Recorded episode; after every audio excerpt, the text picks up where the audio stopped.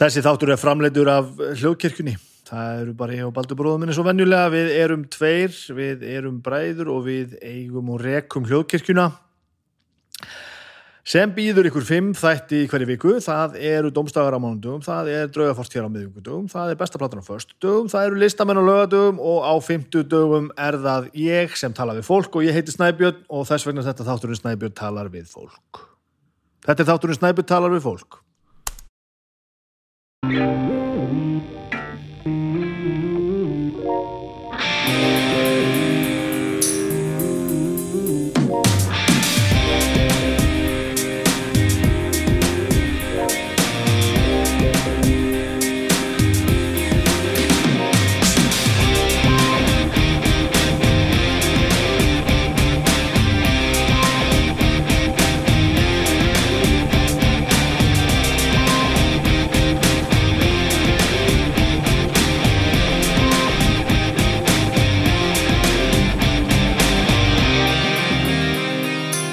Halló, halló, hvað er ég villi, villi alltaf?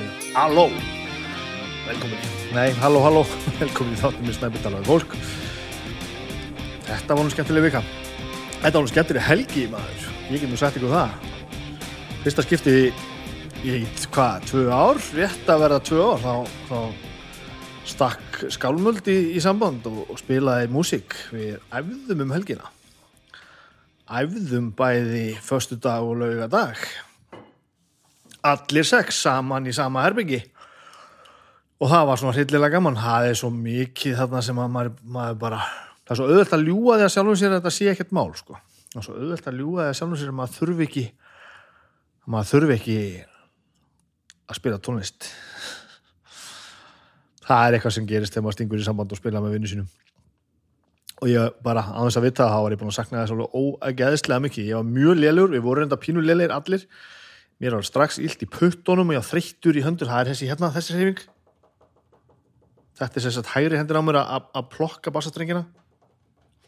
Þessir vöðu var þeir, maður nota þá ekki dagstæðlega þannig að ef maður æfir ekki reglulega þá fara þeir bara. Og, og, og við aðeins að tvisast förstarskvöld og svo allan lögadaginn förstarskvöldunum þá held ég lengi vel að framhandlengur myndi bara svona detta af mér.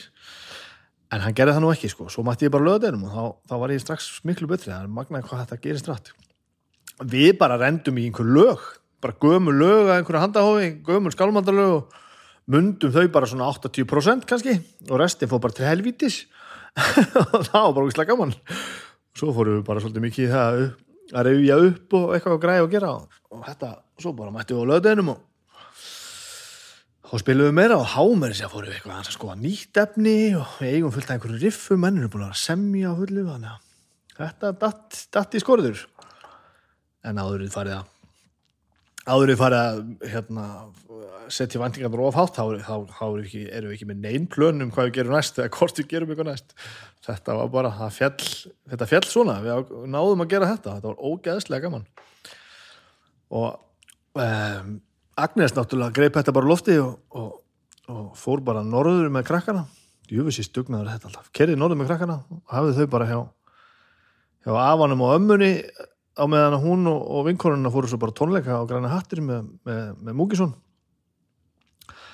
og þær hefur það bara gott og svo bara, svo kerði ég bara Agnes tilbaka, ég, ég er að tala þetta hérna mánundeginuna, hún kom bara tilbaka sent í, gerkvöldi, aðeins setna heldur hún ætla var aðeins setna heldur hún ætla var því að þetta dróst allt eitthvað pínu og svo bara laði hún á stað þarna setjapartinu og klukkan millir 6 og 7 voru börnin sopnuð í bílnum og allt í góðu stuði og svo alltaf bara vakna börnin. Þau eru nú góð í bíl, yfirleitt náðu þau nú bara að sofa í gegn, náðu því nú bara alls ekki þarna. Þau vöknuðu bara og þá var bara að stoppa einhver staðar og fengur sér einhverju kvöldressingu og spjalluðu saman og ekkert vandamál og svo bara upp á mér að þá bara þá, þá verður annar bíl vekk og hún gubbar bara og svo bara gubbar hún meira og þannig að það taði heim fyrir hennar helling og, og, og, og gerða hann ekkert mjög skemmtilega þannig að þau voru að koma hérna heim bara upp úr miðnætti. Og fjögur ára og sex ára börn upp úr miðnætti eru, eru helvi tres þannig að, þannig að þetta var hins vegar allt í leið þetta var bara alveg gett og bara endaði bara vel. Og við sváum aðeins inn í morgun við tókum okkur aðeins frí framann á skólanum til þess að til þess að, til þess að sofa. Og og hérna og þetta endaði bara ágætlega sko. Það var búið að guppa aðeins. Já, það er best að ég tala hérna um samstagsæðila þáttar ég stýr að tala um gupp í bílum. Ég ætla að tala um sjó á fyrsta lagi eh, eh, ætla að tala um þennan badnabílstól sem ég er að fara að þrýfa utan af núna sem er snildalögur snildalögur badnabílstól sem ég þurft að þrýfa uh, utan af oftar. Ef þið eru meðlumir í stopni hjá sjófá þá fáið þið 20% afslut af badnabílstólum og, og það er bara það sem ég gerði. Ég hef sagt þér frá þessu hérna áður uh, að við fórum hérna einhvern tíma þegar við áttum einhverja hundlélega badnabílstóla lífið eru stutt fyrir lélega bílstóla. Það er bara þannig. Ekki eiga svo leiðis farið og fáið einhver bílstóla sem er auðvelt að setja í bílun og taka úr bílum á þess að klemma af sér alltaf fokking puttana og vera alveg brjálæðir uh, ég sé hérna á sjó á síðunni að þið fáið 20% afslátt í AB varlutum e, hjá Ólif og, Óliver og þar sem við keftum okkar stóla sem var í Nine Kids um, sem er í felsmóla uh, og það er ekkert flokknar heldur en það, þið farið bara sýnir fram á að þið síðu stofnu og þá fáið 20% afslátt. Þannig að það var nú það og mér varst svo áhugavert og upp, um að gera að tala hérna um, um, um þetta vegna þess að þið, þetta kemur líka inn á hérna, bílföðu agnesar með börnin. Annars vegar útgöpaður bíl, bílstól og hins vegar er, voru, var, voru, var, það, það var hálka á vegum þannig að hún var við hún sem betur fyrir búin að uh, setja bílinu alveg vetradekk, þetta er fyrsta skipti sem að ég uh, já, ég segi nú bara ég að ég hefði nú meiri skoðun á seldur hún og fór og, og tók með þetta ákvörðinu það að vera ekki á nöglum þetta er bara góðum vetradekkjum. Og það er saman með bílstóluna þið getið fengið eður í stofni þá fáið afslátt á dekkjum. Og ég ætla nú ekki að tellja upp alla samstafsæðarinn það er aðeins misjamt, þið getið farið inn á hvort sem þið eru í stofnið ekki, bara inn á sjófa síðuna og farið e, inn á flipa sem heitir einstaklingar og þar, þar fáið öll, hérna, öll möguleg tilbúð útlistuð. Þannig að ég býð ykkur að, skoða sjófa með til, til barnabílstóla og dekja og sjófa hérna með okkur til þess að allir getur hlusta frýtt sem er glæsilega glæsilegt. Hann er nú það er allt saman gott, herðið nú mig hvaða meira? Fekk hérna eftir viðtalið við Örn uh, fekk ég mjög áhugaverðan post frá manni sem ég kannast alveg ljómandi ágætlega við. Um, við vorum að tala um ég og Örn höfum sjálfsagt verið að tala um hérna að hann var settur í svona eftir á bekk einhvern, var það ekki þannig? Svona tossastemning. Og Örn er fættur held ég og notabene eða ríkmur hlust á viðtalið í síðustu viku við Örn Eldjátt þá var það, ég tók að stikkpröfur úr því og það, djúvill er hann ótrúlegu maður, skemmtilegur. Um, já og hann er fættur held í 1980 og var að tala um það að hann hafi þetta fyrir norðan verið settur í svona tossa verið í svona tossastemning, tossabekkir og eitthvað. Og ég sagði já ok, það, það hefur við, verið ennþá við líðið þarna já já, það var það og eitthvað bara daginn sem að viðtalið kemur út síðasta 50 þá fæ ég postjörnum frá manni sem ég kannast ágætlega við.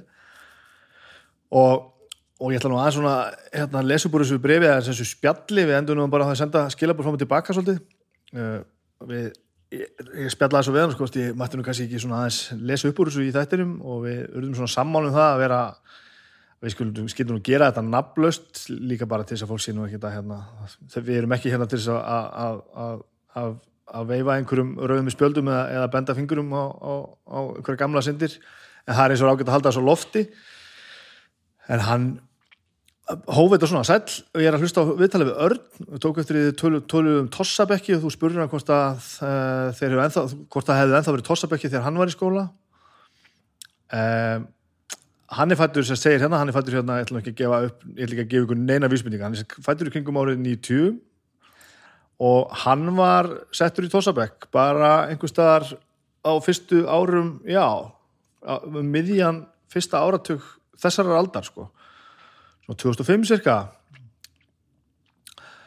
og svo segir hann bara að, og þetta er jo gerðilega bara gessur hatt á þessum, þessum örfa árum. Og hann segist hérna, ég man eftir að kennari barði með með príkinu sem hann notaði til að benda töfluna með og segir svo þessa glæsilegu setningu hérna við vorum á fornöld tanga til bara núna í fyrra dag og hann heldur svo áfram hérna, ég man ekki hvort var í sjönda, áttunda bekk það sem öllum bekknum var skipt upp í þrjá bekki. Ég man ekki hvað þetta var kallað til þess að hljómaði vel en þetta var tossar, millistig og gáðaðir svo það sé sagt á íslensku. Og þetta var sérst gert í starfsfæði og íslensku. Og svo segir hann þegar maður hugsa tilbaka var þetta illa fókt en það sem voru, voru sagt, það voru reglulega prófi tímum. Þessi náðu x tölu á prófinu fóru upp um eitt stig sem sagt að úr tossa í millistig eða þá upp í gafnabekkin og ef þið voru í efri stigum ef að þau sem voru í efri stigum fengur lægra en þessa x tölu fóruðu niður um stig. Og hérna kemur hann að, að það sem er mergurinn í málsins. Og þarna var, var, var bara verið að búa til kvíðasjúklinga á færibandi. Til hamingi með þetta. Þetta eru svona, já, þetta eru svona 15 ár síðan að þetta var gert. Það er ekki lægi maður, djöfullin og auðvitað, þú veist, trúum við því bara að það sé búið að laga þetta núna, en þetta, mér finnst þetta óþarlega stutt síðan, sko. Já, ég veit ekki hvort ég á að fara eitthvað lengar með þetta. En þetta, þetta stakk mig, ég er búin að þetta, já, tók þetta aðeins með mér hérna gennum vikuna að hugsa þessum þetta. Og hann, eitthvað hérna 30, bara orðin 30 eitthvað, eitthvað já, eitthvað í kringu 30 hann segir einmitt hérna muna ennþá setninguna, það er ekkert erfitt að læra. Þú bara nennir því ekki. Og hann segist ennþá verða pínu pyrra þegar hann hugsa til grunnskólans og sem er að kennara öllum, öllum þessum árum setna og það skilur meira eftir sig. Það skilur, meira, það skilur eftir sig meira en bara námið framkamur og dónaskapurinn við börn var svo ætlum ég ekki að segja þetta orð sem hann skrifaði hérna Já, þetta sittur í mörgum, það var í gaman að gera þessa luti upp og vonandi náttúrulega eins og ég segir, þetta er náttúrulega ekki við, við líði allavega ekki þessu formi en þá en eitthvað segir mér að það sé nú ekkert fullkomið hérna í þessu öllu saman. Þannig nú það, þetta er nú aldrei gaman og resandi hvað er þetta ekki gaman og resandi já, já, já meira samstarf. Samstarfsaðilar maður.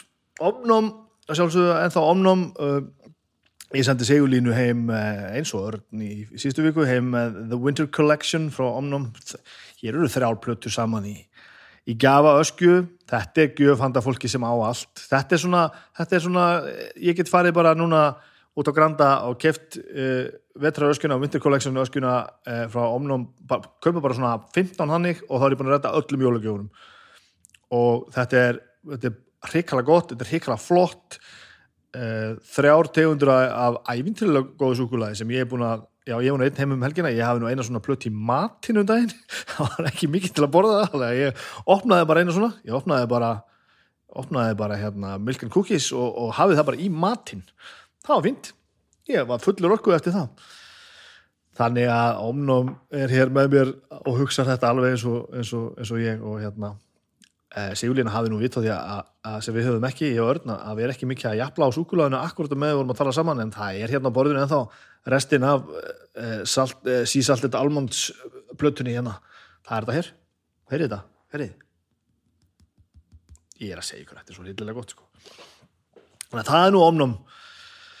Takk fyrir omnum að, að gera þetta með mér, þetta er allt alveg meistaralegt sko. þetta er allt svo gott. Þetta er allt svo gott, hvað ætla ég nú að segja við ykkur fleira um, ég, annars er ég ekki búin að gera neitt að þessu ég ætla að gera. Ég er hérna ætla ég ekki að horfa hérna Why the Last Man, ekki búin að því. Ég ætla að horfa James Bond myndina, hún er á HBO ekki búin að því. Þannig að þetta er svona svolítið búið að vera þannig ég horfið nú á Raiders skítappa hérna. Þannig að það er nú eitthvað, flugið nú eitthvað á leginu niður þar. Þannig að þetta er bara svolítið eins og, eins og þetta er. Lífið gengur sem vanagang og mikið djöfullir orðið dimt það er nú bara þannig Er ég að fara að vera eitthvað svartsýnið það? Nei, þetta er allt saman gott, ég er mjög ánægðað með þetta allt, það er alls, alls konar í gangi í allstaðar, við erum að gera fullt af hlutum og, og það er alls konar samtali í gangi sem að þykja til mögur að fengja að heyra fljóðlega, ég ætla ekki að segja ykkur alveg strax. Ég og Baldur vorum að panta okkur að þessa græjum svo við getum sendt betur út beint bara eða fara hljóðfarahúsinu og þau vorum hérna á sviðinu og hurra og þetta er bara, það er, það er framgangur í öllu, við erum á, við erum á leiðinu áfram, áfram er gott. Um, það er meira samstarf. Já, já, já, já, síminn pegir hérna með okkur enn og aftur maður. Og það er núna getið, já, nú er tilbúð nú er 1490 krónar tilbúð frá Umami Sushi í Borg 29, hafið komið inn í Borg 29 það er mathöllin í Borgatúrunu hún er ekki langt frá vinnunum mínu og það hanga fyrir reglulega. Þannig að Rúla mánadarins og Kristall á 1490 krónur í staðin fyrir 3140 1490 í staðin fyrir 3140 það myndum við kalla 53% uh, afslott og núna er Spider-Roll rúla mánaðarins og það er djúbstekt gourmet. Þetta tilbóð gildir eins og öllin í hérna sem ég hef talað um undanfarið í Simin Pay appinu, þið sækir Simin Pay appið, þið skiptir engum máli á eða símafyrirtæki eða nett þið eru í, þið sækir þetta app loggið ykkur þar inn, þið pantið Simin, Simin Pay og borgið þar í gegn og þá fáið þið til dæmis þessi tilbúð ég er búin að tala mikið um mat uh, síðustu, síðustu vikur og mánuði en það er svo margt annað á tilbúðu heldur en bara matur og þetta er uh, þetta er skemmtilegt app, það er bara gaman að nota þetta og, og, og hérna og ég hveti ykkur til að segja það, þetta er meistarlegt og að sjálfsögðu meistarlegt meistarlegt fólk því þau eru búin að vera með okkur henni hérna marga, marga mánuði. Ég er bara einn heima hérna og það er bara vond veður og mér líður ægilega vel og ég ætla að hætta þessu töði held ég. E, þetta viðtal sem ég var að klára var svo skemmtilegt að ég, hérna, ég er enn brosandi Sigurlína Lína sem að ég held hún síðan alveg örgulega alltaf kvöldu hún er náttúrulega þið fattið að eilu leið og, og viðtali byrjað hún er náttúrulega hún er náttúrulega algjörlega framúskarandi og við töluðum um svo margt svo skemmtilegt og ég, ég, ég hefði á tilfinningunni að allur nördagangurinn skilir sér á venjulegt mannamál ég held að allir skilji mest og ef ekki þá er það bara missir fyrir ykkur eins og þetta var ekki eðlilega gaman. Við sátum lengi og við töluðum um margt og mikið og nú ætla ég að hætta þessu blari og þið skulle hlusta á mig og Sigurlínu tala um tölvuleiki og lífið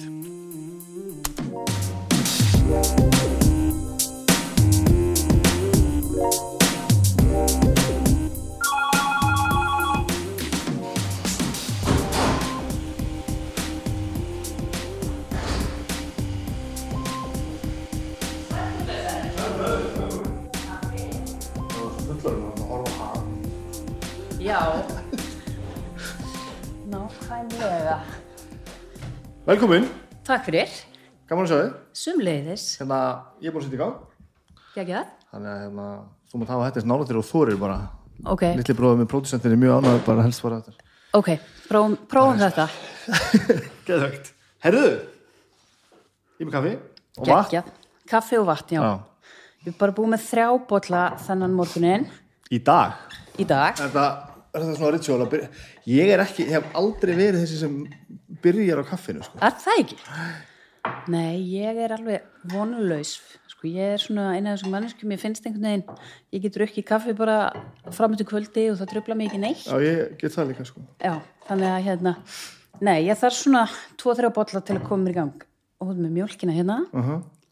þá erum við bara góð sko ég sko ég sko ég drekk kaffi í vinnunni sko. Já. og svona þegar ég ger eitthvað, þú veist þegar hljómsveitræðingar hafa allir svona stjárfur að kaffidrykju en til dæmis um helgar ég hell ekkert endil upp á sko. Nei, er það ekki? Nei. Nei, ég er svona kannski minna í kaffinu um helgar en, en mér finnst gott að gott að liggja upp í sofa á lögutasmotni með einn ein, ein kaffibólla mér finnst það næs sko, ekki miskilvi og stundu ger ég bara, á, það verður nú næs. En ég har fullt af vinnu sem vakna bara og bara bara þannig að að í kaffkönnu sko. Já, ég er svolítið þannig. Svolítið þannig. Með að setja búið með þrjá í morgun sko. Ég til dæmis, þetta er til dæmis fyrsti kaffi fyrsti kaffibóllil, já. Nei, það væri nú, það, það, það fengist ekkert mikið að viti upp úr mér ef ég væri ekki búin að fá mér allavega einn. Ok, mér finnst þetta alltaf um náttúrulega herðu hvernig var að gera þetta maður? Já, það er góð spurning svo hættur við að fyrir bara að nördast endalust sko Já, er það ekki fín? það er þetta fínt sko, Já. en, kannski ekki bara sko hérna, ok hvenær komstu heim? Ég kom heim í ágúst í fyrra, um miðan ágúst 19, nei 20 segi ég. 20, já. já. þá hérna höfðum við tekið ákvörðun bara stuttu áður bara svona mánuði áður um að við ætluðum að koma heim við vorum í, í Kaliforníu vorum með þess að nýbúin að flytja í, í, hérna, í nýtt hús og vorum bara rétt svona eiginlega búin að koma okkur fyrir þar þegar við áttuðum okkur á því að, að, hérna, að börnin okkar kæmust ekki í skóla sagt, eh, þann vetur. Voru búin að vera í fjarnámi frá því að, að fóru í lockdown í meðan mars. Já, já, já, og þegar við áttum okkur á því að, að, hérna, að þau erðu í fjarnámi allan þann vetur að þá bara ákvaðu við að, að, hérna, að setja geðheilsu fjölskyldunar í fyrsta sæti og bara fluttum til Íslands með hraði. Þannig að þetta er bara COVID tengt, bara bein, beinlínis. Algjörlega COVID, Já, algjörlega já. COVID það var bara þegar við vorum að fylgjast með annars vegar viðbröðum bandrækjamanna við COVID með Trump sem fórseta annars vegar og svo fylgjast með Íslendingum og þríeginu góða Já. og bara hvað það var allt bara svona tiltölulega rasjonalt og fólk bara til í að hlusta á. Já, bara tilbúið til þess að hlusta á, á hérna, vísindamenn og sérfræðinga og, það er náttúrulega líka bara mjög mikill kostur þegar þú ert að takast á við farsótt að vera eiga Já, já, já. og hugsa með sér, já, ok, meni, við getum verið heima, börni getum verið í skóla, við getum lifað svona tiltölulega eðlug lífi, þarna höfðu við ekki í raun og verið hitt annað fólk í fimm mánuði. Voru við bara lokuð inni? Já, í raun og veru voru við bara lokuð inni Já, ok. og hérna, ég hef búin að vera í fjarnámi í vinnunni, stelpuna hef búin að vera í, í sem sagt, fjarkennslu í skólanum við vorum ekki með neina öðru fólki í svona COVID-bublu og þannig að við í raun og veru vorum bara ekki neinum samskiptum við, við annað fólk Já. hafðum flutt í hús sem að var með sko flutt í hús þar sem var sko sundlaug í garðinum þannig að við gætum sko verið í einhverju, einhverju svona smá haftakósi heima. Já, já, já. En, en svo bara sáum við fram á það að, að þetta myndi ekkit lagast og í raun og veru þegar ég heyri í mínu fyrirhandi samstagsfólki í bandaríkjunum í dag sem býr þar sem að ég bjó að þá í raun og veru þó að þetta hafi eitthvað losnað að þá er ennþá mjög mikið mjög mikla svona takmarkanir á því hvað fólk umgengst mikið og margir sem eru bara í raun og veru ennþá mjög einangröðir og krakkar jafnvel sem að einmitt fóru í gegnum allt síðasta ár í, í, í, í heimaskóla þó að nú séu skólanir sko farnir og búinir að opna. Og hittust þá krakkarnir ekki neitt? Hittust börnin ekki neitt? Nei, Verði ekki allir brjálaðir? jú. Ég get bara ímynda mig hvað þið bara yrði þetta heima á mér ef það yrði engin samskipti, sko. Bein samskipti. og hérna ég bara gæti ekki sko, gæti ekki hugsa mér að, að hérna, sérstaklega eldri dóttir mín sem er á, á úlingsaldri Já. að hérna, það hafi gengið bara þessir þrýr mánuður sem hún hafi verið í heimaskóla bara frá því að, að það var lok, lokdónu byrjaði það var reyndi mjög á hana en fannst það mjög erfitt, þetta náttúrulega gerðist án alls undirbúnings, þannig að það voru áttamismundu fög og, og kennarnir að halda utan um námið á áttamismundu hátt, það var ekkert slegið af kröfum Já, já, já. þetta skapaði bara ótrúlega mikla mikla streitu námslega síðan, svo náttúrulega líka félagslega þátturinn að geta ekkit hitt hitt neina vini þannig að það var mjög gott að koma bara í, í hérna, koma bara til Reykjavíkur og, og, og geta hitt vinn úr fjölskyldu og, og hérna, þær byrjuðu bara strax í skóla og, og hérna og þó að það hafi náttúrulega verið einhverja takmarkanir síðasta vetur þá var það ekkit í líkingu við það sem það hefði verið þegar við hefum verið áfram, áfram úti Nei, ég skil ég. Og, og það var ekki svona högg veginn að þurfa bara að fara. Var þetta, þú lýsir svo svolítið bara, já, gerum þetta bara mánuði, allir kom heim og við erum ógislána með það. Sko, ég er svolítið kvatvís sem er ákveðin kostur og líka getur verið ákveðin galli og hérna, við höfum búið í, í hérna, vorum út í nýju ár og á þessum nýju árum vorum við í fjórum borgum þannig að mér finnst ekki drosalega mikið mál að flytja á milli landa. Nei, nei, nei, nei. og við erum orðin svona hansi vön því en auðvitað breytti þetta, ég ætlaði að vera að vinna ég var að vinna hjá sprótafyrirtæki í bandaríkjunum. Og mitt plan var bara sko professionalt að vera þar áfram vera partur af því að byggja það fyrirtæki upp. Og hérna og, og það var alls ekkert á, á dagskrá að koma heim. Það var bara, var ekkert inn í myndunum. Við höfum aldrei rætt það að við værum eitthvað á leiðin heim Já, alveg þannig. Já, en svo bara gerist þetta og, og hérna og þegar við, við til dæmis vorum sko ekkit endilega ákveðin þegar við fórum heim. Planið var að koma bara heim í nokkra mánuði bara með hann að vesta, bíða þetta af sér. þetta af sér og ég ætlaði bara að vera að vinna hérðan, það var planið og við jafnvel svona vorum að spá í að skilja bara búslóðun okkur eftir. Það er alltaf aldrei mikið máli að flytja búslóð á millilanda en ég nú fein að við gerum það ekki vegna þess að bandaríkin hafa síðan bara verið lokuð og opnuð bara í síðustu viku fyrir hérna, ferðamenn frá Evrópu. En ég minna þetta breytti öllu fyrir mig. Það endaði með ég áttaði með á því ég gæti ekki unnið starfið sem ég var að vinna með sjö tíma tímamismun og, og svo langaði mig í raun og veru ekki þegar ég var búin að vera einn í svolítið tíma. Þá hugsaði með mér mér langar ekki endilega börni mín anlæst upp til að verða bandrækjumann og það var reyndar eitthvað sem ég hafði hugsað Já. svolítið áður að, að það er svona ákveðin elementu bandræksk samfélag sem eru ekki mjög heitlandi þegar maður er alveg upp í svona skandinavísku velferðar, Nei, velferðarsamfélagi. Að Þú veist, hversu, hversu amerísk er, voru þau orðin? Sko, ekkit rosalega kannski að því leiti að, að hérna, við höfum verið sko fyrst fimm ári í bandari, nei, Svíþjóð. Já, og yngri stelpan mín er bara fætt í, í Svíþjóð. Svo vorum við tvö ári í Kanada og svo vorum við búin að vera tvö ári í bandaríkjunum. Já það voru bara tvö ár þetta voru bara tvö ári í bandaríkjunum. Þannig að þær voru ekki dórna neitt sérstaklega sko bandarískar þannig en, en, en það sem að maður ég var helst að hugsa var bara þetta sko, þetta er svo mikið samfélag misskiptingar mm. og það, þessi, þessi infrastruktúr sem við tökum sem gefnu heilbriðiskerfið, mentakerfið meinarðu? já, Já. okkar að það er bara einhvern veginn samfélagið bara þarna bara gerir ráð fyrir því að, að hérna að þú sért bara að þú þurfir einhvern veginn að koma þér rúslega vel fyrir, þú þarft að fjármagna mentun barnana þína þú þarft að, að hérna, tryggja, sko, þú veist, helbriðis tryggingin fer algjörlega eftir því hvar þú ert að vinna þannig að í raun og veru er ekki bara sko, þi- þinn ferill er ekki bara undir eins og ég, í, í störfum alls staðar annar staðar heldur er, er í raun og veru bara svona svolítið velferð fjölskyldunniðnar og, og svona heilbriðislegt öryggi, að maður getur sagt það mm. undir því komið hvar þú vinnur og hvernig þér raun og veru hversu örugur þú ert í, í vinnunni Já, sem já. er náttúrulega bara stórfurðulegt sko. Kannski ekki alveg rétt orðið til að nota þetta er bara svona svolítið ósangjant Já, kannski svolítið léttvægt orð en þú veist þetta einhvern veginn allavega eins og við erum eins og það sem okkur er kent og það sem við erum uppi er bara að þetta á bara ekki einhvern veginn að vera teng Nei, einmitt og ég minn þú hugsar þetta, ég minn eins og hérna erum við með sko, e, til dæmis bara tómstundastyrkin þannig að, að hann í raun og veru hérna, tryggir það að, að, sko öll börni að geta sinnt einhverjum tómstundum utan skóla hvort sem að það er tónlist eða, eða íþróttir eða, eða eitthvað álíka til þess að jafna stöðu og tækifæri barna.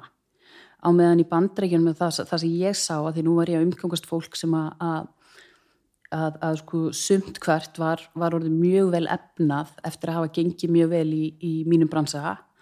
Og þá er þetta svolítið þannig að sko börnin eru rosalega góðum skólum og svo er það þú vilt að, að hérna, það fá allar mögulegan stuðning og þá er bara fengið enga kennari til þess að hvort sem að það er í tómstundunum eða í, í, í náminu. Þannig að þessi sko börn efnufólks hafa svo ótrúlega mikil tækifæri en svo náttúrulega bara svo rosalega mikið samkeppni sem byrjar bara strax í, í grunnskóla. Þannig að það er raun, þú veitur eiginlega að kaupa þér ákveði fórskot eða þannig? Þú í raun og veru gerir það og, og, hérna, og skólanir eru fjármagnaðir með fastegnaskottunum í hverfanum þannig að ef þú byrði í hérna, Er það svoleiðis? það er þannig. Maður. Þannig að þú byrði í hverfi sem er, er sko, sem sagt, eh, það sem býr mjög vel stætt fólk. Þá er skólinn automatist betur stað þá er skólinn automatist betur. Þar sem við byggum til dæmis fyrst í einhverju alveg svona útkverfi sem var alltaf eins og ef þú séð Desperate Housewives þá var svona svolítið, svolítið þannig svona rosalega einhvern veginn svona ideal og hérna allt alveg bara, þú veist, grasi, glasi, grasi klift, klift með naglaklippum og, og hérna þú veist, allt ótrúlega fínt og þar voru rosalega fínu skólar sem voru bara hérna skólinir fá allir engun þannig að þú ert að leita þér að, að húsnæði þá skoður bara, ok, í hvað skóla hver er ég? Skoðar, þú veist já, ok, skólaður hérna, þeir eru allir með 8, 9, 10 engun, það er fínt, þá getur börnin farið í enga skóla ef að, nei, þá getur börnin, far- börnin farið í, í hérna, ofnbjörn skóla. Já.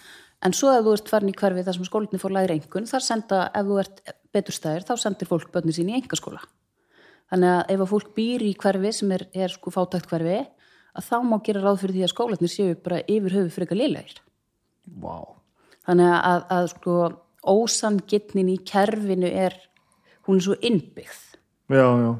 Og hérna, þetta er eitthvað sem kemur okkur svo spánst fyrir sjónir sérstaklega hafandi búið í Svíþjóð þar sem er náttúrulega þetta það. þetta er rosa mikil miklar augar í, í sitt gróttuna Eitt sem við er svo tala um þetta tómsundastykkinu og það allt saman líka sko. Að því að nú auðvitað er alveg gott og blessa og auðvitað ef að gera það að tala um velferð barnana og það sko. En ég get ekki ímynda mér að sé verið að búa til betra samfélag þú veist með, með því að, að fá ekki að þetta séns alveg burt sér frá einhverju svona sangirni og svo Já, og ég minna það sem að, að, að ég hef ótt hugsað er sko, hvert er hlutverk sko, stjórnvalda og samfélagsins? Er það ekki að búa til sko, bestu mögulega þegna? Þess að það er að segja sko, það að fjárfesta í heilbreyðiskerfinu annars vegar og mentakerfinu hins vegar þá ertu að, að, fjárfesta í já, og, og fyrir mig að þá myndi ég alltaf halda að það væri, væri sko keppi, keppikefli hvers samfélags að, að, hérna, að lifta öllum eins mikið upp og hægt er -hmm. og, hérna, og það er einhvern veginn þessi hugsun sem að sko, ég held að mér og okkur finnst svo aðlileg Já, hún er ekki, já, sko, það, þú veist, þarna er verið að hugsa svo mikið, ég vil ekki borga fyrir aðra. Ég valdi að eiga ekki börn, okkur eiga þá mínir skattar að fara í að borga fyrir já, já, börn annara. Og þetta er bara hugsunaháttur sem að, að, að, ég held að við skiljum ekki. Nei. Nei, og ég held að sé Ætli þau skilji okkur svona okkur?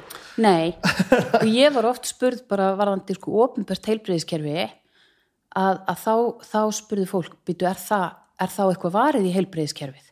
Er, er, er eitthvað, hérna, er það gott? Vegna þess að fyrir þá sem geta borgað fyrir bandarska heilbreyðiskerfið og við erum með góða tryggingar, að þar er, er sko aðgangur að rosalega góðum spítulum og rosalega góðum læknum og hérna þannig að, að mörgum finnst það mikilvægur að þeir geti keift sér besta mögulega aðgang frekar heldur en allir hafi aðgang.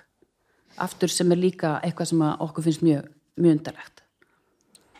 Ég er ekki alveg að að mynda með þá skoðun að þetta sé ósækjant sko. Að því, að því að maður er svo fastur alltaf í sínu eiginu Einmitt. veist, við þetta er heil reisastór þjóð sem ákveður að hafa þetta svona það hlýtur að vera eitthvað gott við þetta.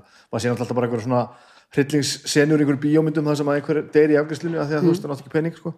Já, já, og ég meina það, ég var með fínar heilbreyðstringar og við, þannig að í hvert skipti sem eitthvað gerðist eða, eða ég þurfti að fara í sko, eitthvað svona physical check-up eða, eða eitthvað álíka, ég meina ég þurfti aldrei að býða ég bara hringdu pantaði tíma og fekk tíma hjá læknindaginn eftir og það var aldrei neinn byð, ég fekk alltaf, alltaf sko topp þjónustu og, og þannig að, að hérna, þú veist, það var ekkit upp á það að klaga. Mm en, en, en svo er þetta náttúrulega líka bara gríðarlega flókið og flókið kerfið, heilbreyðskerfið og tryggingakerfið og, og það að reyna, sko, þegar fólk var að reyna að útskýra fyrir mér hvernig þetta virkaði það var bara, það var alveg vonlust já, já, já já, virkar ekkert alltaf þannig að það sé búið að gera kerfi og nú kerfi og nú annað kerfi og eitthvað að samræma allt og það er allt komið í steg svolítið, sko. Rosa inefficient kerfi og, og hérna og náttúrulega bara já, ég meni, ég held að bandaríkinn borgi meira fyrir heilbreyðistjónustu per einstakling heldur en sko nokkurt annað samfélag og, og hún er samt svona ótrúlega svona miskipt að þér fannst í alvörinni bara svona eins og, eins og væri setur nú einhverja gæsalapur á þetta. Betra fyrir börniðin að vera hér að verða, verða Íslendingar heldur en Já, ég, mér fannst það og mér fannst sko um, þetta sko að, að hérna, mér fannst daldið sko óþægileg tilugsun að fara inn í þessa rosalega miklu samkeppni mjög snemma. Og mér fannst ég einhvern veginn líka upplifa það að bandaríkin væri um og þetta er ekki þetta alhafum bandaríkina því þau eru svo rosalega stór og þetta eru marg, mörg ólík fylki og, og hérna og mjög mismunandi. En, en, en það er sko, ég fekk svolítið þessa tilfinningu að, að hérna, þeir sem að hafa náð langt hafa oft gert að sko, hafa þurft að, að, að auðvitað hafa rosalega mikið fyrir því. Og, og þessi samkeppni sér en hún hefjist mjög snemma og ég hugsaði svolítið með mér að það væri sko, ég man ekki eftir að hafa upplifað þetta nokkuð tíman í íslensku skólikerfi eða, eða haft sérstaklega mikla tilfinningu fyrir þessu þegar ég var í Svíþjóð og mér fannst þetta ekki spennandi tilhugsun fyrir þær einhvern veginn að vera í þessu samfélagi þar sem þeir þyrtu einhvern veginn alltaf að sko, berjast áfram og þá hugsanlega á kostnað annara Ertu að tala um að samkeppnin um tækifærin og velferðin að byrja strax bara í grunnskóla? Já, Ha? Já, ég meni, ég tók mjög mikið eftir því að, að, hérna, að sko, þessi börn í þessu, til dæmis í skólanum sem stelpunum mínum voru í, voru, eh, sko, voru að æfa sund eða æfa einhverju íþróttir eða, eða eitthvað álíka og þá er það í raun og veru sko strategía til þess að, að þegar þú sækjur um háskóla Já, það að þá getur þú hugsanlega komist inn á, á íþróttastyrk eða, eða, eða eitthvað álíka. Þannig að það er rosa mikið, þetta svona samkeppniselement er mjög stert mjög snemma. Og hvað ætlum að gera svo ef að þessi plönmanns fara ekki eins og það átt að fara? Ef þú ætlar að vera geðut góður í fótbolta Mhm. og spila, þú veist hvað sem þú ætlar í NFL eða ekki, sko. Og ef þetta bara virkar ekki alveg, hvað gerur þá? Ertu þá bara, planið þetta bara ónýtt og þú verður einhvern veginn bara, ertu þá bara 16 eða 18 eða 20 ára og bara, jæja, hvað gerir ég nú? Ég held að það sé þannig, sko, ég meina, ef þú átt, ef þú átt sko efnað fóreldra eða fóreldra sem eru tilbúinu til þess að, að sko styðja þig til að fara í háskólanám og þá er þetta ekki eins krúsjál. Nei, nei. fyrir fólk af, af sko, minni efnum og þá getur þetta skilja á milli þess hvort þú kemst í háskóla eða ekki Já. svo er það líka hitt að, að hérna, námslánakerfið er þannig að það eru gríðarlega miklar námslánin eru, eru sko, skólagjöldin eru dýr námslánin eru mjög há þannig að stór hluti bandarækjumanna sem hefur tekið námslán er að borga námslánin sín alla æfi og þess vegna var þetta mikið hitamál í kostingunum og er held ég verið að herma það svolítið upp á Joe Biden núna að hann standi við það að, að hérna, gera eitthvað í, í námslánunum. Mm -hmm. að því að þetta það er, er komin bara stór spurning er borgar sig að taka lán fyrir náminu? Já, já. Er, það, er það í raun og veru er háskólinám þess virði í dag? Og þá erum við hreinlega bara, bara afkomulega, bara fjáraslega bara fjárhagslega. og það er súrt maður? Þetta er, þetta er svolítið súrt. Þetta er, þetta er, þetta er mörguleiti svolítið súrt samfélag. Það kostar meira þegar upp í staðið að koma sér í betur launaða vinnu heldur en að bara að sleppa því? Í raun og veru sko. Það getur ekki verið eðlilegt sko. nei. En hvað, hvað, hvað var þá til dæmis bara gott og bara ábyrjandi betra heldur hér? Það var náttúrulega veðrið. Svo ég ákveði það sem já, eitthvað sko. já, já, það náttúrulega var þetta er auðvitað rosalega fjölbreytt samfélag -hmm. og hérna, ég kynntist ótrúlega mikið af, af áhugaveru skemmtilegu fólki það var dásamlegt veður ofsalega margt að gera og skoða mikil náttúrufegur, við byggum nálægt ströndinni -hmm. og hérna og ég meina við vorum í, í, í þannig, lifðum í raun og veru þannig lífi að ég meina það var alltaf bara það var alltaf bara sko, þú veist, sólbaðsviður þannig helgunum var varið á ströndinni eða, eða við sundlaugina eða, þú veist, dásalega mikið af, af frábæru veitingastöðum og hérna, ekki það langt fyrir okkur að fara á vetunum til þess að fara á skýði það eru þetta einhvern veginn allt í bóði og hérna, og veist, og mér fannst líka skemmtilegt að, að hérna að prófa að búa í bandaríkjunum. Það var eitthvað sem að, að mér hafði fundist spennandi og hérna, og mér fannst gaman að, upplifa það. Þó svo að, að, að það upplifa það sko í fósetatíð Trump og þegar það kemur heimsfaraldur já. hafi alltaf verið kannski svona mest ekstrím útgáfan á bandaríkjunum. ekki kjör aðstæði bara ekki raun og veru en, en, en, en auðvitað opbúslega áhugavert. En fólkið það, það sem að ég, sko mín, mín upplifun og, að vera í bandaríkjunum fyrir mér er alltaf það sem að mér finnst skemmtilegast er fólkið þetta er náttúrulega eins og segir rosalega mörg fylki og rosalega margi staðir heilt yfir. Það er eitthvað elementana sem við höfum ekki sko. það er bara fólk sem að vill tala við mm. út af engu. Og það, veist, við upplifum það ekkert rosalega mikið hérna. Og bara labbar inn í búð og það er bara eitthvað að tala við bara, og finnst bara gaman að tala við já, og fyrstum maður bara, ok, þess ætlar að ræna mig eða að myrða mig eða, eða eitthvað. Já þeir, þessi vill eitthvað sko. Þau eru náttúrulega bara þjálfuð allt öðruvísi í sko í samskiptum og, og hérna þetta small talk. Þetta svona spjallum daginn og veginn og bjóða þið velkomin þegar þú kemur og mæta þér með brosi. Ég meina það er, er hérna við kunnum þetta ekkit sérstaklega vel hérna. Nei, og við kunum þetta svo illa að við, ég held að við setjum sko aðra merkingu í orðið small talk sko. Mm -hmm. að því að fyrir okkur er small talk eitthvað svona vandræðast og óþarfi en þetta small talku þeim er ekkert óþarfi. Það er alvörinu verið að tala saman sko. Já, þau eru orðin rosa fær í svona kannski frekar sko yfirborskendum og þá er ég ekki að meina það í sko neikværi merkingu heldur bara það að, að, að eiga svona frekar grunnsamskipti sem eru mjög svona smurð og ganga vel og eru hlýleg. Já, það er eitthvað sem að, að hérna, mér finnst bandaríkjafenn verið rosa góður í. Mér finnst þess að mjög erfitt að kynnast þeim og hérna, kynnast þeim dýbra og ég held að það sé bara líka þetta. Við erum 350.000 manna smáþjóð og þetta er 350 miljón manna land. Og hérna, ég held að fólk sko hleypi öðrum miklu sko ég held að þeir hleypi fólki ekki endilega mjög nálagt sér fyrir en eftir bara talsveit mikið lengri tíma. Mæ, nei og hérna eigi bara auðvelt með að eiga bara hérna þessi léttu samskipti og, og halda hlutunum svona átiltulega miklu yfirborði. Já, já, og svo bara kemur dýftin bara miklu setna þegar þú ert búin að kynast fólki miklu lengur.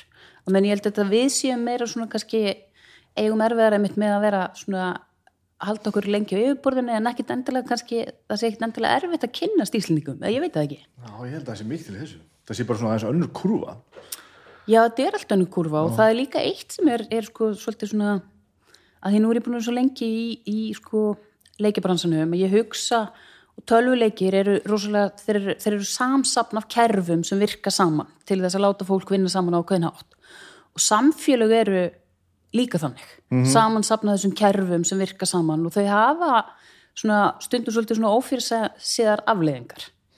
Og ég held til dæmis að, að í bandreikinum er, er svona þessi þessi kultúr trygginga og svo lögsókna sem við einmitt þekkjum ekki. Einmitt. Og það gerir það að verkum að, að alls konar hlutir sem eru tiltúlega einfaldir verður óslega flóknir.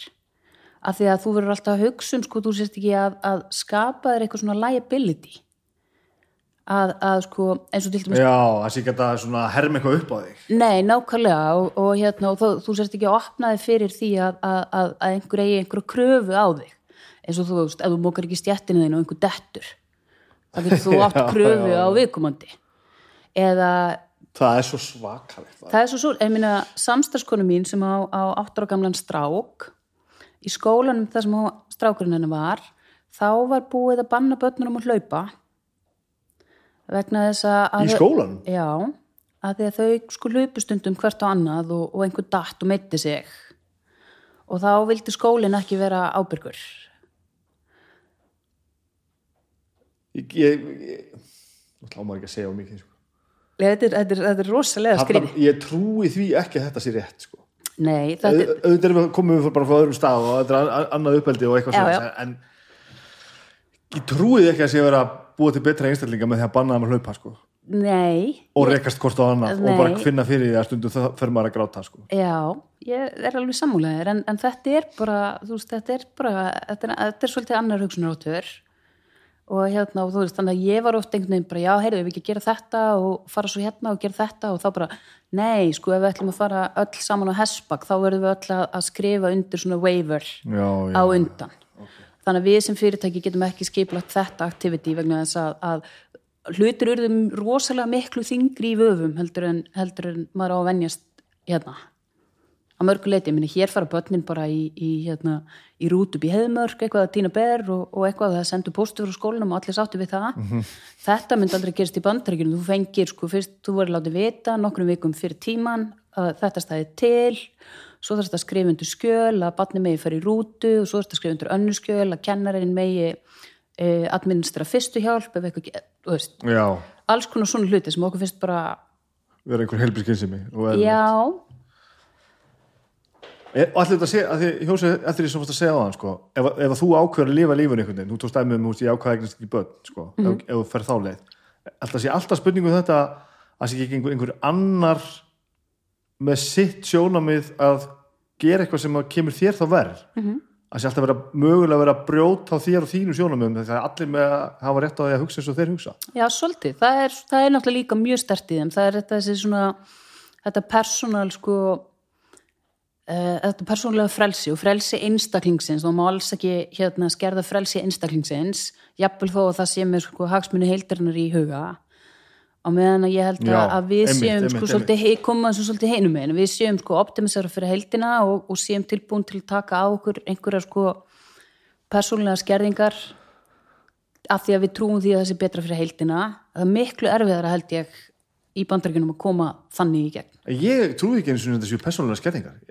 Og veist, í, í mínum huga er þetta alltaf þannig ef að heildin er ánægð og allir eru glaðir bara, taktu bara vinnustæðin sko. Ef þú tekur vinnustæðin í heilsin og allir eru ánægðar og vinna vel þá hefur þú meira pláss fyrir þitt persónulega drasl sko. Já, Þannig sé ég þetta, kannski er ég bara svona, svona romantísku sko. ég, ég, ég er, getur ógeðslega mikill eigin hagsmun að segja sko. en ég trúi þess að alltaf að ef öllum líður vel þá er öðvöldar fyrir mig að vera til sko. Mhm. -hmm. þetta er svo ég myndi olbúa mig hérna áfram með fjölskyldurum mína því að ég vil hafa þetta einhvern veginn Mhm. -hmm. og allir eru hundóðanir kringum mig og, og, og þú veist, að því ég náða að horfa á sjónvarpið mm. -hmm. að miklu meiri tími fyrir mig að horfa á sjónvarpið ef allir eru alltaf bara ánæðir sko. já En það sem er sko, það er kannski líka svolítið svona það sem að, að hérna, ég áttaði mig á þegar ég var búin að prófa að búa sko í, í, í Svíþjóð Kanada og Bandaríkjunum að, að eftir að, að hafa búið lengi í Íslandi og, og að þá er þetta sko við sjáum náttúrulega bara heiminn út frá einhvern veginn þeim linsum sem við höfum tamið okkur og allist upp við Já. og það er svona svolítið kannski það sem ég lærið á þessu ferðalagi er það að, að svona se, átta mig á mínum linsum og mínum sjónumíðum sem að eitthvað sem að mér fannst algjörlega eðlilegt og bara tók algjörlega sem gefnum hlut sem Íslendingu, svo fór þetta svíþjóðar og það er auðvitað mjög líkt samfélag að, að miklu leiti en aðeins svona svipa á Ísland en, en samt aðeins öðruvísi. Og þá svona þurfti ég að læra svona sænskar linsur og svo þetta í Kanada og, og hérna og áttaði mér bara svolítið á því hvað hérna rosa margt sem að tekur sem gefnum hlut er bara einkennandi fyrir manns eigið samfélag en, en kannski ekkit yfirfærinlegt á önnu samfélag. Já, og, hérna, og bandreikin eru svo sannlega sko, kannski ólíkasta samfélag þetta var svona svolítið svona progression frá Íslandi til Svíþjóðar til Kanada sem er svolítið svona kannski svona eitthvað sambland af bandreikjunum og, og skandinavísku samfélagi Já. miklu meira svona, miklu mannlegri bandreiki en að mörguleiti hvað er orðið í Kanada? úr mjög Vancouver Yes. og, hérna, og svo til bandaríkina þá er þetta, var þetta svona progressum þannig að þetta var svona, þú veist, það, þá líka kannski áttæði með því að maður getur svolítið bara svona valið einhvern veginn svona svolítið það besta úr, úr, úr því samfélagi sem maður býr í en maður þarf ekki að taka allt -hmm. Og svo var það líka bara gott einhvern veginn að átta sig á því að, að hérna, samfélagi eru alls konar og, og, og maður er oft svolítið svona upplifið sér kannski svolítið svona bundin af því í samfélaginu sem maður býr í og eitthvað svona dettur svolítið í pakkan og hugsa eins og aðrir í kringum hann. En í raun og veru er kannski sko svolítið en mér finnst það svolítið svona manns hlutverk að, að bara hvað virka fyrir mig og mína fjölskyldu alveg burt sér frá því hvað, hvað aðrir er að gera. Ertu samt ekki eiginlega að tala fyrir einhverjum, einhverjum aðskilaði? Nei, en ég er svona meira kannski að tala fyrir því að, að maður veldi fyrir sér sko uh, af hverju af hverju er ég að gera hlutina? Er ég að gera hlutina að því að allir í kringum er að gera það og mér finnst það svolítið svona Já, já, vera, já, ég vera já, ég skil þig, já, já, já, ok, ok, já, meira, það. meira það bara, þú veist, ég er svolítið að hugsa þetta bara, ok, ég meina, hvað er það sem skiptur okkur máli, hvernig líður okkur vel -hmm. og, og þú veist, hvaða samfélagslega pressa er í gangi sem að, að hérna, veist, allir aðrir að gera hlutinu öðruvísi en, en veist, það skiptur okkur ekki máli ég held að þess vegna sé svo skemmtilegt fyrir fólk að, að hérna, fá að upplifa það að búa í öðru samfélagi eða, eða ferðast að þá sér maður þú veist, þá kannski áttum maður sér betur á sínum eigin linsum og hvernig maður, Já, hvernig maður hugsa það, það er ég sammála, ég held að sé besti skólinn bara allt sem maður gerir utan heimilisins og heima landsins er ef maður gerir það rétt verður það, kemur því til leiðar að maður fyrir að horfa gaggrínt á hvernig maður hugsa sjálfur heima frá sér. Já, einmitt, því að heimóttarhátturinn getur verið svo ævintýralegur. Maður getur verið svo blindur á svo ótrúlega einfalda hluti sko. já, algjörlega. Algjörlega, er alveg, alveg sammála því, sko. Og svo er skref tvö í því er að fokking óna það líka. Að þegar þú ert búin að átta á því að bara já, alveg rétt. Og geta sagt upp átt bara, já djúvillir þetta búið að vera fíblalegt hjá mér alla æfi, ég þarf að gera eitthvað í þessu já, og það ok, ég held ég var í vísið, ég er ekkert vísið Nei, það, ég held að það sé rétt. Ég held að það sé sko einhver, einhver svona besti besta karakter enginni og svona mesta þroskamerki held ég hjá fólki er einmitt þetta að, að, að sko geta bara að lifa í sátt við það að vera í stanslösi endurskoðun á heiminum. Því við erum alltaf við erum alltaf að læra, við erum alltaf að upplifa nýja hluti og sjá nýja sjónamið og heyra nýja hluti og, og það að skipta um skoðun eða, eða endur skoða afstöðu sína held ég sé bara alveg ótrúlega holt og algjör forsenda þess að þroskast. Já, ég held að mí- mínir stærstu sigrar held ég þegar ég hef náða að, að feysa að ég hafi rámt fyrir mér.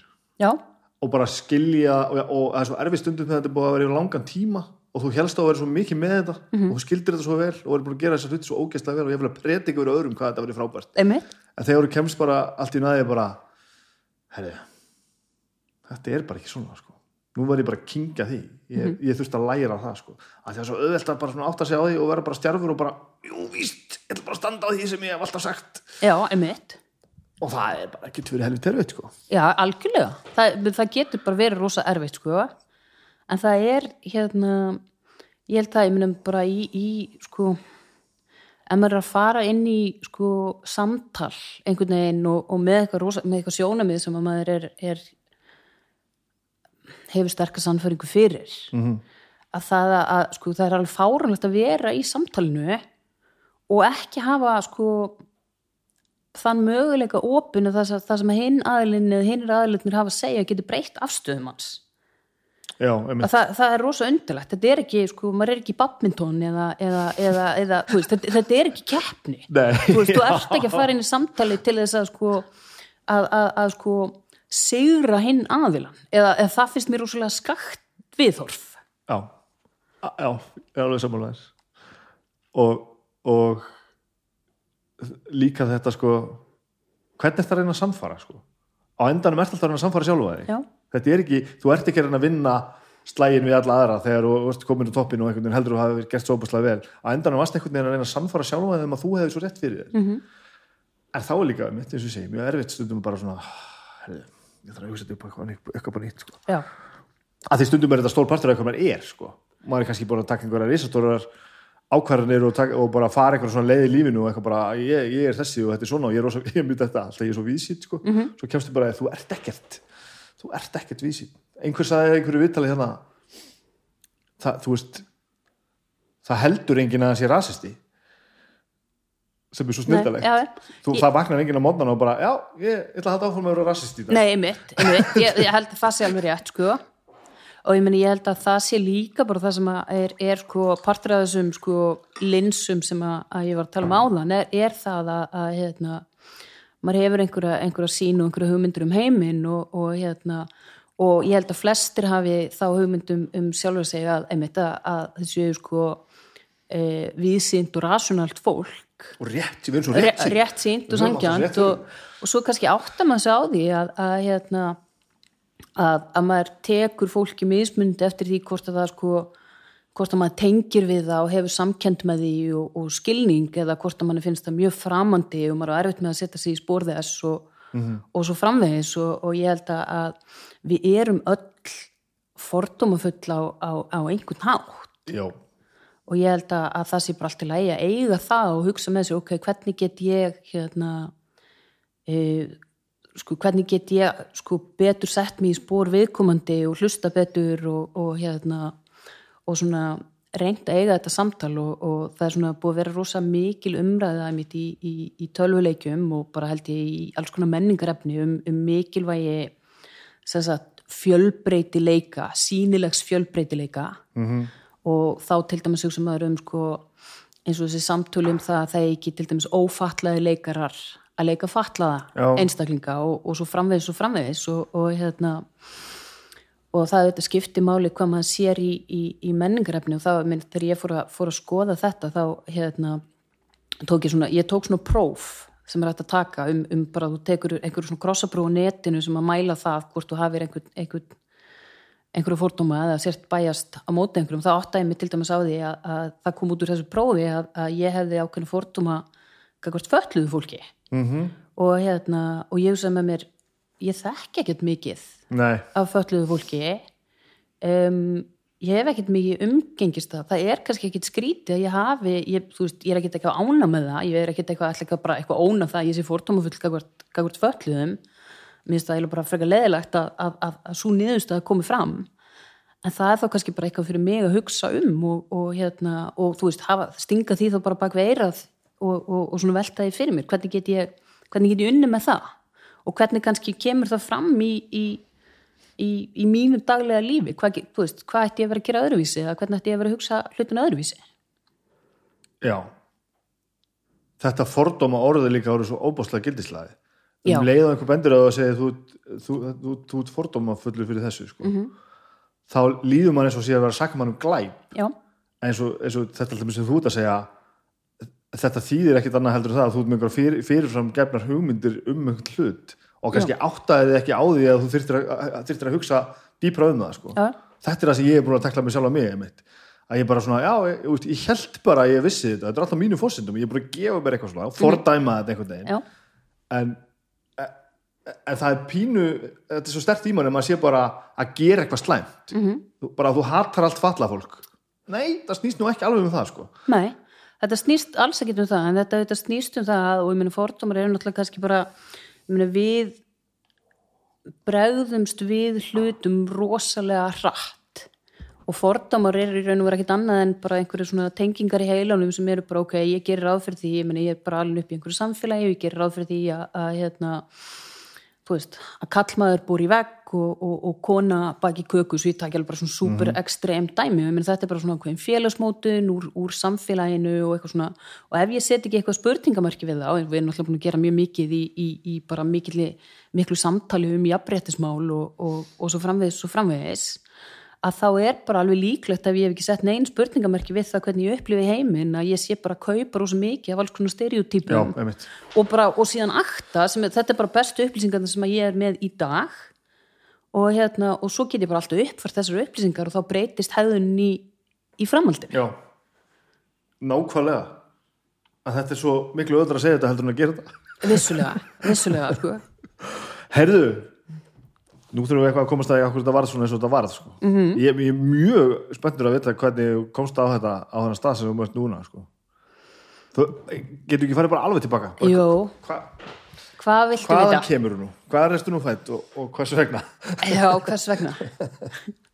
Heyrðu, ég er fætt og uppalinn í Hafnafyrði til fjögur eða fimm ára aldurs og þá skildu fóreldra mínir og ég flutti með mömmu til Reykjavíkur og átti bara svona bara held í rosalega svona eðlilegt hérna eðlilega æsku í svona þessum einfaldleika svona sem ég man Reykjavík, það er svona Ísland svona 1980 og eitthvað.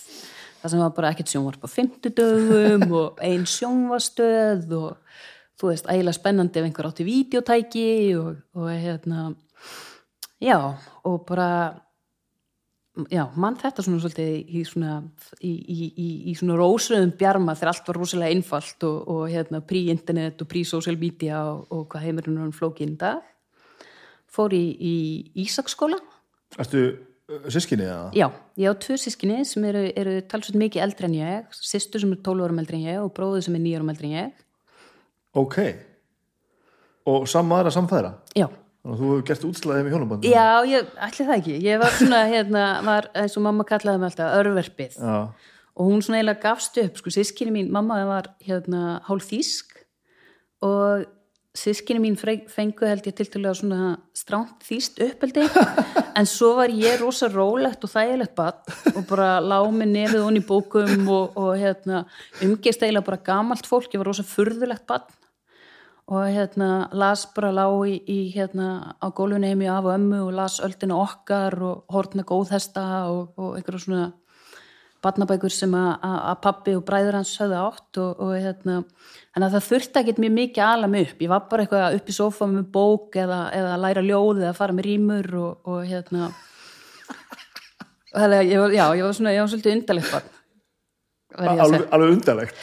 Já, ég var, var held ég bara mjög skrítibann og, hérna, og, og bara rosalega forvitin og hafði rosa gaman að lesa og gaman að góðafræði og, og hérna, eitthi mjög miklum tíma með af og ömmu og, og, hérna, og þau náttúrulega ofta heimsækja annan gamalt fólk. Þannig að ég var bara mjög ekki að spjalla við gamalt fólk og, og ekkert kannski, þú veist, átti ekkert mjög mikið að vinum, sko, egnaðist eiginlega ekkert vinu fyrir ég var svona kannski 9-10 ára sem að ég var eitthvað umgangust utan skóla. Mm. Og hérna og var það vandamál eða bara Nei, nei, nei, nei, nei, nei, nei, það var, það var ekki, ekkit vandamál þannig, ekki þannig ég upplýði með eitthvað að ég væri eitthvað sko umkomulus eða vinalus, ég átti, átti vinn í skólanum og, og hérna en annars var ég bara rosa róleg, ég var hérna rosa mikið á hestum, af voru með hesta og, og ég elskaði það.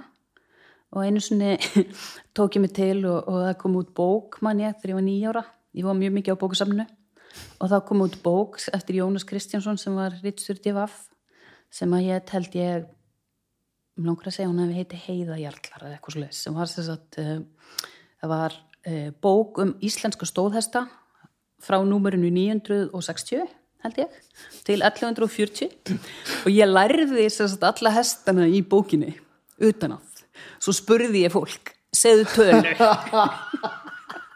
og þá sagði ég fólki alveg burt sér frá því hvort það hefði áhuga hestum en ekki hvaða hestur þetta væri hverjir væri fóreldran hans. Þetta er svo góð aðferð, búa sér til sitt eigi skilsett sko, mastera það og sína öðru hvað maður er góður í því. Nákvæmlega, þetta er, þetta er mjög uník skilsett En þíski leggurinn, átturu samskiptið þangað? já, sem sagt, hérna amma mín þýska sem er nú, nú, nú dáin fyrir mörgum árum, hún hérna sagt, hún var átti hérna e, foreldrar hennar, hún var enga batn og, og hérna, pappi hennar var sjólisfóringi í Þískahernum og hann áttaði sig á því hverju svona, hvað var að gerast. Þannig 1938 held ég að þá giftist Þíska amma mín afa mínum íslenska og flutti frá Hamburg í Þískalandi til stórborgarinnar Akureyri til þess að í raun, raun, raunverulega þess að flýja það sem var að koma Í raunverulega held ég að mér svona hefur heist að það hafi svolítið verið hérna, til þess að koma henni úr landi. Og hérna innsægið þarna verið og, og vantarlega dögur en að gera þetta já, þannig að, hérna, að, að, að, hún flutti til Ísland skiptist íslensku manni og eignast með honum þrjú börn. Og hérna mamma mín, hún ólst upp á Akureyri og, og hérna og svo að því hún átti, átti fjölskyldu í Þískalandi að þá fer hún 1962 þegar hún er 18 ára að þá fer hún sagt, fyrst til Hamburger og svo til London þar sem hún er, er óper og hún hefur alltaf, eða hafði alltaf hún er líka, líka dáin, hún hefur sagt, hafði ótrúlega gaman af því að ferðast. Og var ótrúlega bara mikil mál, málamanneskja og, og hérna vel lesin mjög við sín og, og hérna vann alltaf, var flugfræða og vann síðan á ferðarskustu og ferðaðist alltaf rosalega mikið. Og kendi mér bara frá unga aldrei að, að einhvern veginn það að ferðast væri sko svona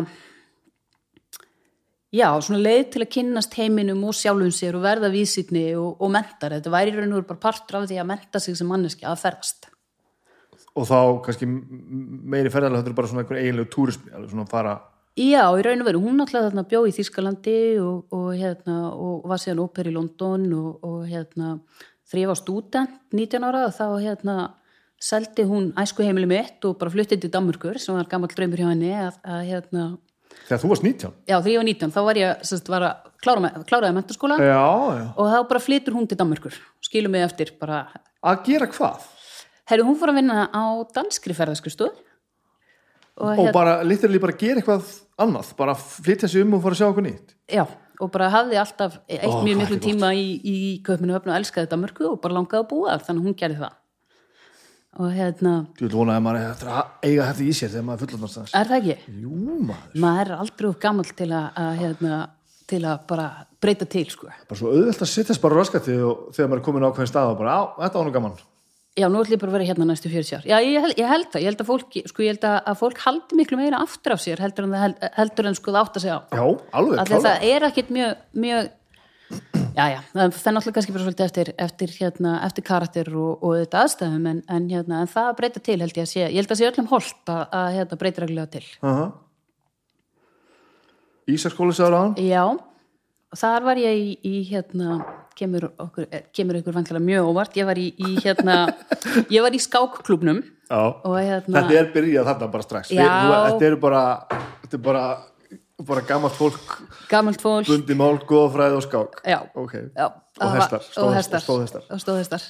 Og hérna já, og mér fannst það bara brjálæðislega gaman. Alltaf þótt alveg ofsalega ég var alltaf verið alveg brjálæðislega forvitin. Og hérna haft rosalega gaman af því að læra og bara gaman að því að læra veist, ég, mér finnst eiginlega sko allt áhugavert. Og það er rosalega mikil gjöf. Mm -hmm. að geta einhvern veginn sett sér inn í alls konar luti og bara bara fundist það áhugavert að spá í bara í raun og veru hverju sem er. Og þá finnst mér líka eiginlega ekkert fólk leiðilegt af því að allt fólk hefur áhuga á einhverju og hefur gaman að því að tala um það sem það hefur áhuga á. Og ef maður er, er sko að maður er forvitin og finnst gaman að, að læra nýja hluti og þá er það bara já, það er skemmtilegur held ég eiginlega, það er eiginlega í sjálfur mér sem ég þykir væntum mm -hmm. þannig ég var í Ísaksskóla og, og svo þegar að hérna, hann kláraðist þá fór ég í langkvöldskóla ég átti heima í Álfeimunum hérna, við, við hérna, lögadalinn og þar átti ég bara góð, egnaðist í góða vini og, og hérna, sumir af vinið mínum sem ég egnaðist á er en þá bara góði vinið mínir í dag og svo eftir langkvöldskóla þá hérna, fór ég að mer og það var að því að mér langaði til að fara í, í, sagt, í erfiðan skóla. Mér langaði til þess að, að, að hérna, mér fannst gaman að læra, mér gekk rúslega vel. Og, hérna, og þá fannst mér alveg bara að ég veist, þurfti að fara í MR og svo þurfti ég að fara á starfræðdeild og svo þurfti ég að fara á elfræðdeild og, og, hérna, og svona, þú veist, einhvern veginn taka svolítið takast svolítið svona á við þetta og sína ég gæta Og hvernig endaði það? Gekk það vel?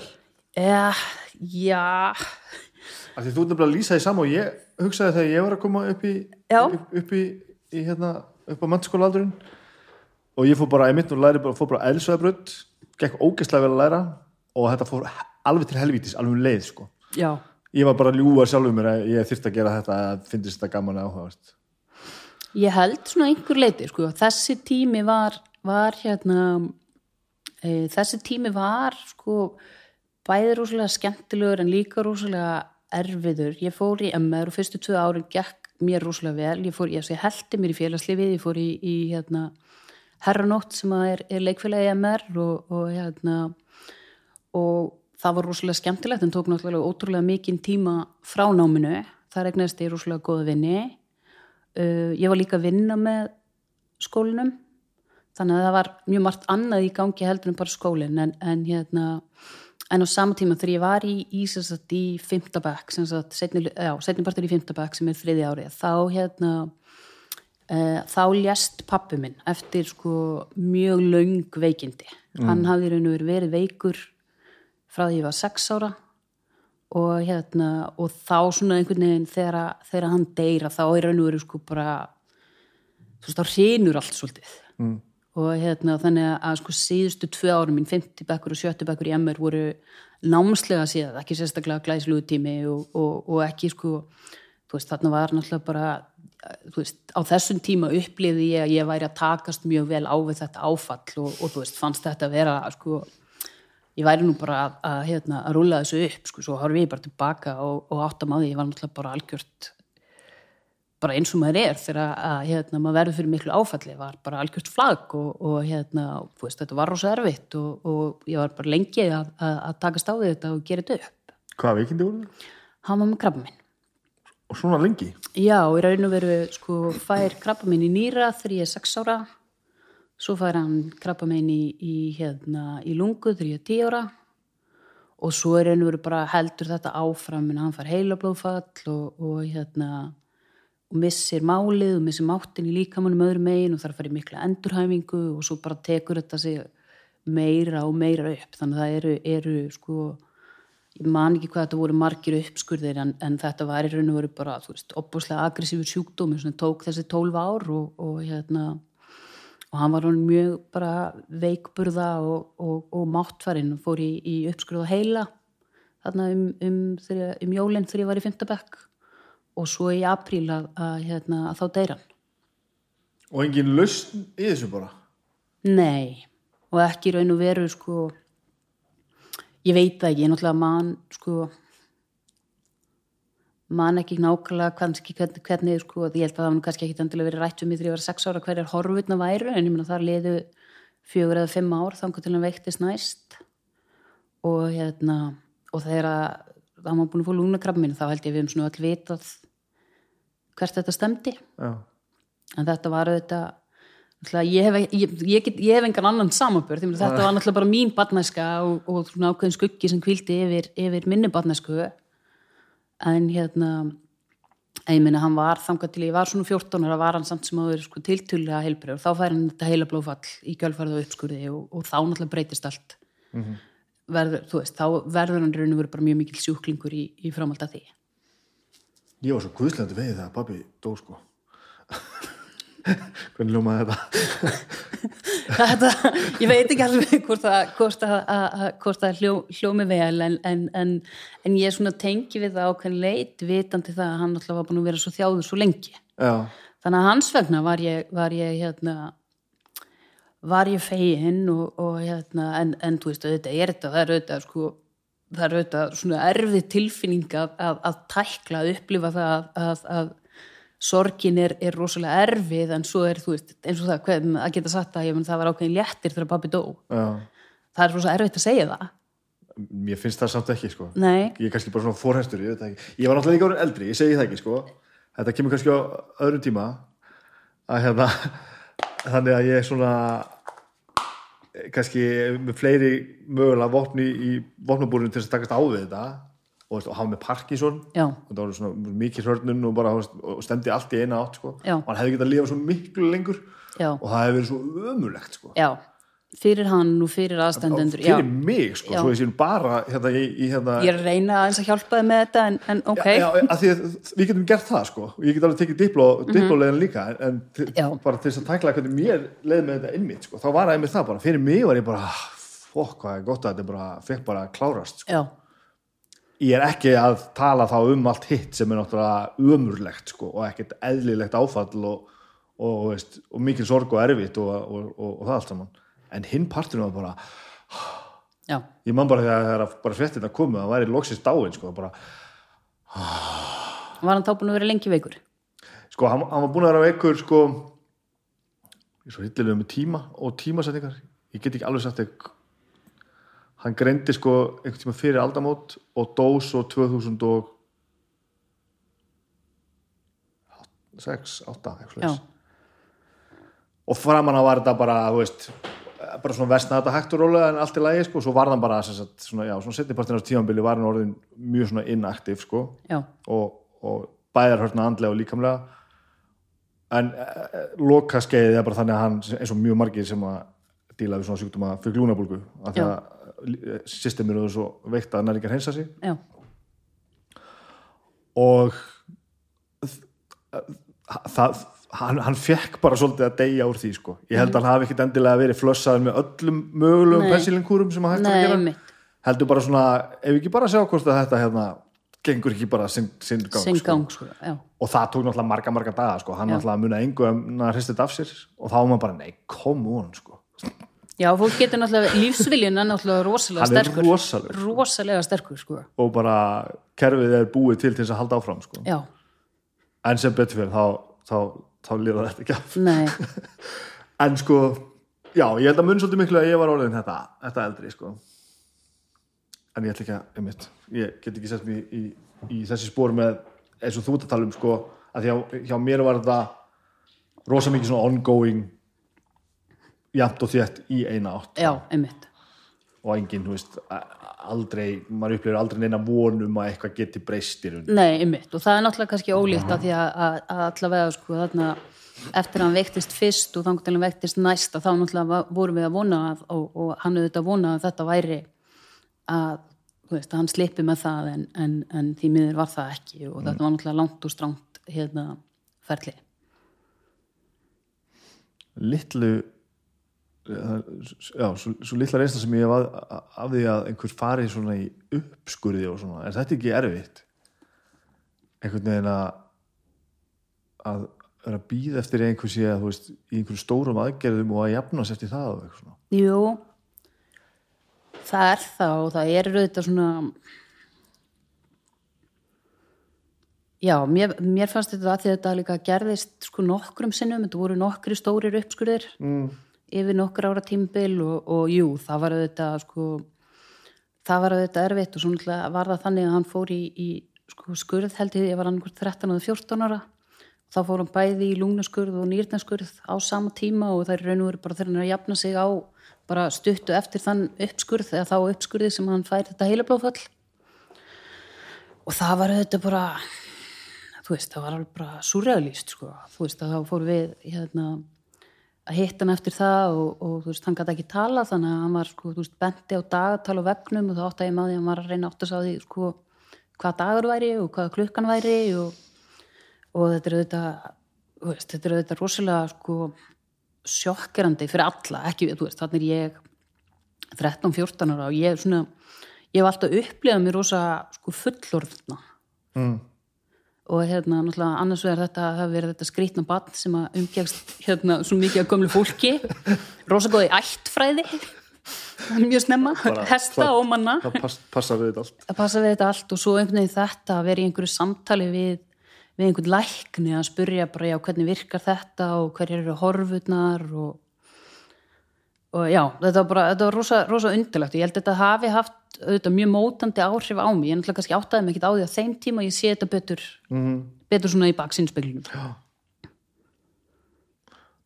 en hvernig kemur það út úr þessu svona út úr skólanum? Meina, þú útskrifast alveg og, og ertu með einhvern svona sína á hvað þú ert að fara að gera þarna? Eða eða þurftur þú bara að sína sjálfur og alheiminum að þú getið tekið erfiðast að námi og, og brutast í gegnum það? Já, ég sko útskrifaðist hérna útskrifaðist 98 ef ég mann rétt, já, útskrifaðist 98 úr MR og hérna og það er alveg sko, engundna mínar tók alveg sko dífu þannig að, að fyrstu tvö árin var ég með rosalega finnir engunir og, og hérna stúdensprófs engundna mínar eru svona, þær eru mjög köplóttar, getur við sagt.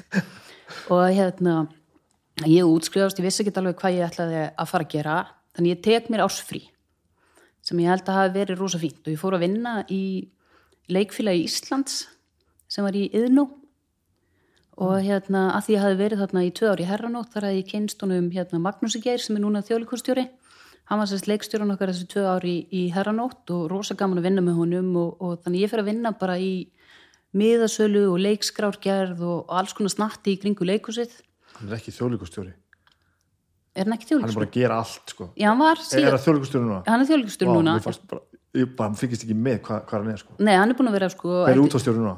uh, Stefán Eiríksson. Já, já, já, ekki? akkurat, jú, jú, það sló saman hann. Já, takk fyrir, já, ég ætlaði bara að vera svo sniður. Ég Já. skal, ég skal hætta því. Allt í góði og hérna, já, ég sem sagt tók mér þess að áspósu og, og var fyrst að vinna þarna. Og svo voru tvær vinkunum mínar sem að, að hérna, ég hefði sem sagt eh, eftir tvö sumur í mentaskóla þá hafði ég sem sagt hérna um, þá hafði ég unnið á hóteli í Kaupanöfn sem sagt eftir sumarið, sumarið eftir annað og þriðja ára mitt í, í mentaskóla þá sem sagt vann ég sem svona eh, herbergisterna við að þrýfa hótelherbyggi í Kaupanöfn og það bara fyrirmynd fyrirmælum móðun að fara að gera eitthvað. heyrðu, hún mætti heim bara einn daginn mætti hún með bækling með hérna, 100 hótelum í Kaupanöfn let mig og vinkunum mína fá þennan bækling og sagði, já, nú sækið þið um vinnu. Nei, jú, og við hlýttum þetta er til eftirbreytni maður. Og við hlýttum og, hérna, og unnum tvö sumur á Hotel Kong Artur við hérna Nörreport í, í, í Kaupanöfn sem var bara dásanlegt og, og ég mjög mikla tilfinningar til Kaupanöfnar og þannig að, hérna, þessi, eina af þessum vinkunum mínum, eða vinkunum mín sem ég fór með til Kaupanöfnar og, og önnu vinkunum mín sem ég kynntist í Kaupanöfn við ákvæðum þess að þetta, þetta frí ára fara saman til hérna, Thailands og Kína og, og fara í smá ferðalag. Við ætlum reyndir að fara til Sri Lanka einhverju litur vegna. En, en hérna, konun á ferðarskristónu sagði já, það er hérna já, við ætlum að fara til Indonesia, hún sagði, "Heyrðu, það er hérna smá borgarastyrjöld hérna, ég ætla ekki að selja ykkur miða þangað, en hérna viljið þið fara til Thailands þannig að við fórum til Thailands og Kína og ég var þar í, í, í svona þryggja mánuða ferðalagi. Og það var rosa gott vegna þess að fara í samfélag sem er svona framandi eða samfélag sem er svona framandi. Það var alveg bara svona þú veist, opbóðslega gaman að, að fá svona allt annað perspektíf. Og hérna held að hafi bara verið rosa fínt og, og ég hefði farið í eitthvað áhugasviðspróf áður en ég fór á stað uh, til þess að ákveða hvað ég ætlaði að skrá mig í háskólinum en ég var ekki búin að fá niðurstöðina þegar að hérna, skráningafresturinn rann út. Þannig ég skráði mig í vélaverkfræði og, og það var sérst á þeim forsendum að það væri svona það nám sem að lokaði fæstum dyrum en svo fekk ég niðurstöðunar eftir ég var búin að skrá mig. Og þar var efst á lista vélaverkfræði. Ok, og hérna, þannig ég fór í, í vélaverkfræði í háskólinum hvað er vélaverkfræði nákvæmlega? heyrðu, það er svona þá þegar þú lærir vélaverkfræði þá, eða vél og innanverkfræði sem ég læri, þá lærir þú hvernig þú setur upp og skipilegur versmiður já, mér dreymdi alltaf um að fara að vinna í álverðinu í Strömsvík fannst það alveg geggjað, ég væri reyndar að- held ég ennþá alveg til ég að fara að vinna í álverðinu í Strömsvík en það gerist kannski einhvern senna er það þá að sjá út úr því hvernig er þetta maximæsa það sem er að gerast í svona stóru framlýslu Já. Já, svona, svona, já, mér finnst svona, svona stórar versmiður, stór flókin ferli mm Mhm. ótrúlega heillandi. Og, hérna, og mér finnst, sko, þú lærir mikla sagt, efnisfræði efnafræði og svo efnisfræði og efnisfræði sko, fjallar svolítið um hvernig málmar og svo plastefni og svo keramíkefni eru mismundi, hafa mismundi eiginleika og eru notað í mismundi, mismundi hluti. -hmm. og þú lærir burðarþólsfræði já, já, og þú lærir vélhlutafræði og strömmfræði og hermun og bestun og alls konar framlýslufræði mér fannst þetta allt alveg bara brjálegaðslega heillandi og skemmtilegt en ég var ekki mjög dugleg í skólanum samt sem aður þarna á þessum tíma var ég svona e, já, mamma hafði skilið mig eftir og fluttið Danmarkur þannig ég svona var svona, þú veist, var að leia mig ímsu fólki og hérna var að vinna á vídeolegu og svo var ég svolítið að spila tölvuleiki og svo djammaði ég bara held ég tiltúlega mikið þannig að námið var svona svolítið tekið í skorpum og held að sumir bekkjafélagi mínir hafa ekkert alveg svona kannski verið fullir aðdánar á, á námstækni minni en, en þetta hafðist nú allt og ég mjög gekk vel sko Hvað ná, ná, námstækni verandi þá hvað? Já, svona hvernig ég synti skólanum og svo var ég stundum að fá lánaða glósur Já, já, þessi, og já, þú hefur verið þessi ég var svolítið þessi sko, sumt fannst mér rosa skemmtilegt og gekk rosa vel í og sumt fannst mér ekkert skemmtilegt og gekk ekki mjög vel í en, en já, en þetta hafðist allt og mér fannst þetta, fannst þetta mjög skemmtilegt. Þetta var svona, ég upplýði svolítið námi að ég hefði svona fengið bara fulla verkfærakistu af alls konar aðferðum og, og þú veist, geta reiknað alls konar og svo hef ég raun og verið aldrei nota neitt af þessu eftir ég útskrifaðist. Að ég hef ekki verið í svona höfbundum verkfræðistörfum. Nei, nei, ok, ekkert? Nei, ekki raun og veru. Ég fer sem sagt í útskrifast 2002 og var þá hérna, ég nú alltaf verið tiltölulega skipulöð og þá var ég búin að gera lista yfir þau fyrirtæki sem mig langaði til að, vinna hjá. Á listanum var held ég, það var Marel og Össur og Delta og Álverið og eitthvað svona. Og svo á þessum tíma þá hérna var ég eitthvað að spyrja krakkana sem ég var mest umgangst í skólum, þau voru alltaf að fara að vinna í banka. Og ég misti alveg af memóinu um það að vél og innanverkræðinga væri að fara að vinna í banka. Ég kom á fjöllum en, en ég var í svona tíumanna hópi sem umgist mjög mikið og þau fóru öll í bankana held ég. Einhver lókík á bakvið það? þetta var bara 2002 og það Já, var bara geggjur stemning. Já, það, það er bara það. Það var bara ekki- stemning, sko. ég held, ég held að ég hefði mistað sem, sama memói að að- að maður færi í maður færi að vinna í banka eftir þetta ná Já. það er sérst er ekki þannig. Jú, það er reyndar held ég mjög margir sko sérstaklega innaðverkræðingar sem að, að hérna, að margt að því svo læri það sem að nýtist ágætlega í böngun og en ég að uh, var ekki að fara, fara í banka og, og hafði ekkert spáði því og, og hérna uh, en mér var spennandi að vinna í álverinu og ég sótt um þar og ég sótti um hjá Delta sem var þá lítið lifi fyrirtæki í, í Hafnafyrði og fekk vinnu þar sem verkefnustjóri í Livjaþróunadeild hvað þýðir það til dæmis? Heyrðu, það þýðir í raun og veru að, að hérna, livjaþróunin sem Delta og svo setna Actavis, Aha. hérna, uh, Sindi var sem sagt samheita livjaþróun. Og þá ertu í raun og veru að taka, hérna, þegar það rennur út engalefi á einhverju lifi sem hefur verið þróað af, af þá kallum frumlifja framleiðanda. Og þetta er tvent þetta orðalli Já, frum, frumliða framleiðandinn, hann er sá sem að, að finnur upp nýtt lif og þróar það frá upphafi, gerir alla stúdíur í fólki, eða dýrum og fólki og svo framvegis og þetta er rosalega langt og dýrt ferli. Síðan, og frumliða framleiðandinn, hann fær engalefi á lifinu sem hann hefur framleitt. Það rennur síðan út eftir einhver tíma og þá mega aðrir framleiða það og það eru samhættulega fyrirtækin og þá framleiða þau lif sem, er, sem virkar eins og frumlifið og þegar þetta gerist, þegar samhættalifin kom á marka þá lækkar yfirleitt verðið á lifinu. og við erum að tala um uh, bara alveg reverse engineering og bara, bara komponent fyrir komponent, bara sa, sama stöð Í raun og veru, já. Og þetta sem sagt er, er hérna samhættalifið þróunin er í sagt eðlumálsins samkvæmt, hún tekur styttri tíma en þú þarft að sína fram á það að samhættalifið sé sem sagt hafi sambarlega virkni í mannesku og frumlifið. -hmm. Þannig að hérna og sem verkefnastjóri þá var ég með sagt, mörg mismundi lifiverkefni og í hver, við hvert verkefni var sérst hópur af, af hérna, mismundi sérfræðingum það er sérst formulator, það er sá sem að ímyndaði bara bakari sá sem býr til uppskriftina.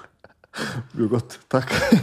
Já, það er sá sem að, að hérna, býr til uppskriftina. Og svo er, er þarf að þróa mæliaðferðir til að mæla og sína fram á virkni livsins. Þannig að það eru mismundi livjafræðingar í mismundi sérfræðingsstöðum sem að mynda hóp að baki hverju svona verkefni. Og ég stýrði þess að þessum hópum. já, já, Sett upp verkefnisáallun, það er bara tiltölulega bara svona, þú veist, þú byrjar á að framlega hérna, mjög lítið magna lifinu og prófa það, ef að það gengur vel þú ert komið uppskrift sem ég líst vel á og framlega hann í enn stærri hérna, aðeins stærri lótu í stærri vélum, þá ertu að spá í framleyslu aðferðinni og svo framvegis. Svo eru töflutnar settar, það eru settar í svona það heita geimsluþólskápar sem eru sko við tvö hitastig, held ég 30 gráður og svo 40 gráður og mismundi rakastig. Og þannig er sko þróuninni geimslin á lið, það er í raun og veru verið að sko flýta fyrir niðurbrótinu til þess að geta sínt fram á, ok, það lifið þólir þessar aðstæður, svona lengi það brotnar svona mikið niður, það myndar svona mikið óhreinindi, bara í raun og veru til þess að geta sínt fram á það, ok, þú getur framleitt þetta lif og það getur haft tveggjára hérna, líftíma.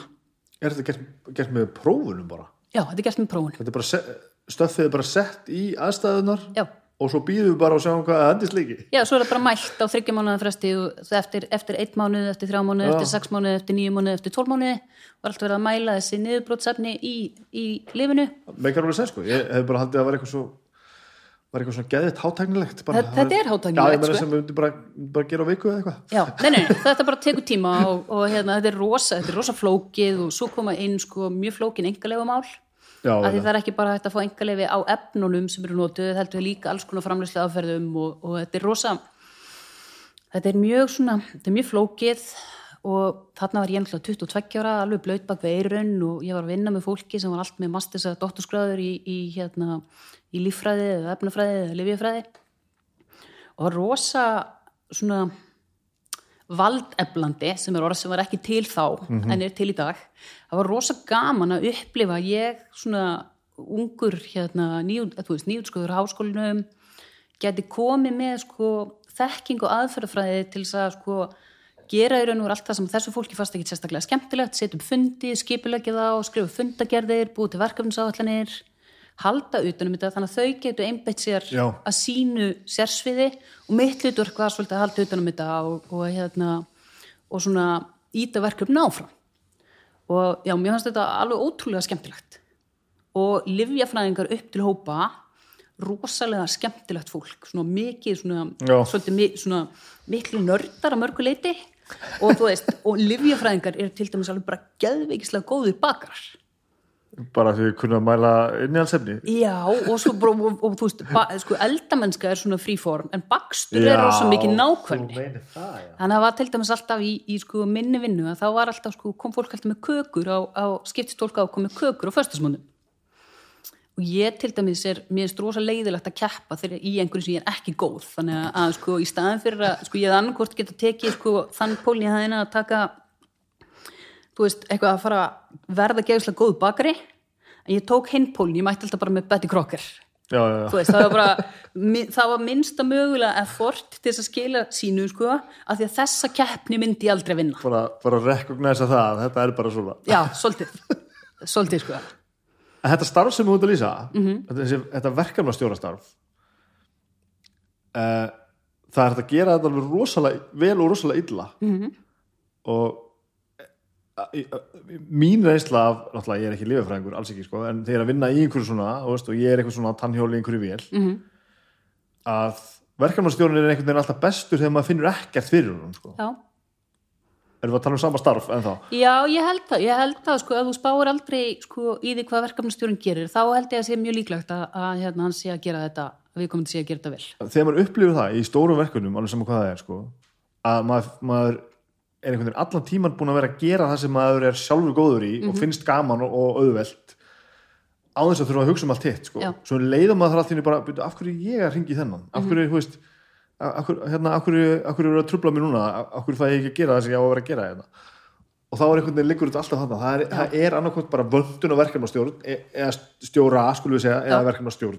Já, það er þannig og ég held að svona þegar ég hugsa tilbaka þá að því ég hafði þarna verið í herranótt í, í hérna e, í MR og ég ekki, ég er ekki mikill leikari sko. Mm -hmm. það var alveg ljóst eftir fyrstu pröfu að ég var ekki að fara á svið en, en, en, en þú hérna, varst til að prófa það samt. já, þú veist, ég bara mér langaði til þess að vera með, þú veist og, og hérna en það sem ég gerði sérst fyrra ára mitt í herranótt var að ég var, var propsari, ég sá um sérst að, að útvega alla leikmunna og haldi utan á það og eitthvað svona. Og síðan árið eftir þá var ég í stjórn leikvilagsins það ég átta með því, ég var bara góðu pródusser Já, þetta er það sko, einmitt já, þú veist, já, þú veist, ég bara var góðu pródusser og, og, og svo þegar ég var í sjöttabakka þá var ég reittstjóri skólablasins og, og, hérna, og það var líka bara einmitt, veist, þetta er svona production vinna.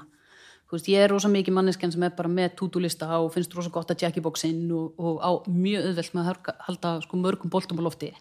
Og finnst eiginlega skemmtilegast þegar ég er að halda mörgum boltum á lofti. að vera í, í mörgu þannig að, að hérna, þegar ég hugsa tilbaka sko, það sem ég fekk úr MR var auðvitað, þú veist, frábært nám og rosalega mörguleiti en það sem ég lærði þar og svona styrtist í var þetta að vera pródúsir og Já. ég sko finn ekki orðið yfir það fyrir mörgum, mörgum ára setna að það átta ég með að ég væri góð í því að vinna í hópi, fá fólk til að tala saman skipulegja hlutina og, og svona hvetja fólk áfram Þarna komum við að einu sem mér finnst alltaf frekar áhugavert. Við finnst stundum eins og manneska sem sinnir þessum störfum þurfi ekkert að hafa sérstakann áhuga eða insýn í verkefnin sjálf. Nei, í raun og veru ekki og það er að því að nú hef ég sko unnið í margskonar verkefnum að þá er það þannig að, að þú þarft ekki sko endilega að hafa mjög djúpa insýn í það hvað hver sérfræðingur gerir. Sko ég þarf ekki að kunna að formúlera lif eða þróa mælaðferðir eða að vera leikari en ég þarf að hafa ákveðin skilning á því hvað viðkomandi þarf til þess að geta gert sitt vel Akkurat þetta sko. og hérna og, og sko, veist, þannig ég held að það geta bæði hlustað á fólk og tala við fólk og einmitt eins og ég var að segja kannski áðan þetta, ég hef eiginlega áhuga á öllu -hmm. þannig að þegar að þú ert að segja mér að, að sko þú, ert, þú stendur frammi fyrir einhverju vandamáli við það að þróa einhverju mælu aðferð sem hefur að gera með tæki eða þið vantar eitthvað, eitthvað eða eitthvað álíka þá, þú veist, ég, ég get hlustað og skilið og kannski svona haft ákveðna samkjönd og svo farið með þér í að hugsa, ok, hvernig leysum við það Já, þessi speigill er svo góður sko. Ekkert endilega að fá einhverja, einhverja sérfræði, eitthvað sérfræði álið heldur bara svona eitthvað samtal um það sko. Svo, svo líðið með stundum eins og sko verkefnastjóra sem eru oft tengdi verkefninu séu stundum pínu fyrir. Já, því þá fara þær að hafa skoðun á því er óþólandi hvernig þú átt að gera hlutin sko. og það er auðvitað sko, svolítið mismunandi eftir því hvort að sko, þú sem pródusser sko, átt líka að bera ábyrð á sko, hvort þú berð bara ábyrð á því að afurðin verði til og einhver annar ber ábyrð á því að hún uppfylli gæðin. Já, já, já eða hvort þú sem pródusser berð líka ábyrð á því að hún uppfylli gæðin ekki bara hlutinni séu gerðir Já. heldur að það séu framúrskarandi líka. Einmitt. Já, já, já. Já. Já. Ég hef aldrei, aldrei, Nei, aldrei það- það teklað er- þetta alveg svona. Nei, af því það er svolítið svona, veist, það er mismunandi, sko, bara eftir í hvernig störf eru skiplu. Stundum eru verkefnastjórar bara í því að horfa á ferlinn og umhverfið og búa til vinnuðanstöðuna og, og, og svo framvegis og framvegis og stundum eru verkefnastjórarnir líka ábyrgir fyrir afurðinni og það auðvitað hefur áhrif á, á því hvaða perspektíf þeir hafa. Hvort er betra? Ég held að Það fari... hlýtur að vera til einfalt svar við því Já, ég held að fara svolítið eftir í sko í tölvuleikjaframlýslu til dæmis -hmm. að þá ertu með sko yfirleitt er það þannig þar að verkefnustjórin eða pródúserinn, framleiðandinn að hann ber ábyrð á því að leikurinn uppfylli þau markmið sem eru, eru sett fram í upphafi. Annars vegar hvort þau eru sko gæðarlega eða viðskiptilega eða verkefni eða pródúserinn á það yfirleitt. Og hérna, ég held að það sé sko það getur, ef að þú hefur rosa mikla þekkingu og, og, hérna, og, og kannski listræna sínu, og þetta kannski líka svipað með sko kvikmyndaframleganda að þú getur verið með kvikmyndaframleganda sem að hefur þessa sín og vinnur mjög náið með hérna, leikstjórnum til þess að ná fram þessari sín eða þú getur verið með kvikmyndaframleganda sem er bara að hugsa um próduksjónuna per se en lætur öðrum eftir sko, þetta, li- þennan, þetta listræna mat á myndinni Já Ég er að yfirfara þetta á svo margt sem ég hef gert og er að gera sko. mm. -hmm. og ég bara, bara, bara, bara vinnur, bara auglýsinga gerð sko. Já, sem er svona, getur verið alveg ofbóðslega oft svona yfirgjörst mikið á flókið sko. Mhm. og bara, bara svona, ég er svona svolítið að horfa bara á fólkið sem ég er að vinna með hvernig það er að vinna, ég er bara svona að, að, að púsla þessu saman Þa, það er oft til dæmis rosalega gott þegar maður finnur allt inni fyrir því bara uh, mér fannst ég eiginlega ekki vera að gera neitt Mhm. að það eina sem ég gerði var bara að gera það sem ég er góður í og svo kom bara kom eitthvað annað fólk og hljópa eitthvað með það sko. já, en þá er ég sem, hug, sem, sem hugmyndasmiður sko, og svona kannski ef að segja svona pródúsir þengjandi hugmyndasmiður. Miklu meira í gæða stjóra sætinu mm -hmm. óafvitandi sko. Og ég held að mér mér hendi ágætlega að vera að vinna með verkefnastjórun sem bara sjá til þess að hlutin séu gerir að þeir, ég er ekkert að þessu sem út að segja skipulaður eða með marga bolta á loftið eitthvað, ég er bara hleyp bara á stað og fæ bara einhverjar frábærar hugmyndir og, og, og grít þeim svo bara í allar áttir og allt verður frábært en svo kemur einhver og týnir þetta niður úr skíinu og, og raðar þessi rétt hólf Mhm. og þarf í rauninni vonandi ef ég er að vinna vinna mínu rétt, ekki að gera neitt mikið annað en það Mhm. þá finnst mér oft koma bestu hlutinir út úr því já, en ég, ég getur afleitum með að taka allar þessar snildar hugmyndir sem ég fæ, allar þessar snildar hugmyndir sem ég fæ og gera eitthvað við þar, það bara það fara bara eitthvað, sko. nókvæða Hvaðan byrjar þetta hvar, hvar, hvar byrjar þetta tölvuleikja mál allt saman? Heyrðu, það, bara, það gerist bara af algjöri slisni. Um, ég sagt var að vinna sagt í þrjú ár hjá Actavis. Fannst það geggja skemmtilegt og bara æðislegt, en var samt svona þeirra skoðinu, ég ætti kannski ekki vera of lengi í sama starfi eftir útskrift, ég ætti nú að sjá eitthvað meira. Þannig ég sækjum vinnu sem verkefnastjóri í viðskiptaþróun og, og eða skoða nýja tækni hjá högum sem er batterið sem að, að þá átti hagkaup og bónus og 10-11 útilíf og, og að- fullt af búðum fer að vinna þar og átta mig bara tiltölulega fljótlega á því þegar ég er búin að vinna þar í nokkra mánuði að, að, hérna, að svona þessi retail bransi hann hendar mér ekkert rúslega vel það er bara, er, er hérna það er ekki nóg mikil nördismi og, og hérna og það var svona, þú veist, það bara, já, það hendaði mér ekki og, og hérna, og ég var svona eitthvað, já, lí- lítur nú illa út á CV-inu, ég sé eitthvað strax að hætta og eitthvað svona, og er eitthvað svona svolítið að, að svona vandraðist með þetta. Hvað er jobbið þar? Það er þetta, hérna, þetta viðskipt á þróun hjá högum, þá er ég eitthvað sko, Já, þá er ég eitthvað að tala vel sko fyrirtæki, ég voru búið til einhverja hérna, lausn til að sína rafrænt verð á græmið og águstum í bónus og skoða svona self-checkout kassa, svona sjálfsakræslu kassa eins og þau eru komni núna. Já, Þetta er náttúrulega fyrir sko 15 árum síðan sem að þetta er, eða 16 árum síðan og, og, hérna, og þá er ég að sko áttam á því hvað er mikið mála sagt, stjórnkerfi á þannig kössum og hvað það myndi kosta fyrir, þú veist, fyrir bónus og hagkaup að taka þetta upp og eitthvað svona og, og svona tæknilega sé margt að þessu áhugavert. En, en mér svona fannst þetta ekki sérstaklega skemmtilegt hérna, skemmtileg vinna. Þannig ég sendi sjálfur mér tölvupóst inn í framtíðina. Nota hérna eitthvað svona, eitthvað forrit sem að hérna, heitir futureme.org og ég sendi mér tölvupóst þrjá mánu inn í framtíðina sem að, og í honum stendur ef þið líður ennþá svona hættu. Svo gleymi ég því náttúrulega og, og svo leiða þrjá mánu og ég fæði þennan tölvupóst. Og ég bara, ah, mér líður ennþá svona, já já. Og um, á svipiðum tíma þá fer ég á fyrirlöstur með vinkunum minni upp í háskólum í Reykjavík þar sem að Hilmar Vegar sem að er fórstöru CCP er að tala um EVE Online. -hmm. og ég hafði alveg fylst með CCP og ég átti vinni sem unni á CCP og fannst það mjög spennandi fyrirtæki en hafði enga hugmynd um hvað ég ætti að gera. Spilaði, þú veist, ég spilaði alveg töluleiki en ekkert eitthvað brjálæðislega mikið. Vissi ekkert hvernig töluleiki voru búin til og hafði ekki hugmynd um hvað ég ætti að gera þar. En hann allavega heldur hann að fyrirlestur og, og mér finnst þetta bara að vera að tala um hvernig við erum að búa til heim og búa til IP intellectual property og, og hérna, mér finnst þetta bara alltaf alveg super heitlandi þannig ég fer til hans eftir fyrirlesturinn og kynni mig og, og hérna og þannig raun og veru bara byrjar þetta og bara sex vikum setna þá er ég mætt í vinnuna hjá CSP að búa til Ívonlæn sem framleiðandi. Og bara dett í þetta bara að, að einmitt, bara kynnast þessu öllu hvernig tölvuleikir eru búin til og, og hérna, hvað þarf sko ótrúlega margar mismunandi gerðir af fólki til þess. Og mér fannst þetta bara bara klikkað. Bara ótrúlega skemmtilegt alltaf haft rosalega gaman af hérna, vísindaskáldsögum og tækni og, og hérna og mér fannst þetta tölvuleikir er veru svona ákveðið sambland listar og tækni rosalega flókið ferli að búa til tölvuleik og það er einhvern veginn ekki eins og búa til neitt annan hugbúnað af því að þú ert sko þú veist, að þú ert að búa til viðskiptahugbúnað Excel. Þú veist, þú ert ekki, þú, þú ert ekki meina, neina listrana sín um það hvernig Excel á að vera, eða hvernig notandanum á að líða, þú veist, þú vilt bara notandi geti nota hugbúnaðin og hann, sé, hann gerir það sem hann á að gera, hann sé þokkalega notanda vætt og fólki finnst gott að nota hann, en með tölvuleika þá ertu að reyna að fá sko einhver hughrif og einhverju upplifun og, og hérna og það getur verið ótrúlega snúið.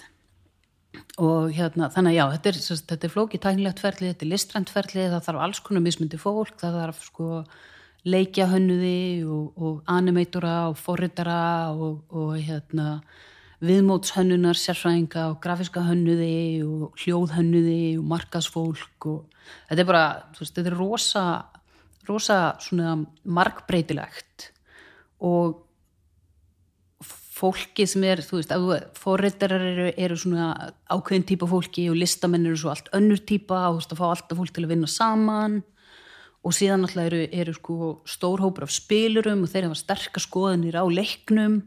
Og þetta er eitthvað svona samspil. Og CSIP var sérlega framalega í því að búa til það sem við kallum svona live service leiki á góri íslensku, það sem að leikurinn sko í gamla dag var þannig að tölvuleikir kom út í boksi og svo bara fórstu heim og spilaði leikin sem var í bóksinu og hann breyttist ekkit, bara útgáðan svo vast með. Í dag er þetta þannig að, að sko, það kom út viðbætur við leikina, það verða að patsa, taka út bögga og, og hérna, þetta er miklu meira sko, e, svona stöðug þjónusta. Mm -hmm. Og CSIP var mjög snemma með mjög svona nýstárlegar hugmyndir. Margt sem að sko, flest tölvöki fyrir að gera, gera í dag er eitthvað sem CSIP var að gera fyrir 15 árum síðan. Já.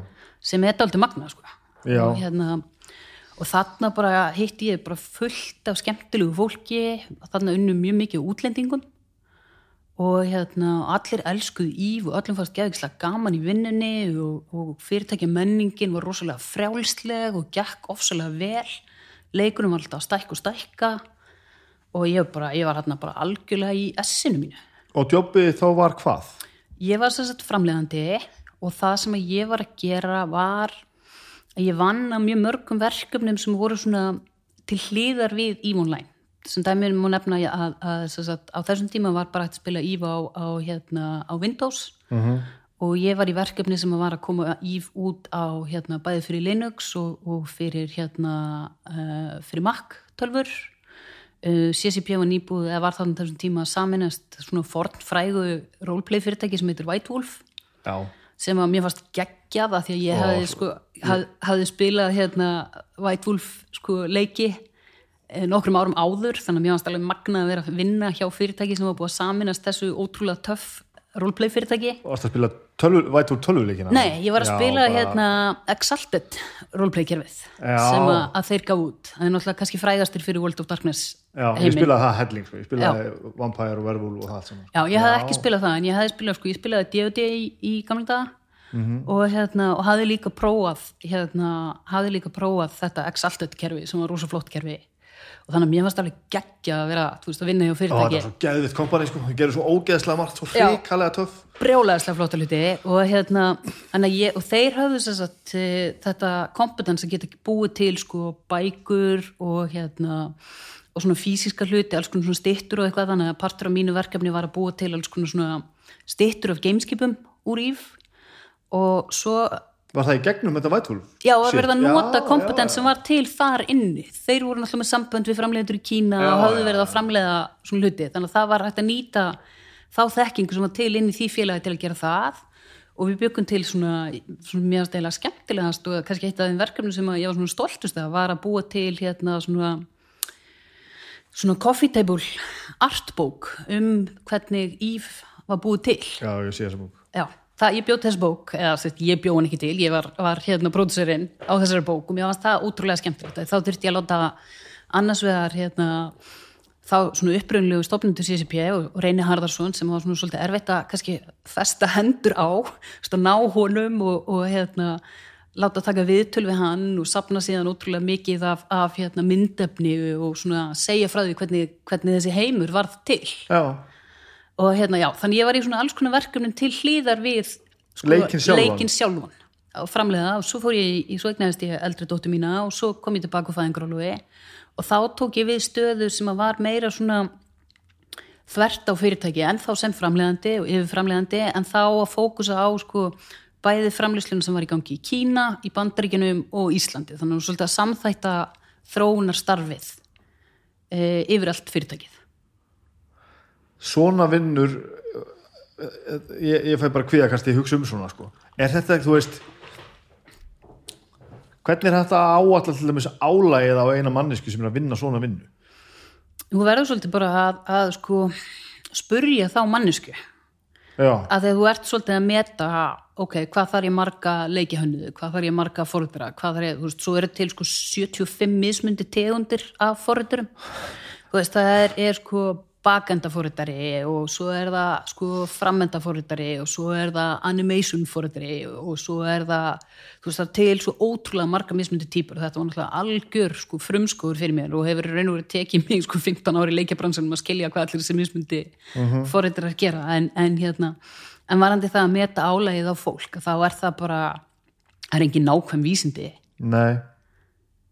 Er það, er það svolítið vinnan þín að finna út úr því hvað er að koma út úr hvaða starfsmann eða, eða deildi eða, svo- Já, eða eða svona þegar þú ert í þessu djópi? Svona einhverju leiti er það, er það partur af starfinu og líka bara, ok, hvað þurfum við að ráða mikið af fólki á, á hverjum stað og, og ég vann með, með hérna, vini mínum og samstagsmanni mjög mikið að því að búa til bara svona infrastruktúr þannig að við gætum sko áallað Já, búið til áallun fyrir já bara, þú veist, áallun með er smundu stöðum. En nú er ég líka að tala um vinnu alveg á, á, sko, á mannskjöfum sem er veist, þegar þú labbar inn í svona eins og tökum sem dæmi hana, fyrst það er skurðpuntur badneg, svo kemur inn í eitthvað nýtt og alltaf eins og segir frá þessu bara, já, nú verður þú að gera þetta hér. Og maður svona bara, hvernig er fyrsti dagurinn í vinnunni? Veist, veistu eitthvað, hvort þetta er vinna fyrir sko, hvort þetta er 50% starf eða, eða 2000% starf sko. Nei, en ég, meina, ég held að það sé þannig í raun og veru með eiginlega öll störf eða mörg störf sem geta verið svona, þú, veist, þú, þú raun og veru kannski bara ákveður forgangsaðar, ok, hvað er það sem þarf að gera -hmm. og hérna og þú veist, og, og svo er það náttúrulega bara þannig að sumur hlutir er eitthvað sem að liggur rosalega vel fyrir manni og annað er kannski eitthvað það sem maður þarf bara er hreinlega ekki góður í eða, og hefur ekki áhuga á að læra eða þarf að læra rosalega mikið -hmm. og hérna en ég held og svo minna kemur náttúrulega hver manneskja með sinn, einhvern veginn sínar áherslur og sinn fókus inn í, inn í starfið. Líður þið þarna eins og sett að vinna að því að gera tölvuleiki? Nei, ekki svo mikið í þessu starfi. Nei, og ég er einhverjum, sko í mínum hérna, töluleiki ferli að þá er einhverjum byrja ég þarna sko hjá CSB á því að gera hluti alveg í kringum töluleikin og svo svona ofan á þróunadeildinni þannig að þó ég sé sko hjá CSB í fimm ár já, að þá er ég aldrei í beinni tölvuleiki framlýslu og það gerist ekki fyrir segna sem er svolítið fyndið. Já, þú veist, ég fer eiginlega svona daldið öfuga leið í gegnum þetta. Að því að svo er, er, er ég búin að vera þarna í fimm ár og, og hérna og bara, þú veist, elska það finnst það æðislega að vinna á CCP, búin að eignast margar og slokka og vinni, og þetta er skemmtilegt og þú veist, ég er á fínum launum og, og hérna gaman að vinna hjá svona, þú veist, þetta er náttúrulega á þessum tíma svona rosa mikið svona íslenskt spútnik fyrirtæki og þá bara fæ ég þess að þá lendi ég óvart í atvinnuvittali eða sem er þannig að ég er, sagt, að er á, á hérna, ráðstefnu í Erlendis og, og hérna, samstagskonu mín sem er með mér á þessu ráðstefnu það er hérna, hún með fyrirlestur og eftir þann fyrirlestur þá kemur að máli við hana maður frá, frá sagt, fyrirtæki sem er í Svíþjóð og vill bjóða henni starf og vill ræða við hana. Og hún segir bara já en veistu ég á alltaf eftir að ræða þetta við samstagskonu mín og vinkonu þannig að maður ekki bara taka hana með. Þannig ég fer með henni að heimsækja þetta fyrirtæki og hérna í framaldi af, af, af því samtali að, að hérna, þá kemur í ljós að þeir eru líka að leita af, af framleiðanda. Og hérna og þá hefst samtala mellir mín og þeirra og, og hérna og það verður úr að, að mér er bóðið starfsest sem yfir framleiðandi á tölvuleik hjá fyrirtæki sem heitir Ubisoft Massive og er í Malmö í Svíþjóð. Ubisoft Massive. Já. já ok. Og hérna Ubisoft er risastórt fransk töluleiki fyrirtæki og er með stúdíó út um allan heim. Og þar á meðal þetta stúdíó og leikurinn sem að, að hérna, og ég sérst flytt út með hérna e, með manninu mínum og, og dóttu minni. Og er með laumufar það sem ég veit ekki af. Og hérna þannig ég er bara eitthvað nýbúin að skrifa undir nýtt starf er að flytta til útlanda, búin að setja allt í gang því ég fatt að ég er ólétt. Þannig að það er eiginlegt að mínum fyrstu samtölum við nýja niðumann þegar ég er komin og flutt út með fjölskyldin til Svíþjóðar að, að, hérna, að ég er vonu banni og hvernig leysist það? Heyrðu það bara, hann tók því bara rosalega vel og, og svíjar náttúrulega rosalega fjöls, fjölskyldu fókuseraðir og allt þetta og, og, þetta Já, ég sem sagt tók við leik sem að, eða verkefni sem að var PC svona hérna, fjölspilnuleikur og hérna og þar var náttúrulega verið að sækja í mína reynslu og þekkingu frá, frá CCP sem að EVE Online er náttúrulega PC fjölspilnuleikur en, en og sem það sem gerist síðan er að, að það verða svona okkur breytingar á þessum markaði e, á meðan ég er að vinna þarna og það, verkefninu verður, er semst breytt úr því að vera PC fjölspilinuleikur yfir í að verða svona third person cover shooter á, á, hérna, á konsul sem er bara allt annað Já, það hljómar ekki eins og einhver hafi breytt. Það hljómar eins og eitthvað hefur verið bara að vera hætt við eitthvað og eitthvað annað tekið upp í að stað svolítið, svolítið þannig. Og þetta er raun og veru er að gerast þegar ég er í fæðingarlöfu þannig að ég, ég það endaði með ég, svo, þetta verkefni e, varð sem sagt leikur sem bara tókst mjög vel uh, sem heitir The Division. Já, þannig að ég stýrði að The Division svona frá því að þetta var PC fjölbíluleikur yfir í það að þessu breytt yfir í, í þann konsól átti hann að vera PC fjölspilunarleikur? Já hann átti að vera hérna, Ubisoft ætlaði að fara að keppa við World of Warcraft með þessum leik sem maður náttúrulega var aðeins öðruvísi. Svo gerist það að, að hérna, EA gefur út hérna, e, Star Wars The Old Republic -hmm. og hann gengur að, bara ekki nógu vel. Svo hann er reyndar sáleikur ennþá í gangi og hefur alveg gengið ágætlega. En þá áttar Ubisoft sig á því í raun og veru að, að fjárfestingin sem þeir að fara úti er brjálæðislega mikil og að, að það er ekkit á vísun að róa á þessum markaði þannig að þeir gera þessa, þessa strategísku, strategísku breytingu.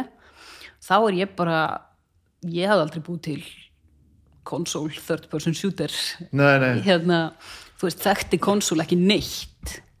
Og hérna þannig að þá er ég bara sitt ég í, í, í Malmö með hérna með fjölskylduna, nýtt bad og já, og er heila bara, já, já, hvað gerum við núna og þá einhvern veginn af- aftur af tiljulum þá hérna e, var ég, fekk ég símtal frá manni sem ég hefði hitt uh, nokkrum árum áðum í Stokkólmi og var að vinna hjá DICE er það tala um þess að leikurinn er tilbúin eða? Nei, leikurinn er ekki tilbúin, ég bara er á leiðin tilbaka úr fæðingarólufi en verkefni hefur gjör breyst Já, þannig að ég er veru upplifið það ekkit endilega að ég er rosa mikið erindi að stýra þessu Þannig að þú fórst ekki inn í það verkefni? Nei, ég fór ekki tilbaka úr fæðingarólufi Já, ég skildi, ok, ok. Heldur, þarna, þarna þegar við búin að vera í ár í Malmö Mhm. og flytjum til Stokkóms og ég fer að vinna hjá sem sagt, DICE sem er stúdíó í Já, Stokkólmi einmitt. Og hvað það gera þar? Heyrðu, þá er ég að taka við verkefni sem að heitir hérna, Mirror's Edge Catalyst sem er, er sérst, framhald af leik sem heitir Mirror's Edge sem að DICE gaf út. Og þá er það þannig að framleiðandinn á þessum leik var að fara í fæðingarólof þannig ég var ráðin inn til að taka við af henni. Og hérna DICE er rosalega flott stúdíó og, og hérna er frægast fyrir Battlefield seríuna. Mhm. ótrúlega flott stúdíó og svona kannski svona, já, svona flottasta stúdíóið í, í Stokkólmi á þeim tíma. Og partur af EA sem kannski hafði ekkit endilega brjálæðislega gott rep svona gagvart spilurum Nei, og hérna já, þannig ég sem sagt tek við þessu verkefni og hérna við flyttum til Stokkólms og, og bara kunnum rosa vel við okkur þar og, og hérna svo fer hún að koma tilbaka úr fæðingarólufi og ég er svona veltaði fyrir mér, ok, hvað gerist núna?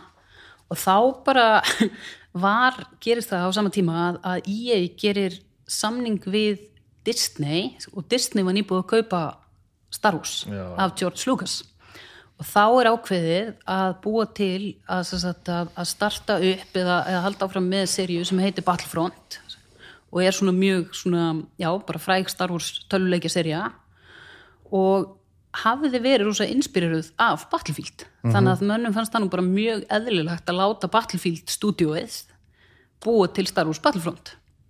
Það er ástæða fyrir að þetta kemur þangað? Það er ástæðan fyrir að þetta kemur þangað. Og þá er bara vantar senior producer á tölvuleik og þá er senior producer sem vantar tölvuleik. Þannig að hérna allt í einu er ég bara komin með hérna fimmana teimi og er að fara að búið til Star Wars töluleik. Fyrsta Star Wars töluleikin í þessu samstarfi EA og, og Disney. Þannig erum við nú fann að tala um þessi stóra titla. Bara Star Wars og Disney og EA og bara Já, þú veist, þetta var náttúrulega bara einhvern veginn svo, veist, þetta, þetta gerist bara mjög rætt og hérna ég hef ekki hugmynd um hvað ég var að fara út í. Bara ekki hugmynd sko. En hérna, en, en á sama tíma þá var ég, eða sérst var DICE að gefa út Battlefield 4 Já, þannig að, að þó svo ég var komið með þetta Star Wars verkefni og það væri geðugislega mikilvægt og allt þetta að þá bara var svo mikil fókus á Battlefield. Það var bara, eitthvað, hérna, krakkar gerið búið til þetta Star Wars koncept. Og byrjaði að búið til hérna Star Wars leik, við höfum ekki tíma til að tala við ykkur því við erum að klára Battlefield. Og hérna, við fengum alveg að vera í friði töltu lengi. Hvernig eins og svona verkefni hvað fær maður í hendunar? F- Færið til dæmis deadline útgáðu dagis eða eitthvað svoleiðis og veist, veistu umfangið um, hvað mikið konceptinu klárt á þessum tíma? Sko, þegar ég hérna, uh, þegar ég gengi þennan verkefnishóp, þá eru þar fyrir þrýraðir. Þá er þess að uh, komin sko game designer, art director og sem sagt, það sem kallað development director, sem er verkefnastjóri að því leiti að viðkomandi sér um alla ferlana og skiplaðið á verkefninu en ekki, ber ekki ábyrð á, á, hérna, á útkominu, heldur er það framleiðindin sem ber raun og verið ábyrð á útkominu Ok. og hefur þennan verkefnastjóra sér til fulltingis. Og þannig að það sem að var til þegar ég kom inn í verkefnið og, og þeir í raun og verið þessi strákar fengu hérna, þeir fengu að taka viðtal við nokkra framleiðendur inn í stúdíónu og velja sér framleiðenda og hérna ég vissi það ekkert fyrir ég var fann að vinna með þeim að þeir hefðu talað við aðra en, en hérna, þeim leist vel á mig og, og hérna og þá var í raun og verið til svona bara, þú veist, það eina sem var til var bara 25 hérna slides í PowerPoint með bara svona, þú veist, sem bara lýsir konseptinu. Og þá er búið ákveða, já, við ætlum að vera sagt, við ætlum að fókusa á, á sagt, original Star Wars sagt, fyrir trilógina, við ætlum að fókusa á þessar fjóru plánetur uh, við ætlum að vera Rebels vs. Empire, við ætlum að fókusa meira á infantry heldur en á, á vehicle, sem það verður líka combat og hérna og svona, já, í raun og veru bara búið að búa til bara ákveðin ramma og svo fer bara rosa mikið vinna í það að kynna þennan ramma fyrir sko fyrst stúdíónu og svo þarf að kynna það upp fyrir sko svona mm, hærra settum inn í EA og svo auðvitað gagvart Lucasfilm af því að þeir þurfa að samþekja og leikurinn þarf Já. að vera þannig er verið og þetta er sko að ég var að tala um áðan ég hafði hatt svo mikið áhuga á, á sko tækni og, og sko svona media og IP þróun og þarna er ég að fá sko algjört sæti á fyrsta bekk að sjá sem sagt, IP strategíunni hjá Disney með Star Wars Já, já, og já, þetta já. eru þeir hlutir sem ég hef kannski svona mestan faglegan áhuga á er þetta samspil sko viðskipta lista og framleiðslu -hmm. og ég man eftir því að þegar ég heyrði af því að, að, hérna, að, að Disney hefði keift Star Wars þá sagði ég við held ég bara við mannum minn þá segi ég nú sjáum við bara heiminn bara karpet bombaðan með Star Wars eins og við höfum aldrei séð á nú sjáum við bara mestu svona markaðsmaskinu í heimi hámarka svona fjárhagslegt potential þetta, þessa IP sem ég held að sé í raun og veru sko, eitt stærsta IP í heimi. Star Wars? Star Wars. Og náttúrulega Já, lítið það ekki eiginlega bara að vera? Jú, ég held það. Og það, það sem er svo magnað þegar við horfum á hvernig þeir gerðu þetta er þeir byggu til Star Wars fyrir alla. Þeir byggu til Star Wars fyrir sko uh, svona kannski meginþorran sem var þessi setni trílógia og það sem er geggjað að sjá er að þú veist, ef við horfum á fyrstu trílógiana þá er þetta sko þú veist, bara hvítir kallar og síðan, þú veist velmenni og, þú veist, loðin bangsi og einhver svona alls konar hérna gemurör og svo ein svona token kona og eiginlega, já, allir hvítir. Og svo sérðu sko nýja Star Wars þú sér pósturinn fyrir hérna Force Awakens og Rogue One þá sérðu sko alla kynþætti Já. bæði kyn og breytti aldrei og það er því að Disney er búið að átta sig á því á þessum tíma að því breyðara sem að sko representationið er á sagt, þeim sem að, að fara með hlutverk eða kastinu í bíómynd eða, eða menningarefni bara yfir höfuð því breyðari sem hópurinn þú sérð er því breyðari er hópurinn sem getur sem er bóðið inn, sem getur haft gaman á þessu. Þannig að það, það hefur sko það er svo snjallt viðskiptulega séð að bjóða sem flestum að vera með og upplifa sér part af þessu. Og þeir, það sem þeir gerðu líka sem að var ótrúlega áhugavert, þeir gera sérst þessa trilógíu sérst episode hérna 7, 8 og 9 svo gera þeir þessar standalone myndir eins og Rogue One sem eru svona dekkri og dimmari og kannski höfða meira til svona gamla Star Wars fanbaseins. Síðan búa þeir til sko Rebels teiknimyndirnar. Svo það er náttúrulega gert Mandalorian líka. Og þeir eru að búa til líka sko myndasögur og, og svo framvegis. Þannig þeir eru með sko mismunandi mismunandi típur af Star Wars fyrir til þess að hámarka hvað segir maður, til að hámarka útbreysluna En það sem þið samt gera ógeðslega vel er að fara ekki sko að, þau, þau pyrra mig ekki, þú veist. Ég sem svona bara old school Star Wars kall bara, bara þú veist pyrra mig ekki á nýju nálgurunum sko. Nei, ég nenni kannski ekkert endilega að horfa á allt og veist, ég les mikið að teiknum þessu og ég hef engan áhuga á, á Star Wars komikinu, mér finnst það bara ekki skemmtilegt nei, en það skemmir ekki fyrir mér Star Warsið mitt sko. Þa, þar finnst mér svolítið snildin liggja að geta útvíka konsepti svona mikið og bara öll, konsept og leifa mér bara að eiga mitt einhvern veginn í friði á þess að annað sé að menga það sko. Já, og þetta er, ég held að Disney sé sko, uh, það svona menningar framlýslu fyrirtæki í heimi sem að er brjálaðislega, sko, sem er rosalega gott í því að stýra þessu. Og þegar ég horfa á, sko, hvernig er, sko hvað eru búin að gera við Marvel heiminn Já, nákvæmlega. bara, og, og það sem er búin að gera við Star Wars er, er, þannig er alveg sko ótrúlega mikil fagmennska að baki og, og ótrúlega mikil þekking á því hvernig þú byggir upp vörumerki gagvart mismunandi markkópum en hvernig þú heldur samt líka sko ákveðnum listrænum gæðum. Og þú veist, ef við horfum á sko, við getum bæði hort á Star Wars, við getum hort á Marvel og síðan getum við hort á Pixar. Og þetta er allt vel gert. Þú getur, þetta er mikill gæðið stimpill, burt sé frá því hvort þetta, þetta höfðar ekkert til allra en þetta höfðar til rosalega margra. Og þetta er bara því að þetta er, er mjög úthugsað hvernig þetta er gert. Og hérna maður vill samt fá að trúa því líka að sé bara ekki, þetta sé þetta sé ekki alveg svona kalt sko. Mann finnst alveg vera hjarta í þessu. En kannski er það, kannski er það bara einhver romantík sem ég bara ímynda mér. Ég held að það sé ákveðin, ákveðin romantík. Æ, það er verið að ljúga mér. Nei, en ég minna samt að þú horfir á þetta með sko, djúvill að maður glær. Djúvill heldur maður í vonina alltaf. Er það ekki? En ég meina samt sem áður, ég meina auðvitað lærir fyrirtæki sem framleiðir svona mikið af menningrefni.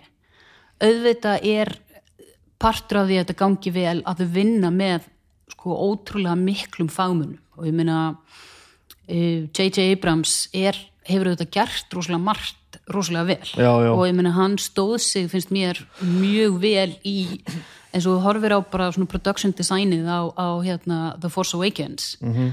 og ég var náttúrulega búin að fara í gegnum alveg ótrúlega skemmtilegt ferli þegar ég var að vinna með teiminu og artarektorinn á Star Wars Battlefront er hérna alveg brjálaðislega góður artarektor og hann hafði elskað Star Wars frá því að hann var bann þannig að það að, að hérna það að hann var að, að sagt, verða listrætt stjórnandi á þessum tölvuleik -hmm. hann alltaf, þetta var sko og fyrir rosalega marga sem unnað þessum leik var þetta bara drauma verkefni lífsins.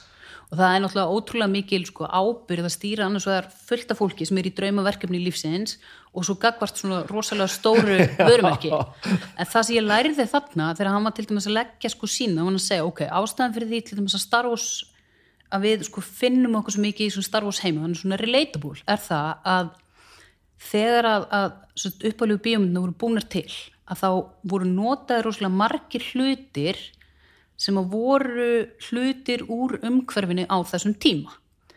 Og til dæmis að þú horfir á sko geislasverðin að þá voru þau búin til með því að taka sko hluti úr sagt, gömlum ljósmyndavélum og gömlum ljósmyndabúnaði Þú tala um propsið bara Já, ég er þannig propsið.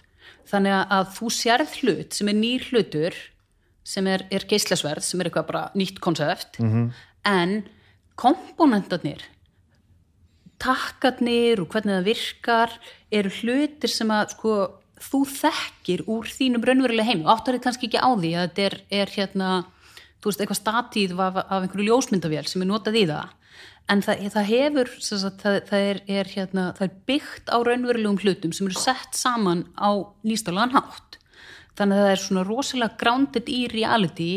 Það sem að trublaði okkur svo mikið síðan í, í, sko, í segni trílogíinu af Star Wars myndum var að þeir fóru miklu lengra með heiminn í svona ákveðna svona framústefnulega átt. Þar sem við mistum þessa tengingu. Er það tala um 1, 2 og 3? Já, það er að tala um 1, 2 og 3 og það, trubl, það, var, það var ekki nóg mikið svona samhengi í hönnuninni. Þannig að, þannig að þegar 7, 8 og 9 koma að þá er það sem að J.J. Abrams er búin að gera er að hann er búin að taka þetta aesthetic sem er í fyrstu myndunum og hann byggir rosalega mikið á því en hann þróar það samt áfram Já. ef þú hugsa til dæmis um Kylo Ren að þá er Kylo Ren í raun og veru svona ákveð iteration á Darth Vader. Já, já, og ef þú horfir á þú veist hvernig hérna, búningarnir hér rebellinum eru og hvernig hérna, þú veist, hvernig X-Wingin lítur út og allt þetta og jafnvel hérna, þú veist, nýjar græjur þá eru þau rosalega svona rótuð í þessum gamla hérna, raunveruleika. Já, þannig að hann heldur í þetta hérna, veist, hann, hann, hann, hann svona synthesizer og áttar sig á því hvað það er sem við elskum við Star Wars og heldur því áfram. Og það er útrúlega meðvitað ákvörðin hjá Disney að því það sem þeir gera á sama tíma er að þeir eru raun og veru sko þeir taka allan Star Wars hugmyndaheimin og þeir skilgreina og þeir segja bara já, það sem er hérna kanon, það sem er ennþá í gildi eru myndirnar 1, 2 og 3 eða sem sagt, hérna 4, 5 og 6 Já. 1, 2 og 3 og Clone Wars þættirnir Já. allt annað sem er það sem er kallað Extended Universe í Star Wars er sem bara klift út af því það eru komna svo margar svona storylines sem eru orðnar hérna ósamræmanlegar innbyrðis Þetta var alltaf rosalega góð ákvörðun sem að he- heimurinn, þessi sagnaheimur tók Já. að það mætti bara cancela þetta gerist ekki, höldum áfram Já, það þurfti að gera það til Já. þess að vera hægt að byggja upp til framtíðar en það líka gera það að verkum að við unnum þarna mjög náið með Lucasfilm það er náttúrulega verið að gera fyrstu myndina þannig að allt sem er að koma þarna út í byrjun hvort Já, sem að já. það er myndin eða Star Wars Battlefront þarf að vera sko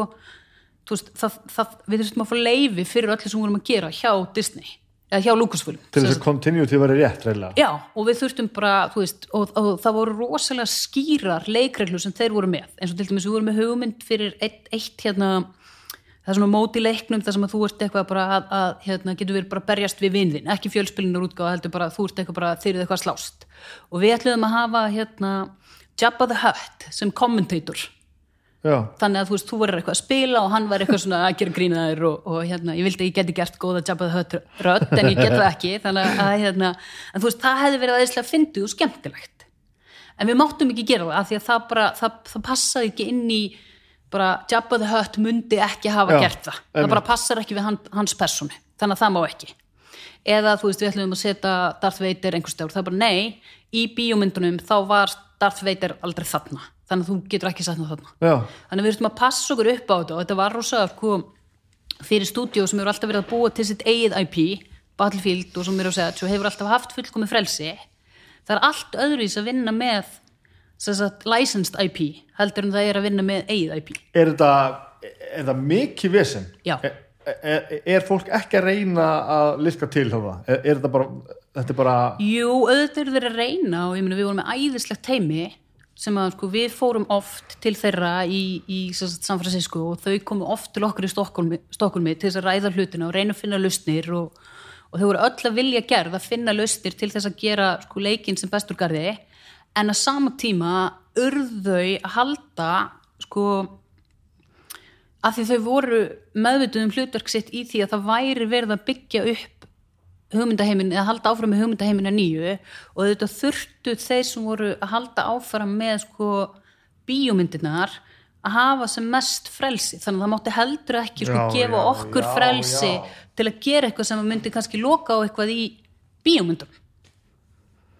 Þannig að þannig er ég allt í einu komin í veist, þá stöðu að vera bara eitthvað já ok, ég er bara, þú veist ég þarf bara að sætta mig það að J.J. Abrams hann hefur, hefur hérna fórgangi yfir það sem ég vil. Ok, ég get sætt með það þetta er áhugavert maður. Allir sé ekki rosalega oft þá sem að svona stór brönd fara þá að blóta einhverjum, einhverjum, einhverjum bransið sem hefur verið, þú veist, allt í henni bara ah, fokk, við vorum komið með þetta hinga þannig við getum ekki gert þetta hér. Algjörlega, algjörlega og þarna og þau náttúrulega sko höfðu líka síðustu sko 20 ár til að horfa og sjá hvernig sko heimurinn var orðin þannig að ég meina þau taka þess ákvörðun að, að bara klippa fullt af greinum í burtu og endurskilgrina og eitthvað hefur verið tekið inn aftur en þarna þarf bara, þú veist, og þau eru á þessum tíma náttúrulega með sko rosalega margt í gangi. Það er verið að búa til sko bíómyndnar það er líka verið að búa til standalone bíómyndnar það er verið að búa til hérna, þarna hefur vantilega Mandalorian ekki verið komin, komin á stað en þarna er verið að búa til Rebels þættina. Já, og Já, þannig að það, það er svo rúslega margt í gangi og það þarf að manage og ég meina við vorum ekkit eina stúdíóið heldur sem var að búið til tölvuleika því að það var verið að búið til einhverja lekutölvuleiki og það var verið að búið til einhverja, einhverja móbæleiki og, og hérna þannig að þú veist það þarf einhvern veginn að búa til sko, ok, þið eru með hérna, þetta box hérna. Þú veist, við, við reynum að marka þetta svæði, þið eru hér svo er einhver aðrir sem eru búið til tölvuleik þeir eru að búið til inn á einhverju öðru svæði og hérna, en þetta er auðvitað rosa flóki, ver, flóki verkefni að halda utanum. Þess að svona að- þróa áfram hugmyndaheim og, og svo að bæði þess að þetta annars verður sko, þú vilt skrifa söguna með einhverju, einhverju listrætni sín en svo viltu hámarka svona viðskiptilegan ávæning af þessari, Já, einmitt, þessu, einmitt, þessari þróun þessar sagnaheims Terry Pratchett list þetta nú bara með því að segja á, það skiptir ekki máli. Það var svo, vorum tí og þrý og fjórsaga bara, þú veist, þetta var bara það sem var í síðustu bók var allt í nú ekki þannig og hann bara já, það er bara þannig. Það er bara þannig, já, já, og þetta er auðvitað, ég meina, þetta er náttúrulega, þú veist, þetta er rosa, rosa flókið og flókið við það en, en þú veist, þetta er náttúrulega bara, þú veist, það er náttúrulega var, þetta var magnað að að fá einhvern veginn að upplifa að vera svona í, algjörlega í ringiðinu á, á, á þessu, þessu, þessu renaissance á Star Wars já, og hérna við þurftum sagt, það var margt skemmtilegt sem að, að, við, við gerðum. Sem dæmið þá hérna kom maður með skjálatösku og settist með okkur inn í, inn í sko, herbergi sem var búið að ganga frá að væri engin nettengingi og satt séðan með blöð og fór með okkur í gegnum svona uh, plottið á, á The Force Awakens á svona high level að því við þurftum að taka tillit til þess að við gáum út viðbót við leikinn sem að, að hérna, var með content úr The Force Awakens. Ok. Þannig að hérna, mér okkur fannst það ekki leðilegt Nei, geðveikt. Já, Það er geðveikt. Já. Og hérna fórum til, svo fórum við sem sagt, uh, Lucasfilm er í hérna, heitir The Presidio. Það var gamall spítali rétt fyrir utan San Francisco. Og þar eru þeir með sko, brjálæðislega flotta sagt, svona campus þar sem að bæði Lucasfilm, Lucasfilm og, og hérna, ILM, Industrial Light and Magic sem er hérna VFX armurinn Já, af Lucasfilm. einmitt það sem að þeir eru og þar er, er George Lucas sapnaði rosalega mikið af, af hérna, annars vegar sko gömlum orginal kvikmynda eh, frá bara, sko, í, bara í upphafi kvikmyndalistarinnar. Þannig að það er alveg brjálega sapna af, alveg ótrúlega fallegum hérna, plakkutum og síðan ertu, þú veist, lappar þarna um og þar er, er þú veist, ET á hjóli propsið sem var notað í myndinni eða, eða hérna þú veist, einhver, einhver Darth Vader búningur sem var notaður, svo fórum við á Skywalker Ranch sem er hérna uh, George Lucas byrði, byggði búkarð bara langt frá öllu þar sem að, að meiningin var sérst að hafa næði bæði til þess að vera í handreitavinnu áðurnum gerðmyndnar og síðan í post-production eftir að hafa búið að taka þær. Og þar er hann með hérna, þar er stór geimsla bara með fullt af búningum og, og hérna fullt af búningum og, og alls konar hlutum úr myndunum bæði úr Star Wars og líka úr hérna, Indiana Jones myndunum. Þannig að ég þurfti til dæmis að stilla mig um það að opna hérna gildu örkina úr hérna úr Raiders of the Lost Ark. Og hérna þú veist, og þarna er sko orginal jótabrúðan og, og hérna, þú veist, þetta er bara fjársjóður. Þetta er bara þú veist, Það er eins gott að kvikna ekki í þannig það er eins gott að það kveikni ekki í þarna sko. var, þetta var hérna, þetta var bara, veist, að, ég veist þetta bara klípa mig svo oft í, í handleikin þegar ég var í, í, í þessu Varstu Star Wars nörd þegar þú byrjaði á þessu eða var þetta svona bara meira svona þessi menningar Já, ég var sko star, já, ég var ekki sko, ég var ekki, ekki svona ultra Star Wars nörd, en, en ég til dæmis skreitti jólatrið mitt með hérna gömlu Star Wars köllunum mínum bara held ég, þú veist, jólinn tveimur árum áður en ég byrjaði þessu verkefni. Sumi myndir nú svona setja það nú svona úlstra megin á nördaskalan að gera það. Já, ég hef sko þegar að maður er búin að vinna mjög lengi í tölverleika bransanum að þá er sko skilgreiningin á ultranördism Já. hún hefur fæst alveg rosalega veist, eins og þessi artrættur sem ég var að vinna með sem var að segja mig frá því hvernig sko hvernig geislasverðin voru búin til. Hann, hann vissi þetta sko að því að hann var búin að panta alla orginal komponentuna og búa sér til sitt eigið replika einmitt, einmitt. sem var algjörlega sko realistik replika af, af sverðinu hans, hans hérna Darth Vader og ég þurfti, ég til dæmis var ekkit alveg með á, með á hreinu hvað var Tatooine og, og hvað var Hoth og, og hvað var Endor og, og þú veist og, hérna hvað allar þessar tegundir af, af geimverum hétu og þú veist, öll þessi mismundu vopn og eitthvað svona og ég, þú veist, þannig ég þurfti alveg að læra mjög mikið, sko. En þarna hljóttunum svolítið koma að því að það er nú gott að viti ekki allir allt. Mm. Það er rosalegt og ég finn meira fyrir þessu í tölvuleikjum heldur en, heldur en í sjónvarsefni, bíómyndum og, og það er eitthvað svona conceptual tölvuleikir, það sem að allir voru greinilega með allt lórið á hreinu og vissu allt, þá gleyma þær að segja mér frá því. Já, Það er alveg hræðilegt. Þegar maður allt í nú mættur eitthvað og maður bara svona, maður finnur fyrir þetta á að vera svo merkilegt, sko. Þetta er ég að spila Playstation svona, svo, svona hef ég hendunar. og, og, ég, og ég vil bara pyrraður að því að þú veist, mér finnst þess að sé að vera gangað í vísu að ég eigi að vita eitthvað. Já, og þetta er, er sko eitthvað sem að, að, ég hef svolítið haft eh, sko í tölvuleikjum að, að hérna, það sem að ég hef svona kannski átta mig á er að mjög oft eru þeir sem búa til tölvuleiki mjög miklu tölvuleiki spilar og mjög, mik mjög áhuga samir um, um alls konar heima og, og vita mjög mikið. Og það er ákveðin svona eðlisleg leitni til þess að hanna fyrir þann sem er á samstæð og þú sem er þá kannski þekkir heiminn alveg ótrúlega vel eða er ótrúlega færi að spila tölvuleiki -hmm.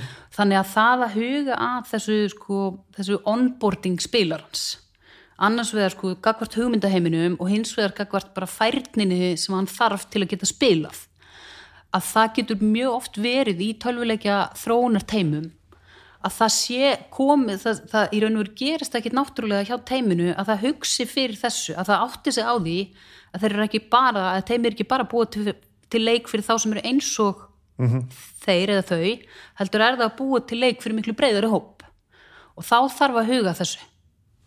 Og, hérna, og þetta hefur verið að því að ég er ekki korki sko últranörd nýja sérstaklega fær töluleikispilar, ég þurfti þegar ég var að vinna á Mirror's Edge og Mirror's Edge er mjög erfiðu leikur -hmm. að þá þurfti ég að læra að spila konsoltöluleiki með kontróler. Að því að einu leikirnir sem ég hefði verið að spila á konsól hefði verið hérna, Tekken sem er svona barndagleikur -hmm. og þá bara, þú veist, ég var rosa góð í Tekken að því ég er alveg geðvíkislega góð í að böttamassa en hérna fyrir þá hlustundur sem vita ekki hvað button mashing þýðir, þá er það þegar maður lemur bara á alla takkana án strategi en hérna en, en þú veist, þú þarft bara rosalega mikla sagt, það að vera góður á að spila tölvuleik með svona stýripinna það er bara rosalega mikil færni.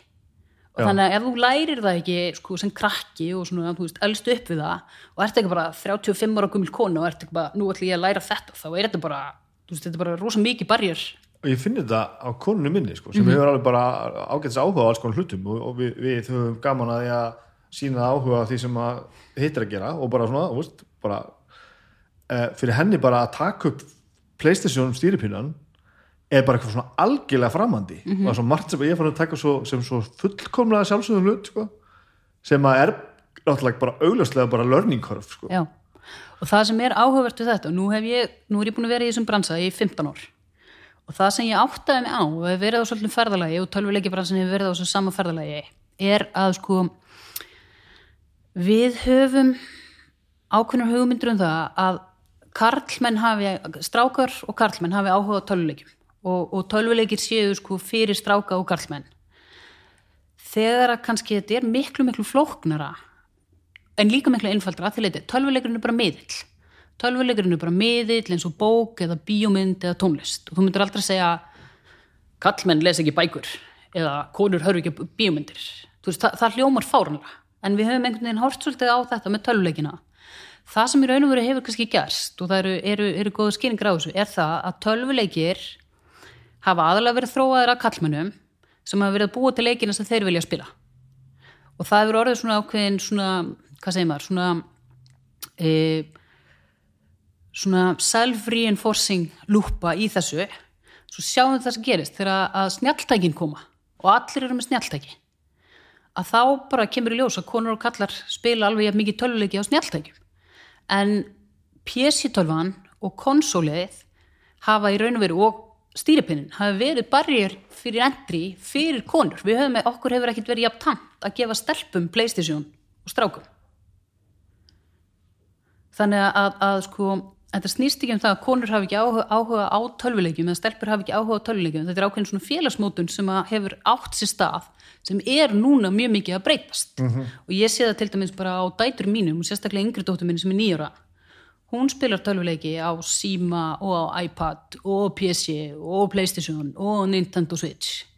Og henni finnst alveg fáralegt að hún getur ekki spilað alla leiki á öllum plattformum Já. hún skilur, skilur ekkit okkur þessi plattform er eitthvað, vil ekki, vil ekki tala saman. Sem er rétt hugsun. Algjörlega og það hefur bara verið sko, viðskiptarlegir hagsmunir sko, Sony og Microsoft hafa ráðið því miklu frekar heldur en hagsmunir já, en þá erum við að svona, svona svolítið átt okkur á því að, að hérna en það skiptir auðvitað máli með tölvuleikina þeir séu hannaðir með breyðari hóp, spilarahóp í huga. Já. og það ég teki eftir í tölvuleikja teimum sem eru mjög oft að mikið til, mikið til skipuð hérna kallmennum þeir tala um spilaran sem hann og þeir tala um þær, þann sem þeir þurfa að ráða sem kallmenn þannig að það er svona það er svona algjörlega bara á góðri íslensku svona unquestioned assumption eða bara svona ákveðin forsenda sem fólk gefur sér það eru kallar sem búið til töluleiki það eru kallar sem spilir töluleiki það er ekki lögmál, það er bara eitthvað svona sem að hefur í raun og veru aldrei verið sett spurningamerki við fyrir núna kannski svona síðustu fimm ári í töluleikibransun að það er bæði verið að gera gangskur að því að hugsa leikina öðruvísi og passa upp á þeir bjóðu öllum að vera með og hins vegar að það skiptir máli að tölvuleikja þróunar teimi séu búin til á fjölbreyttum hópi. Að því að það sé ákveðin fórsenda fyrir því að, að, sagt, að þú sért að hugsa fyrir þörfum allra, allra nótunda þetta er líka bara að því að tala um síðustu fimm ár. Burt, burt sér frá bara sko kynjapælingunum þá voru töluleikir svolítið einsleitir af því að þeir voru alltaf með á sama hópin sko. Það er alveg rétt. Og svo gerist eitthvað, svo kemur leikur eins og Minecraft til dæmis. Já, sem er frábært þú veist, sem er frábær leikur og hérna, og bara ótrúlega merkileg sagan á, á bakvið það. Og má, má til gamans geta þess að konan sem að, að ég leisti af í fæðingarálöfunni hjá DICE á sínum tíma er í dag executive producerum á Minecraft. Í alveg, ok. Og hérna e, og náttúrulega bara svo geggjugróska í sænskri töluleiki gerð. Svíjar, hvað er þarna í vatninu maður? það er, er, er já, ég, þú veist, ég veit ekki hvað er í vatninu en svíjar eru rosa góður í þessu. Og hérna mörg flott stúdíu og rosalega mikið að gera, mikil gróska í, í, í hérna í sænskri töluleik gerð. Ég hef ágjörði að þetta sé orðið rosalega nördalegt podcast. Þetta er minn þáttur, minn finnst þetta frábært. Kækjað, ok.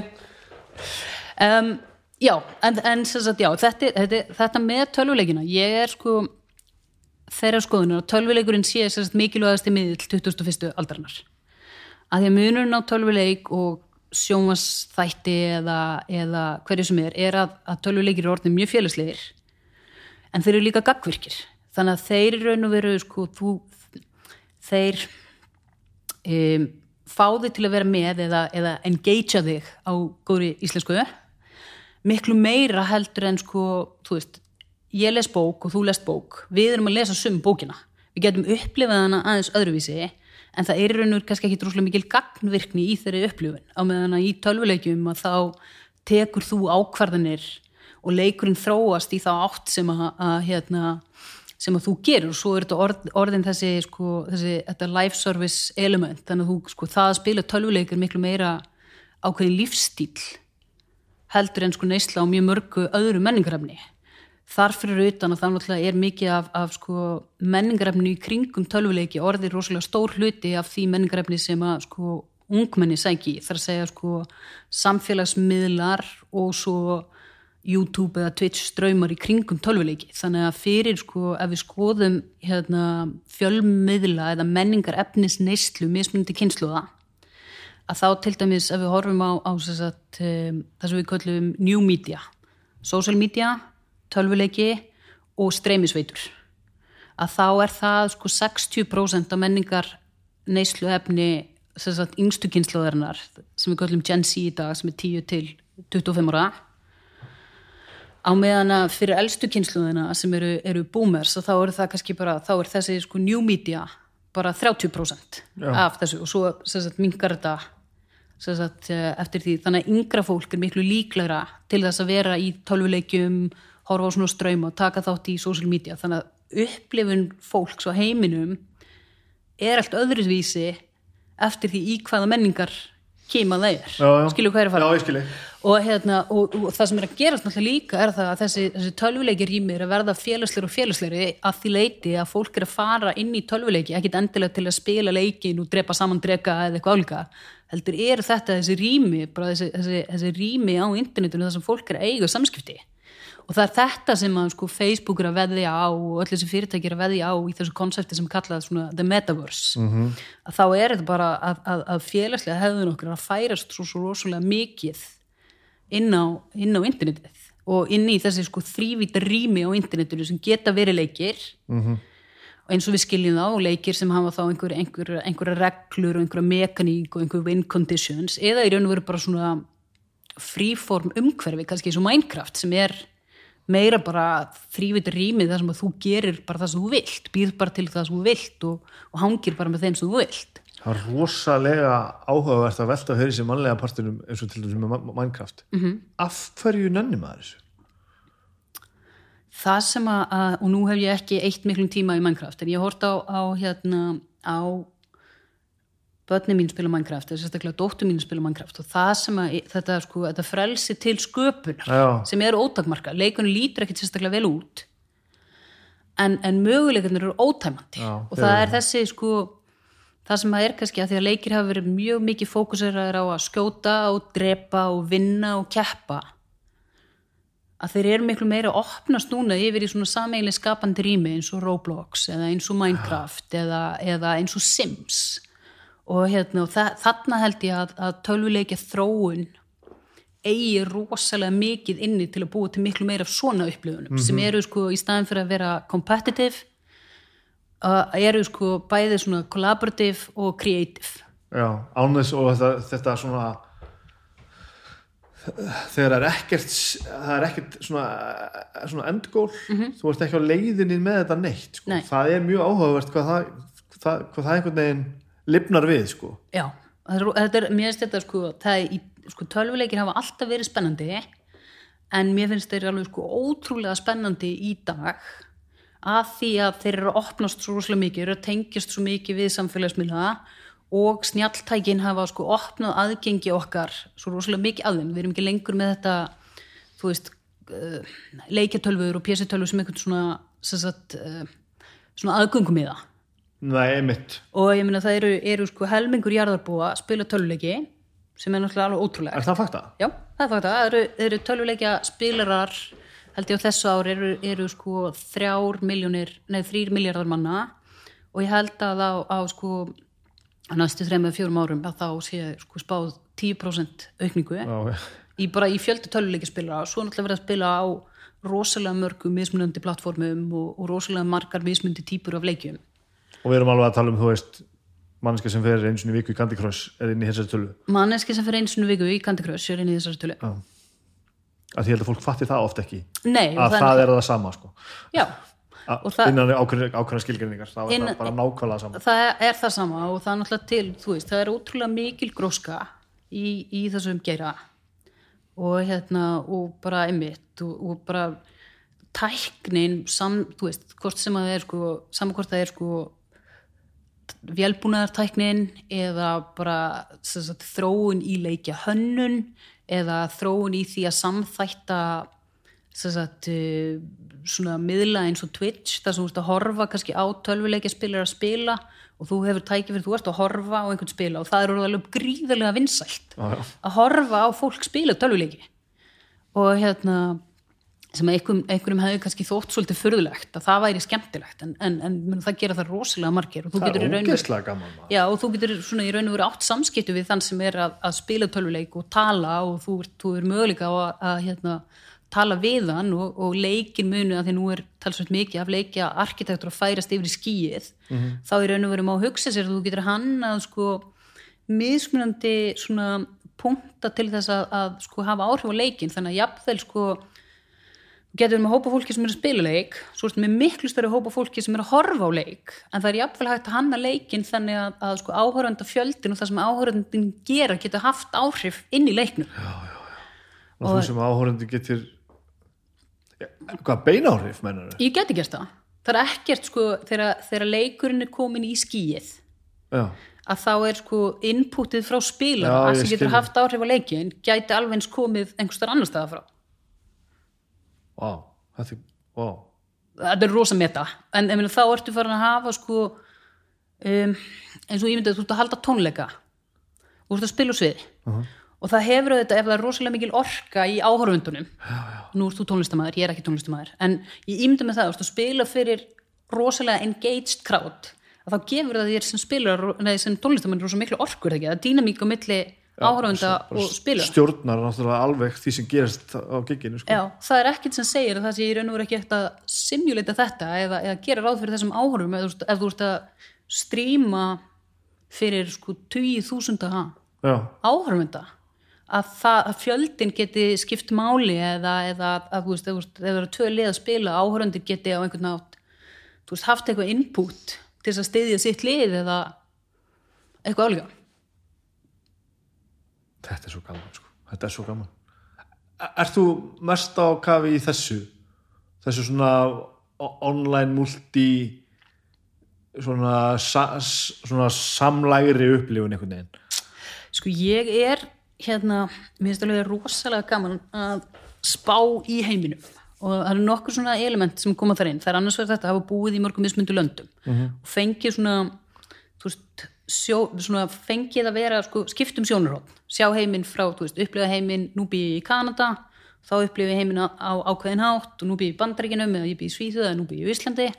Og það þetta svona setur ákveðin, ákveðin brag á það um hverju þú ert í, en svo hef ég alltaf haft alveg brjálæðislega gaman að ég að fylgjast með tæknithróun og þess sem ég var að tala um áðan, veist, hvernig menningar heimar eru, eru þróaður og það hvernig þeir eru þróaður sko, breytist líka eftir því sem við áttum okkur á því hvernig menningarefni hefur áhrif á til dæmis hérna um, þá sem að njóta þess veist, við, í dag vitum við að það er veist, við viljum ekki lesa rasískar barnabækur fyrir börnin okkar.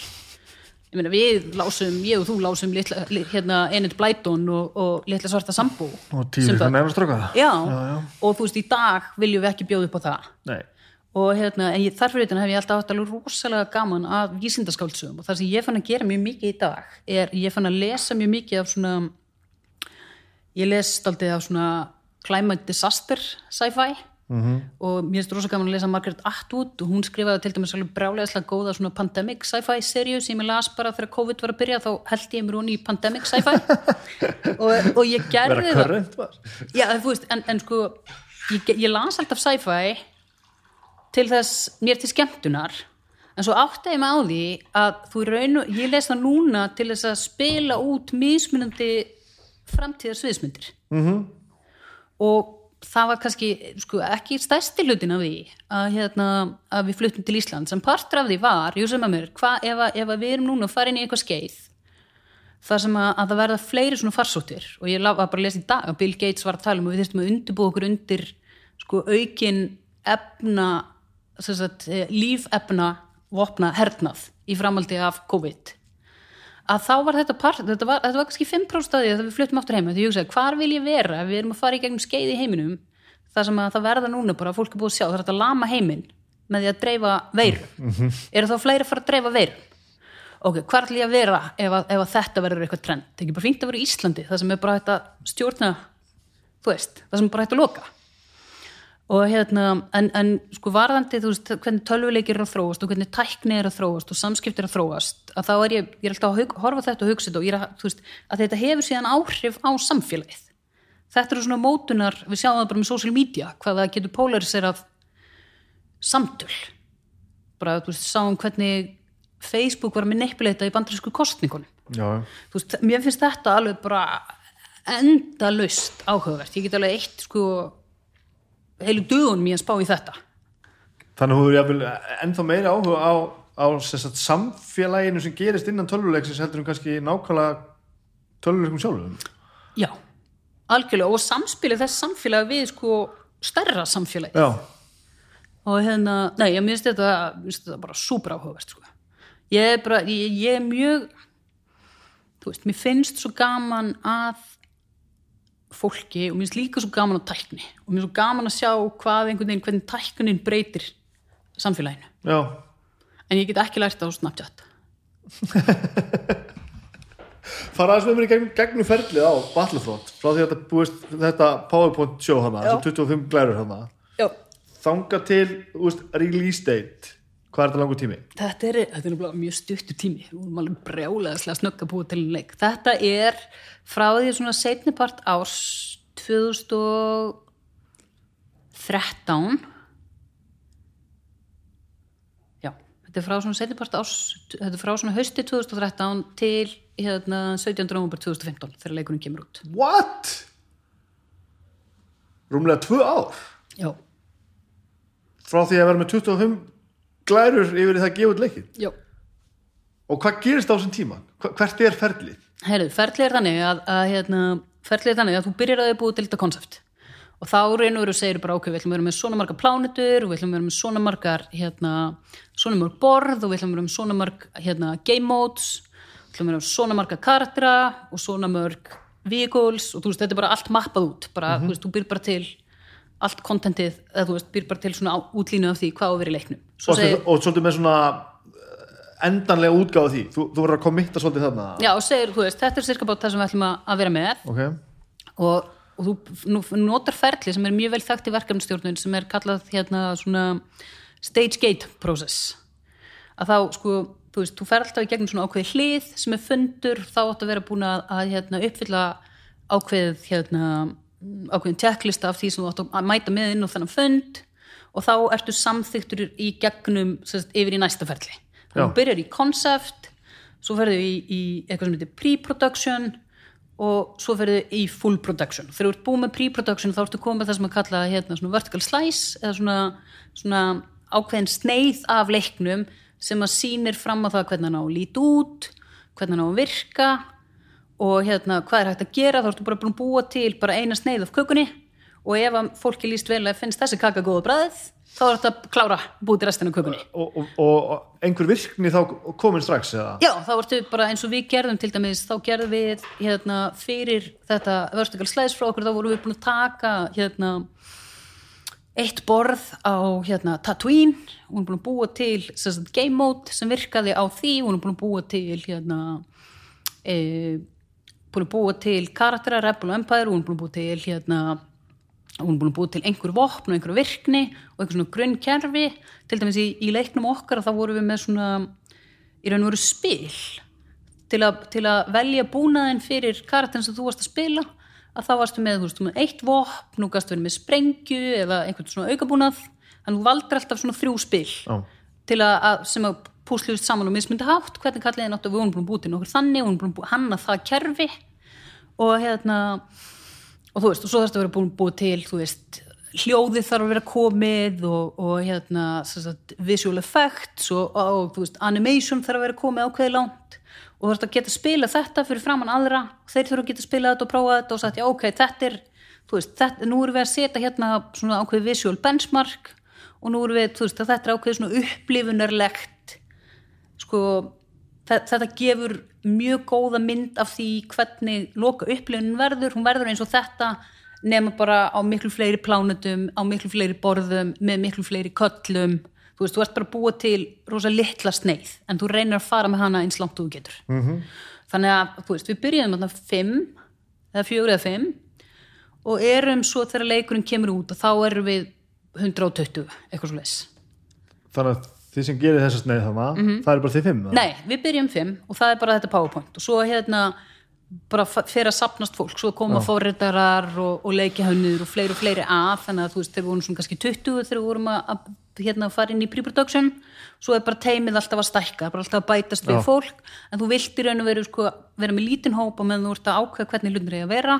Og svo viltu stækka upp í sko stóran hóp. Og það hjálpaði okkur auðvitað mikið, við vorum inn í dæs og við vorum með fólk þó að þetta væri nýtt teimi þá var þetta fólk sem búið að vinna hjá sama fyrirtæki í mörgar Já, já, já, þannig við erum að stækka, við erum ekki að ráða bara fullt af nýju fólki sem þarf að læra öll tækin og tólin og kynnast og eitthvað svona. Þetta er fólk sem að vinnur nú þegar hjá fyrirtækinu. Þú veist, við reyðum auðvitað einhverju nýja en, en, en flestir voru bara að koma af Battlefield yfir í Battlefront.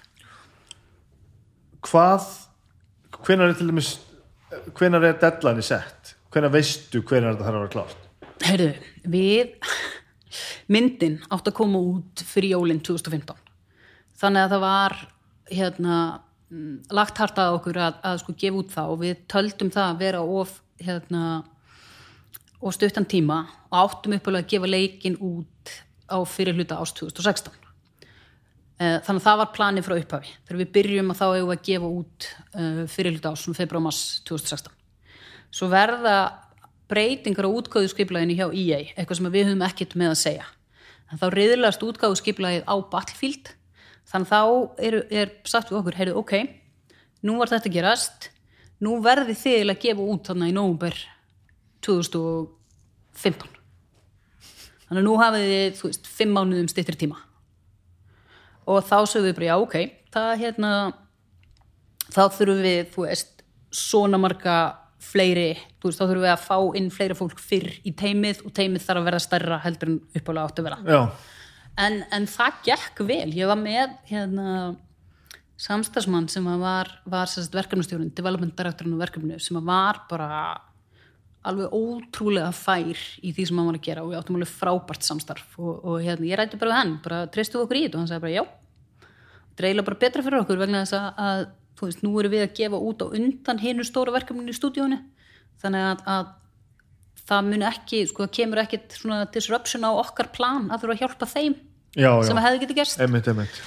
þannig að, hérna, og ég sagði bara, ok þá bara gerum við það Þetta er svo gaman, það er alveg saman um maður að tala þetta, þetta endar alltaf á fólkinu sko. já, þetta endur alltaf á alveg sama á, á hvaða skala verkefnin eru lítilega stór sko á eitthvað lítið, lítið krútlegt batteri í vinnunni manns eða á einhverjum alheimskala það er alltaf spurning hvort að veist, fólkið er að, er að gera það sem það á að gera. Já, og þetta var, þetta var frábært teimi þessir, þessir, hérna, þessir samstagsmenn mínir hjá hérna, hjá dæs í þessu verkefni. Þetta var dásanlegt teimi og, og ég held ennþá sambandi hérna, held ennþá sambandi við það og heyri reglulega í þeim og fylgist með því hvað þeir eru að gera í dag og, og já, þetta var bara, þetta var algjört drauma teimi og hérna, og þú veist, þetta var náttúrulega bara, ég fekk eða, ég var, var sérst í þrjú ár að vinna þarna á, á Star Wars Battlefront, fyrst klára fyrsta leikin og svo startaði ég hérna Battlefront 2 Ó, ok, og hérna og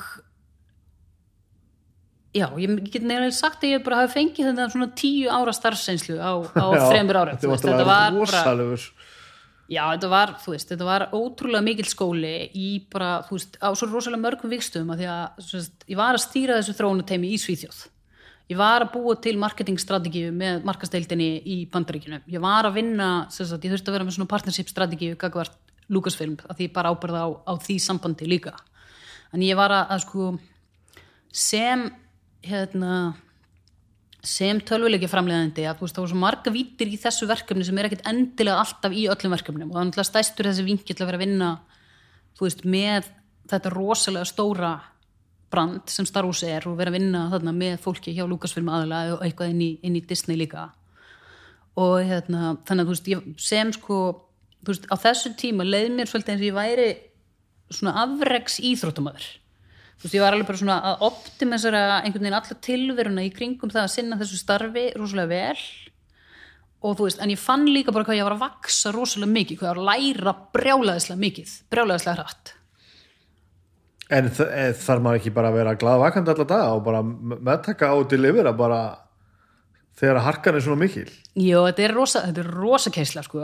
Og hérna, ég held að maður sko brenni út ef maður ætlar alltaf að vera Já. í svona mikil keislu. En, en hérna en, en jú, ég meina þú ert í raunum þú veist, þetta er bara fókusin, þetta er bara það sem þú ert að gera. Og hérna og þú veist, ég ég gæti ekki, þú veist, ég kom ekki heim um kvöldin og slögt á haustnum Nei. og hætti að hugsa um þetta eða þú veist, eða fór í frí og var aðeinslega eitthvað hérna senuð eitthvað, ég, var, ég var ekkert senuð neitt og ég var nú held ég svolítið andlega fjárvarandi frá, frá fjölskyldunni á meðan að þetta var í gangi sko. Segjum mér eitt, hvað líður langu tími frá þegar ég hérna sitt hérna stjarfur á útgáðu degi og, og hleð niður leiknum um leiðan kemur út. Mhm. -hmm. hversu lungu áður var einhver að fokka í einhverju leiknum? Hvenar er leikurinn klár? Þannig sko núna náttúrulega þegar, þetta- þegar þetta er allt á netinu og allt í skíinu og, og þú veist, það er náttúrulega á einhverjum tímpunkti er brendur diskur og settur í plastbox og sérst, keirður í flutningabílum þú veist, í búðir. Já, að því að þannig er, við erum ennþá að, að selja þannig og flestir leikir kom út en, en ég meina þegar þú kaupir leik og sagt, hendur hún inn í Playstation tölunniðina þá fyrst þarftu síðan að uppdata Playstation tölunniðina Já, já. af því að svo langt síðan þú spilaði síðast.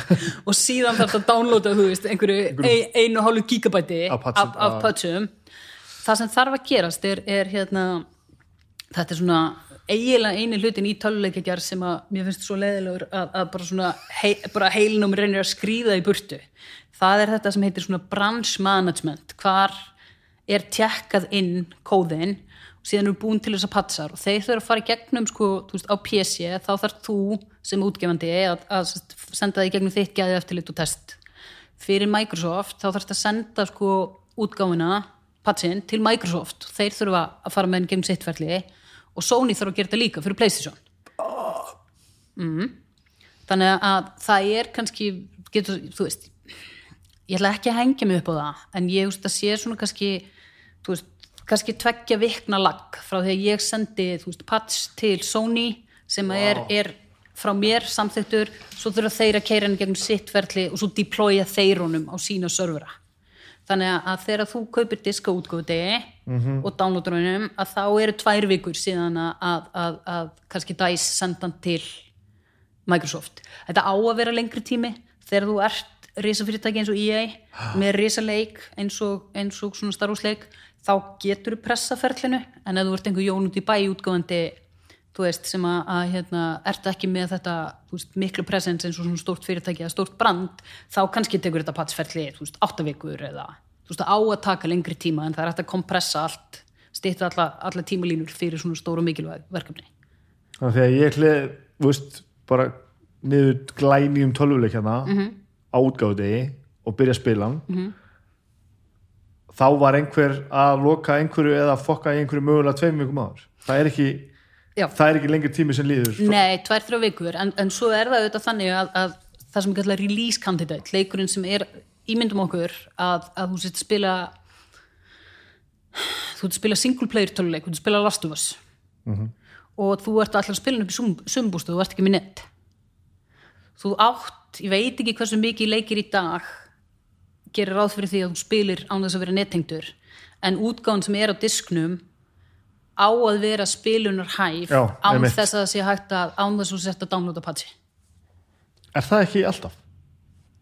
ég held að fyrir leiki sem gera kröfur um að þú sért nettengdur að þá sé stundum það, ég meina hvernig var þetta með Cyberpunk núna þegar hann kom út fyrra, ég meina var það ekki algjört disaster? Ég þorði ekki að hlaða hann niður Nei. Ég, þor, ég þorði ekki að kaupa hann. Ég, ég var svo Ég, ég er búin að ákveða að býða bara. Ég, ég á allt cyberpunk kerfið upp í hillu sko, gamla roleplay kerfið mm -hmm. Þetta, var svo stó, stóran stað í hjarta mín sko. ég, var, ég, var, ég var búin að býða í mörg ári eftir að leikunni kemur, sko. svo komið þessar fréttir og ég bara, ég get ekki tekið þátt í þessu ég verða ég verð að býða sko. ég held að það sé alveg fýtt núna sko. Ég, held- þú veist, ég hef ekki spilað hann sko, en, en, hérna, en ég held, held að sé alveg fýtt núna en ég menn þetta er svolítið svona þú veist, það gerist oft að leikir koma út og þeir eru bara ekki alveg tilbúinir sko. já, maður finnur það sko. Og, og erum við þá erum við þá raunverulega að tala um það að, að, að það er bara ennþá verið að vinna í honum. Erum við bara svona, já ok hann kemur hérna, hann þarf að fara komin í búðir hérna á mánudag til tvær vikur, nú verðum við að taka þessa útgáfu og pakkin í plast og fara með hana. Og svo höldum við bara áfram að vinna. Það ánáttúrulega ekki að vera þannig en það, það gerist. Ég veit það, á ekki að vera. Nei, það gerist og, og hérna það gerist og, og, og stundum er það bara veist, stundum er bara eitthvað sem gerist sem kemur fólki bara í opnum sköldu og kannski var aldrei búið að sjást í prófunum. Nei, en, en svo er það líka bara oft þannig að, að hérna, meina þetta er ekki sko, að því nú er ég búið til íþróttatöluleiki. Og það að búið til íþróttatöluleik sem kemur út einu svona ári eins og FIFA þá ertu bara með, þú veist, ég hef stundu, sagt sko, ef herin byggir til töluleiki þá myndi herin búið til íþróttatöluleiki. Já, þú veist, það er bara rosalega nákvæm verkefnastjórnun og, og rosalega mikið líka áhættustjórnun.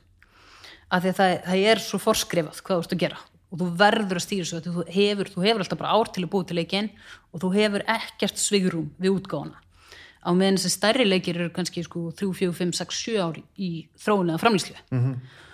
og hérna og þú getur ekki að því að leikur er líka upplifun og listrætna þá eru, er sko áallanagerðin er oft ekkit sérstaklega góð og þessi stóru leik, þessum stóru leikjum er oft senkað er samanböru bara- aftur The Last of Us sko. liggur bara við að bara, bara liggur við maður að segja bara undanþegningar löst er Já. svona leikjum senkað sko. já, það ég minna að Cyberpunk var senkað Last of Us var senkað veist, það er bara mjög algengt og, og svo er það bara þannig líka, það er greiðilega erfitt fyrir einhverja eina mannesku að hafa veist, fullkomna yfirsýn yfir stöðuna á leiknum á hverjum tíma já, já, já, já og hérna þegar þú ert sko yfirframlegandi og ert komin mjög nálægt uh, útgáfi þá ertu sko þá er annars vegar sko teimi að klára leikinn. Þú ert líklega á fullu í viðtölum og sagt, bara promotion á leiknum gagvart pressunni undirbúa review eh, þú veist, í einhverjum svona sölu projections, þú veist, þetta er, er ekki þannig þú getur bara, sem, töluleiki framlegandi þú getur ekki, ekki bara einbyttir af þróun og leiknum, heldur Nei. eftir líka mjög mikill þáttakandi í þessu sko svona eh, í þessu markastarfi og, og svo framvegis, svo framvegis. Þannig að á, á þessum tíma þá er er í raun og veru eh, rosalega lítið eh, svigrum eða lítil ró til þess að, að sko sökka sér niður í einhverju hlutu og hafa fullkomna yfirsýn. Þú veist, það er bara rosalega margir hlutir að hreyfast út um allt fyndi mann finnst þetta svo, maður sittur svona bara í sófanum og, og byrja bara að spila, það finnst mann eitthvað svo yfir allt saman, bara, ei, hann er bara komin og allt klárt. Já, nei, það er alveg bara, þú veist þetta er, þetta er svona svolítið vilt að vesturs stemning oft í, í töluleika framherslu hvað er það sem gerist eins og þannig að þú tala um sæðpökleikin af hverju fór hann til dæmis út? Minna, hann var augljóslega bara það hafa verið svo margir á gólfinu Já, hjá þeim, hann að City Project Red, það sem að hérna sem að hafa sagt bara við fólki hérna fyrir ofan sem bara ekki gera þetta. Þetta hér er ekki klárt. Já. Það sem gerist núna það, þeir setja þetta út fólk byrjar að spila þetta og þetta virkar ekki. Hvað Mhm. þetta gerist á þetta, þetta verður bara svona með einhverja, einhverja fallega samkend og, og finnir til með ykkur sko. Það sem að gerist þar er þá að þú ert með sko, fyrirtæki sem eru á markaði eins og til dæmis EA þannig að þegar þú færir leik að, þú veist, kannski aftur um þrjá mánuði þá breytist tekju veist, þá kom inn minni tekjur þú, ef þú senkar ykkur og kemur ekkert inn í staðin að þá er að minka tekjurnar hjá fyrirtækinu á þessu tímbili. Hvað gerist þá? Leik, félagið er á, á hlutabræðamarkaði hlutabræðaverðið lækkar. Fjárfestar að verða brjálæðir. Já, já, ok. Þannig að þú ert komin með inn í fyrirtækinu þá ertu komin með svona rosalega hérna, mikla pólitík. Þannig að, að, að sko sem sagt, eh, QA manneskjan sem er á gólfinu og segir bara það er ekki, það er ekki búið að laga þetta veist, hún segir sínum yfirmanni sem segir sínum yfirmanni sem segir sínum yfirmanni. Á einhverjum tímapunkti að þá, þá sko dettur þetta urgency út að þú ert ekki að tala um manneskuna sem að vara sko, sem getur sýndir þetta. Og þú ert alltaf að meta veist, að þetta er ekki bara einhver einn galli. Veist, þetta, er, þetta er samsapn af göllum og þú metur það sem svo að, að þú sést komin með nógu polished bild eða nógu góða upplifun og þú, þú, þú ert í raun og veru bara þannig er þetta bara ákveðið veðmál. En þetta lestarslýs var samt ekki á þessum kalibri. Maður hefur að spila töluleiki sem svona á, þetta er, þetta er buggy, þetta er ekki klárt. Já, já. þetta var ekki það. Nei, nei, nei, nei, en ég meina það er þú veist, það er alltaf bara þú veist, hvaða sjónarhótt hefur Já, sá sem tekur loka já. og er, fær hann allar réttar upplýsingar? Af því þannig er fólk líka bara oft í þeirri stöðu það er að venda sinn já, þú veist, þú ert komin með bara svona rosalega svona þú veist, kerfin utanum fyrirtækið eru fara að hafa áhrif á ákvarðantöku sem hefur kannski ekkert með leikin sjálfan að gera Mhm. -hmm.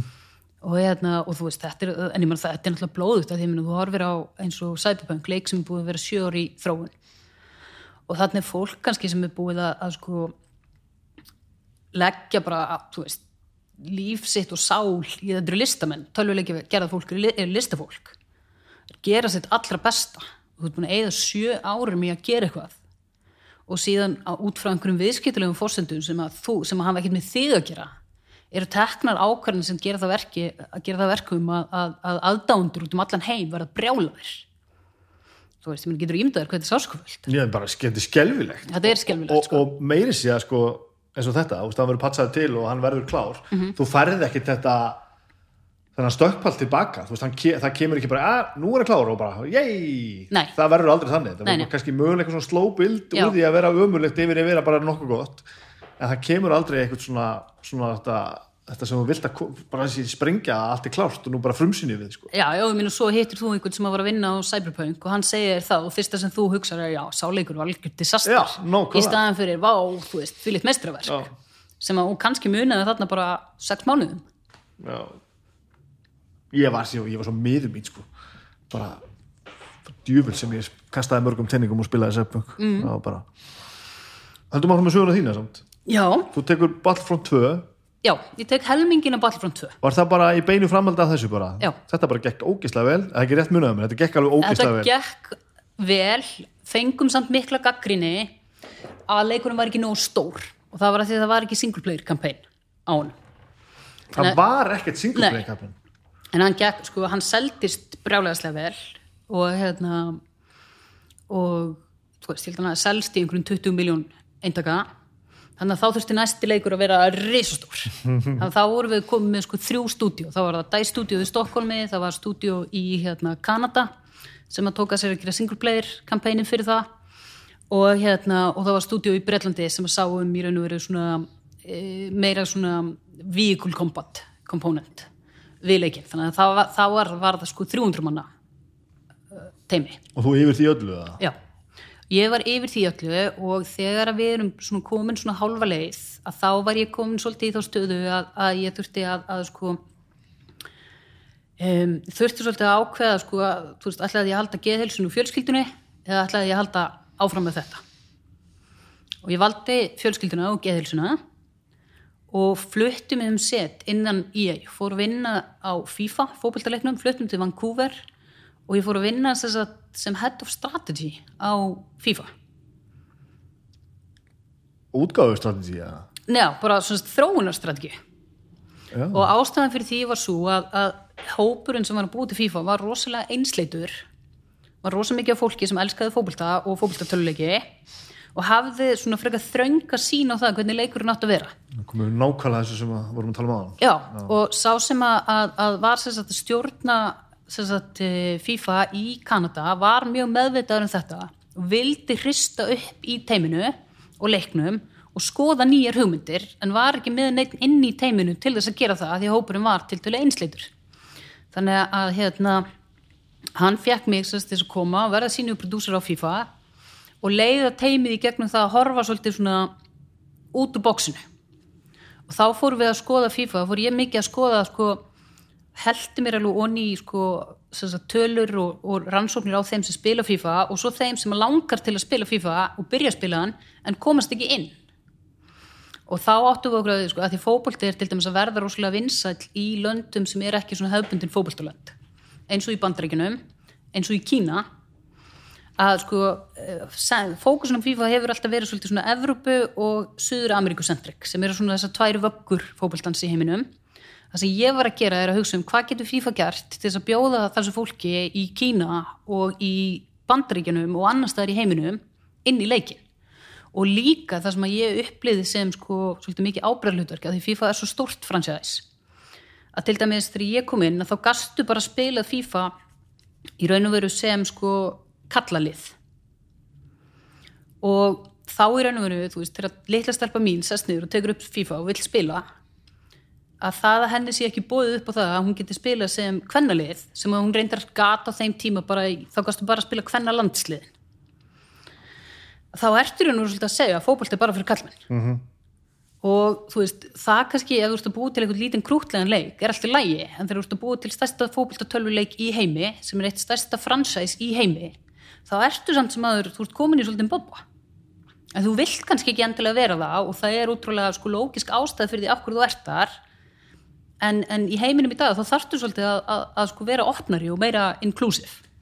Þannig að það sem að ég var svolítið að skoða var, var sko, hvaða nýju trendar eru það í töluleikispilum sem við erum að sjá? Við erum að sjá það að fólk vill einhvern veginn geta customæsa karakterina sína og það vill svona ákveðið creativity. Þannig að við ég síndi fram á það með gögnum að við þyrftum að geta bóðið fleirum inn í, inn í FIFA. Og það sem teimið gerði þá var að það fór svona tilbaka og náði í, í sem sagt, gamla útgöfu sem hafði aldrei verið partur af FIFA leiknum að vera að gefa út á hlið sem er, er sko FIFA Street, svona gödufókbalt Já, það sem þú getur þá gert, þá getur þú tekið í burtur og svo mikið af skorðunum sem þú ert með á félagslega, því þú ert aldrei með kallaliða móti kvennaliði. Mhm. að þá gáttum við búið til leik sem var einfaldur og var hugsaður þannig að þú byrjar á að læra fótboltaleikin þarf ekki að byrja að spila 11 á móti 11 þú byrjar bara 4 á móti 4 eða 5 á móti 5 þú getur verið með svona götu fótboltaliði sem að spila á minni velli. Þú getur mátt verið með blöndulið þannig að við svona tókum í fullt af þessum skólum og byggum til sem sagt, ég stýrði teiminu sem bjóð til nýja, þessa nýja útgöð sem heitir FIFA Volta sem var rosa mikið fókusur á það bæði að vera meira glóbal þannig að hún var, sagt, var spilu á mörgum litlum völlum og sagan var þannig að þú fóst frá Evrópu til Japan til, þú veist, á mismundi staði. Að við síndum fram á það að þetta geti haft svona meiri glóbal relevans en svo eins og það að þá hérna var sagt, þetta umhverfi að því var að, að tala um að, veist, að það að búið til töluleiki sko, íþrótt töluleiki, var svolítið eins og verið í hernum. Þannig að hérna, mér fannst þetta rosalega svona þú veist, ákunnuleiti svolítið svona heftandi umhverfi. Og hérna, og ég líka svona ruggaði þetta alltaf mörgum, eða var svolítið mikið að rugga bátnum Já. í umhverfi sem að sem að sko kunni vildi helst að bátnum væri alls ekki rugga neitt.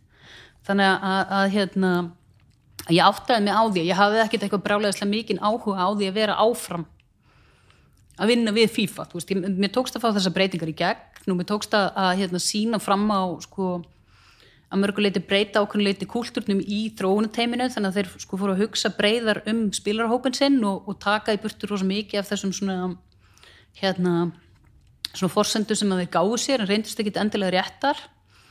Og þú veist, ég var mjög glöð að, að þessi útgáfa var gerð og kom út og hafði rosa gaman af þessu.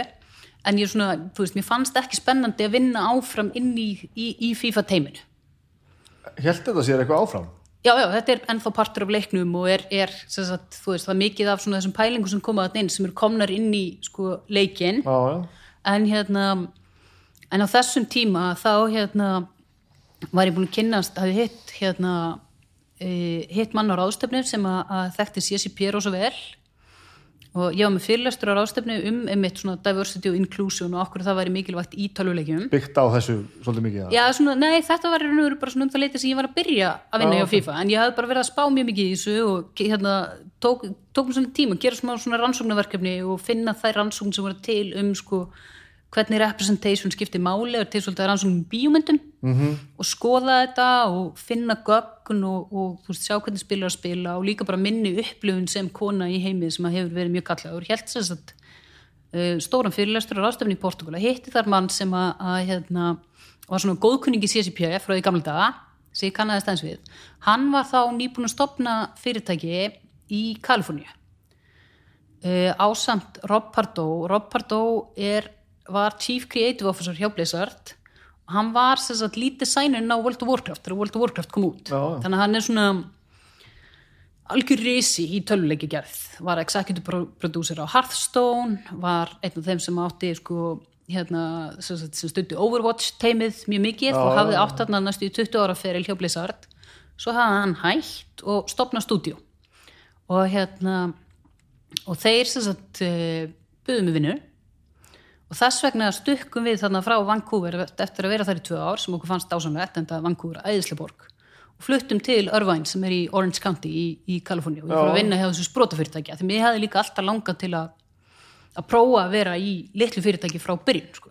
Og náður að rétta geðhilsuna og, og, og fjölskylduna hann með þessu stökki hérna til Kanada. Já, þá bara, þú veist, það, starfið var allt öðruvísi, miklu rólegra, ég var ekki með teimi undir mér, þú veist, ég var bara fór úr því að stýra 300 mann teimi yfir það að vera bara í rosalega miklu grúski, mm. mjög lengi og hérna, svo mjög skemmtilegt. Og þá fór ég líka bara svona að lesa rosa mikið af gögnum og skoða trenda og svona reyna að átta mig á, veist, hva, hvernig er hægt að leggja mat á heiminn og skilja heiminn út frá tölum og trendum og nota það til að búa til strategíu sem er mjög skemmtilegt og alveg bara, já, ótrúlega gaman.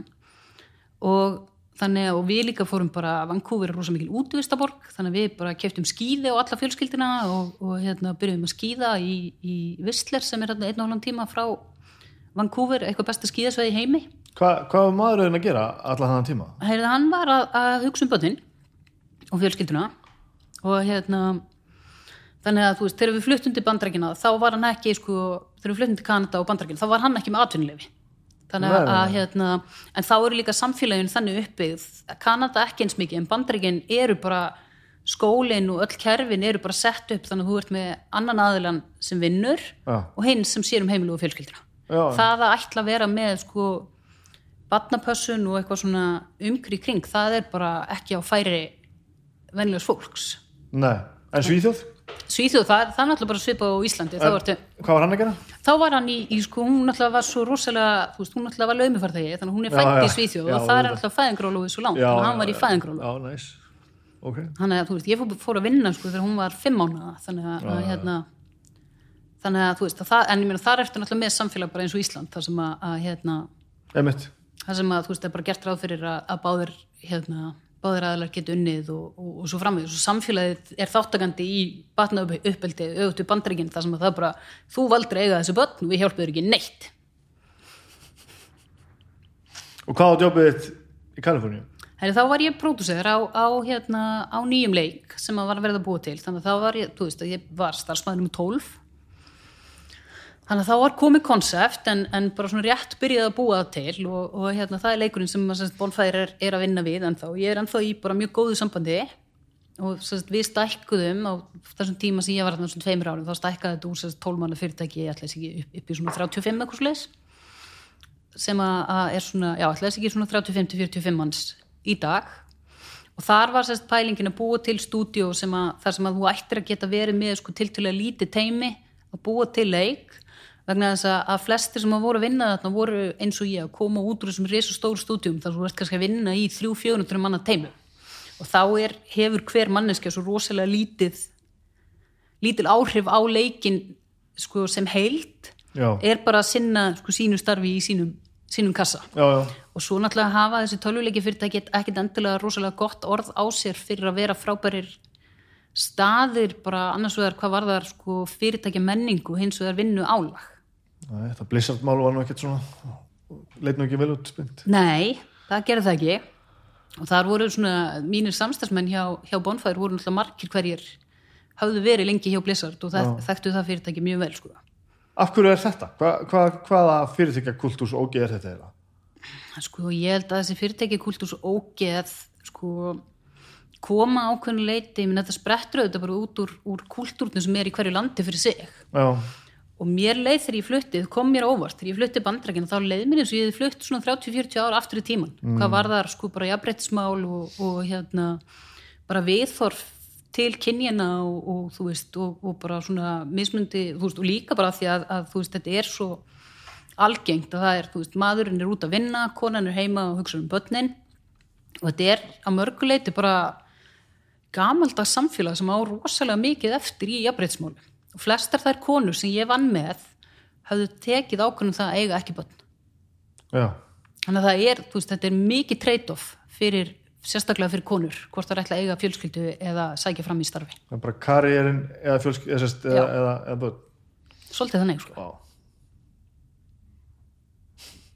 Á meðan við gerum bara allt og það er ekki tími fyrir neitt. Neða, við erum svolítið það sko. En, en, en ég meina við erum náttúrulega með hennan infrastruktúr sem stiður við það Já, já, við- svona, svona látt sem það nær, þú veist.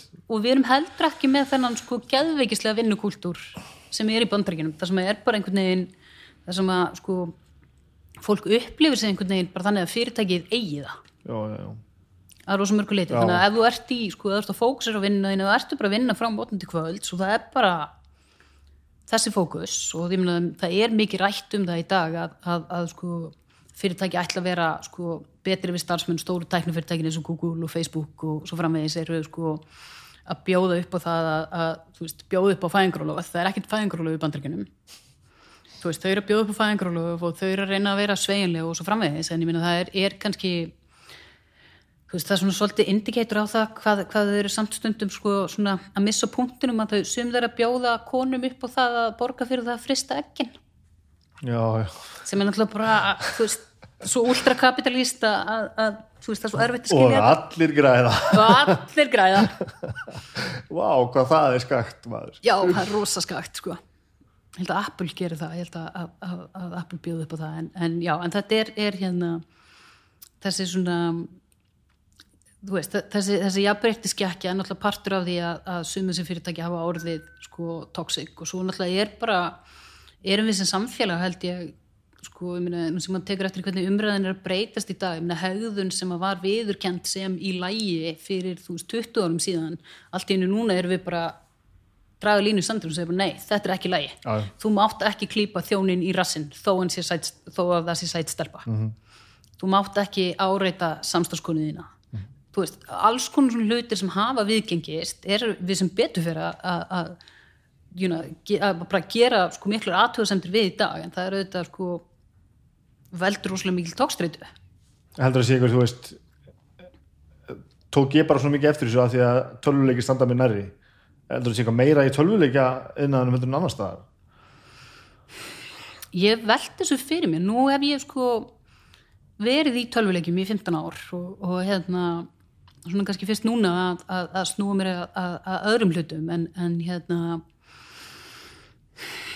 já, ég veit ekki. Nei, ég held að, að sko ég meina kvikmyndaðinaðurinn verðist hafa verið mjög mikið sammarki brendur og ég held að, að kannski sko þessi yðnaður fær aðtigli að því leiti að, að sko hann býr til vörur sem að, skipta okkur svo miklu máli bíómyndina sem við elskum. Þú veist, Já, ég var alveg sko þú veist, ég komst að því að Joss Whedon væri fáviti að það bara, þú veist, ég var alveg heartbroken. Já, mitt. Að, að, að eitthvað sem að mér þykir svona væntum og einhverju hugmyndaheimar sem að ég hef sko tekið þátt í og, og fundist svona væntum að, að, að fólki sem hafi verið að vinna við það að búa það til hafi verið eitthvað terrorisirað af, af, af sköpurunum já.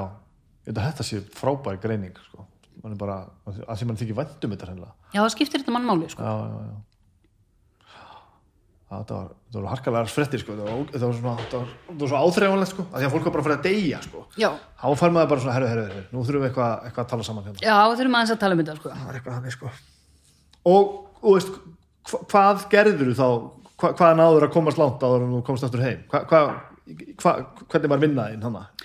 hún Hva, var hva, hva, hvað er þetta fyrirtæki heiti? Bonfire? bonfær Bonfire? já, Hljóma Eh, betur, ég fannst Bonfire mjög skrítið. Það er mjög skrítið. Um, já, ég sagt, eh, náði að setja upp bara svona verkferðlana, hvernig við unnum og vinna mikið í, í bara kúltúrnum í teiminu og, og ráða talsast af fólki inn í teimið og við vorum komin bara þegar ég fór í fyrra, bara komin mjög vel á veg með leikinn og hérna, hvernig leikur það? ég má ekki segja.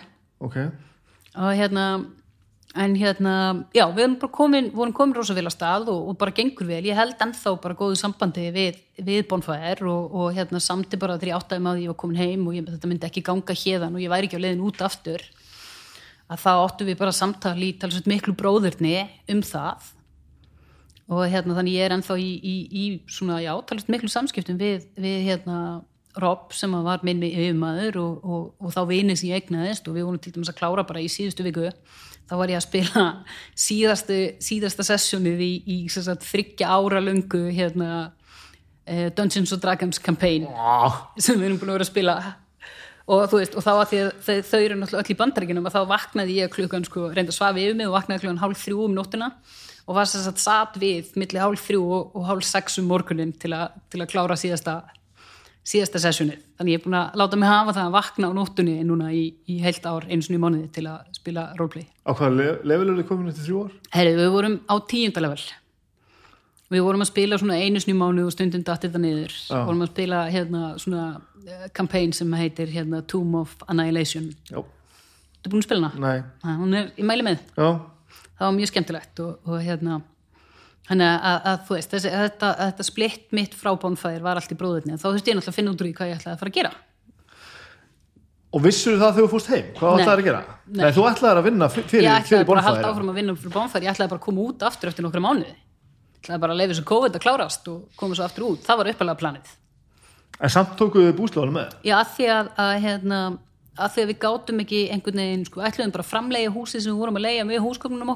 því hérna, því mm. fá einhvern annan inn í það meðan og svo gekk það ekki upp og við sáum ekki fyrir okkur hvernig þetta yrði og svo náttúrulega vissum við við þurftum að koma okkur fyrir einhver staðar þannig að við vissum okkur okkur það er kannski bara verður meira bögg að græja þetta núna en hérna en, þú veist, en, en þá erum við allavega þú veist, þá í vestafalli þurfum við bara að flytta aftur með okkur út þegar við förum aftur mm -hmm. það var góð ákvörðun og við tókum búslagana með okkur heim greinilega og hvað liður langur tími hvað, hvað vinnur lengi Herði, fyrir Bonfire hérðan? fram yfir, yfir áramót á þess ári og hérna tók mér endar alveg gott frí ég kom, var bara ógislega þreytt og, og hérna bara, þú veist, þurfti bara að fá bara smá frí eftir flutningana og, og bara þetta, þú veist, ástand að vera búin að vera í lockdowni í fimm mánuði í bandrækjunum Mhm.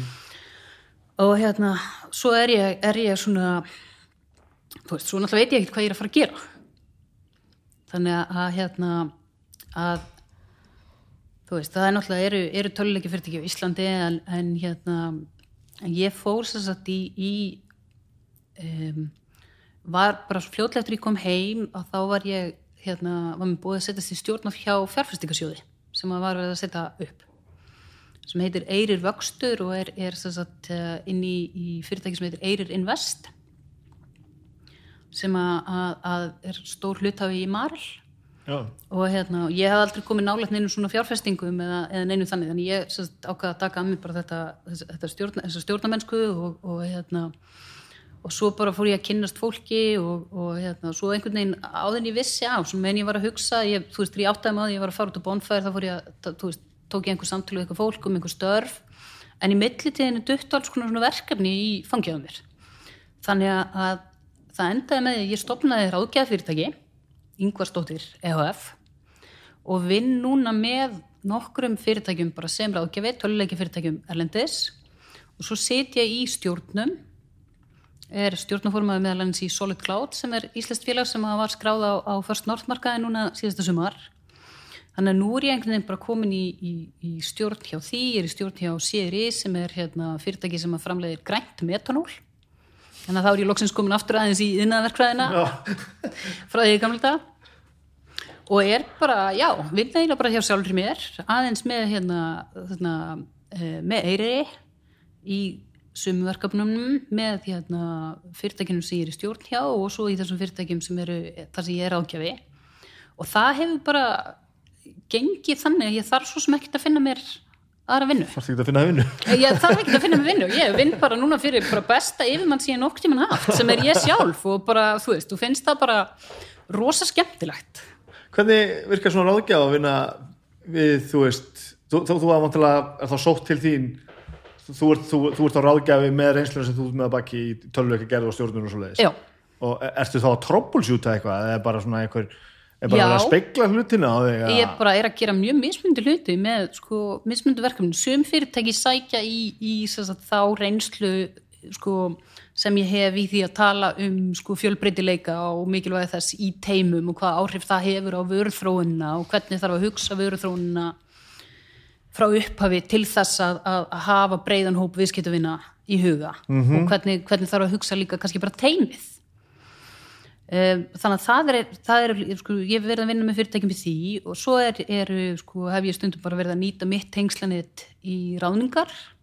Já, og svo hef ég aðeins verið bara einmitt að speikla kannski vörðþróun og, og, og svona, veist, stundum er gott bara að fá perspektíf frá einhverjum sem er fyrir utan og, og getur aðeins hort á hlutina frá öðru sjónarhóðni þannig að þetta er rosa, þetta er mjög fjölbreytt og hérna, og ég er núna svona svolítið bara að því að sko sumadaga er ég bara bókað fundi frá mótnandi kvölds og sumadaga er ég kannski bara með fundi eftir háti og þá er ég stundum bara eitthvað að sé eftir tíu og vakna síðan og les bók og fyrir ræktina og, og er svona bara, þú veist, kannski svolítið að, að, að njóta þess að geta bara haft hlutina einhvern veginn bara á mínu fórsendum og hvernig er þetta svona versus það að vera með eitthvað, þú veist, geða deadline og, og eitthvað svona, eitt svona batn í fanginu, eitthvað svona verkefni sem er bara, veist, maður brennur fyrir og bara Þetta er allt öðruvísi og það sem er kannski alveg magnað er það að þegar þú ert í ráðgjaflutverki þá ert ekki svona tilfinningulega sérst, invested í því sem þú ert að gera eins og þú ert ef þú ert bara, þú átt verkefni og þú berð alla ábyrðin á því. Þannig að sko tilfinningulega álægið er svo miklu minna. Já, já, og ég er svo hérna, ég er rosalega sko ég bæði sko samviskusum og upplifir rosa miklu ábyrð þegar mér er treyst fyrir einhverju. Já, og metnaðgjörn þannig að þú veist að ég get sko, þú veist, ég tek hlutina sko, ég, ég er ekkert góðið því að halda fjarlægð á mínum eigin verkefnum. Þannig að það að vera alltaf í þessu svona ráðgjafar hlutverki það, veist, það, það gefur taugakerfinu rosa mikið frí. Já, en saknar maður þess ekkert saknar maður þess ekkert að þú veist þessi tilfinning þegar maður býr eitthvað til og sýnir einhverjum öðru það, það er náttúrulega rosalegt sko. Og þegar maður veit að þetta var gott og maður bara svona, sjáu hvað ég var að gera? Þetta var Já. geðveikt. Algjörlega, og það, jú, auðvitað sakna maður þessa ákveðnu leiti, en á sama tíma þá náttúrulega er, þú veist, þetta er bara búið að vera núna ég stopnaði fyrirtækið í apríl og nú er november þannig að þetta er ekki búið Já, að vera nei, tími, þetta er sjö einmitt. mánuðir og þú veist, og núna er ég raun og veru bara svolítið að njóta þess bara, ég er að koma fyrir aftur á Íslandi, við vorum að, að kaupa okkur íbúð í Vesturbænum, við vorum að fara í, í framkvæmdir, vorum að fá okkur kvolp þú veist, og, og þú veist stundum er heldur bara rosalega fínt að, að hérna, veist, stundum er bara fókusin allur á vinnuna stundum er bara rosa gott að vera með fókusin á, á bara á fjölskyldinni og, og sjálfan sig og, og svo framvegis. Og, og ég held kannski að, að þú veist, eins og að því að, að þú veist, nú er ég búin að búa á nokkrum mismundu stöðum og vera í mörgum mismundu störfum, kynnast mörgum fyrirtækjum og kynnast mörgum teimum og eitthvað svona.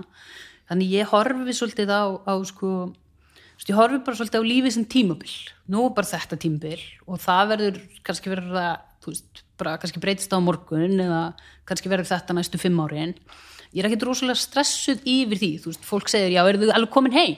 já, Já, byli já, núna er þetta svona. núna er þetta svona. Og, veist, og kannski þú veist, á ég bara eftir að búa veist, í þessari íbúð á Grenimel það sem eftir er æfinar já, og kannski á ég eftir að flytja til Shanghai eftir þrjú ár. Eða, þú veist einhvert annað, þú veist, það, það bara kemur ljós. Ertu, að því ég held að allir sem að vita hverju ert og hugsa um þig hérna heima og þekkja þig ekki persónulega að að horfa á þig sem svona þess, þess að svona þú ert þessi tölvuleikja manniska sem gerði það. Mm.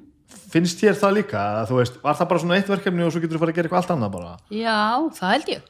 Einnig að mér þykir rosa vænt um tölvuleiki. Já, en ég meina, mér fannst líka æðislega gaman að vinna í, í Livjabransanum, mér fannst það sjúklega skemmtilega já, einmitt.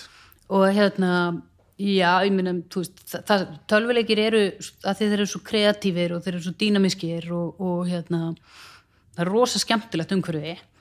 En ég meina á sama tíma þá er ég búin að vera núna í stjórn hjá þessu félagi sem heitir Carbon Recycling International og er búið til grænt metanól og er að fara að starta upp versmiðu í Kína.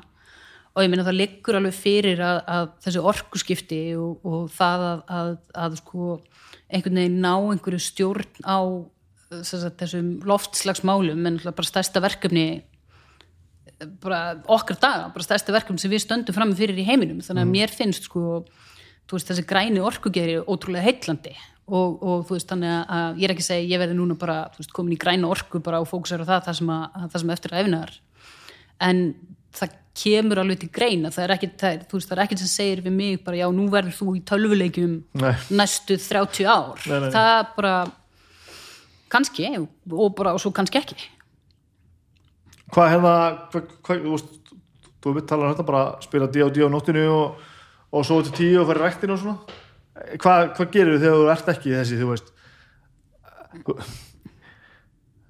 Ert þessi karriér sko, mm -hmm. svo fyndin sko. Það er svona eins og þú sért dræfið er ekkert karriérin endilega. Er þetta bara verkefni sem að svona einhvern veginn tóða því alltaf til sín?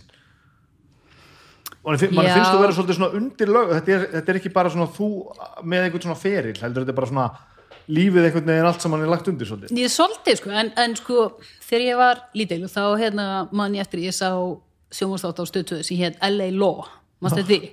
ég mann til logoðinu Þetta var svona lögfræðingadrama. Já. þar voru svona konur í drögtum með skjaldösku að gera eitthvað ókslega mikilvægt. Og ég, einhvern veginn, þú veist, einhvern veginn vegna þá var ég alveg bara svona, þegar ég verð stór þá ætla ég að vinna einhverju svona ókslega mikilvæg vinnu. Og hérna og eitthvað svona, eiga einhvern svona karriér þannig að ég alltaf svona haft þá hugmynd um sjálfa mig að ég myndi, veist vinna skemmtilega krefjandi vinnu og, og veist, og það væri mikilvægt. Og það er alveg svona svolítið partur af kannski sko mínu identity og kannski sérstaklega þegar ég var yngri. En, en núna er ég meira svona kannski komin á þá skoðun að veist, lífið er rosa stutt. Og hérna lífið er rosa stutt og heimurinn er rosalega stór og það er margt spennandi og skemmtilegt sem er hægt að gera. Þannig ég er svona hef svolítið svona haft að motto að þú veist, ég vil frekar sjá eftir því sem ég gerði heldur en því sem ég gerði ekki. Mm. og ég hef ekkit endilega látið sko, þú veist, ég fór ekkit út á sínum tíma til Svíþjóðar með eitthvað svona ég ætla að, vera, ég ætla að fara til Malmö og svo ætla ég að fara til Stockholms og svo ætla ég að fara til Vancouver og svo ætla ég að fara til þú veist, einhvern það, þú veist, það var aldrei verið, ég er ekki með neitt masterplan, sko um, ég veit cirka bát í hverju ég er góð og hvað mér finnst skemmtilegt. Og hérna og þú veist, mér finnst gaman að vinna að krefjandi og skemmtilegum verkefnum með skemmtilegu fólki. Og þú veist, það getur verið í tölvuleikjum og, og það getur verið í einhverju öðru það getur verið á Ísland, það getur verið í útlöndum. Og það er rosa flott held ég, eða þú veist, ég held að það sé bara gott að átt að því að þú veist, þessar takmarkanir sem maður setur sjálfum sér. Og það er svolítið að fyndið, ég, ég ætla að vera aðeins í mótsóknu sjálfum mig að þegar við fluttum heim þá hérna að þá fengum við leikuða eðislega íbúð í Vesturbænum. Og þú veist, ég hef ekki vílaði fyrir mér að, að, að flytja með tiltölu skömmum fyrirvara á milli sko landa og borga. En þegar ég hef komin í leigu íbúð í Vesturbænum og fór síðan að leita íbúð til að kaupa að þá gæti ég bara að því ég er búin að færa stelpunna mínar á milli svo margra skóla og núna voru þar, þú veist, önnur komin í Ísaskóla og hinn í, í hagaskóla og báða sáttar, þá var ég bara nei hérðan verður ekki flutt, það er 100 metra radíus, það sem er hægt að kaupa íbúð, það má ekki raska neinu fyrir þessi börn. Uh, en, en, en svona, þú veist, ég held að maður svona, ég held að fólk sé oft svona miklu meiri einhvern veginn nú er ég kannski mjög, mjög miklu á forréttindablindu en, en að því að auðvitað eiga ekkit allir þess kosta að flytja, þú veist, út um allt og gera það sem fólki sínist og auðvitað býr fólku alls konar mismundi aðstæður. En, en sko ég held að veist, það er ekkit svo mikið mál sérstaklega þegar maður er ungur og ballaus að flytja í annað land til þess að fara í skóla eða til þess að fara í vinnu eða þú veist og heimurinn náttúrulega sérstaklega í framhald af COVID þar sem að fjárvinna er orðin tiltölu algeng og svo framvegis. Það er ekkit endilega sko ég held að maður sé oft með alls konar hindranir í kringum sig sem eru í raun og er ekkit hindranir. Ég held að þetta sé alveg rétt. Jú, jú, við erum sjálfsögur forréttindablind sko.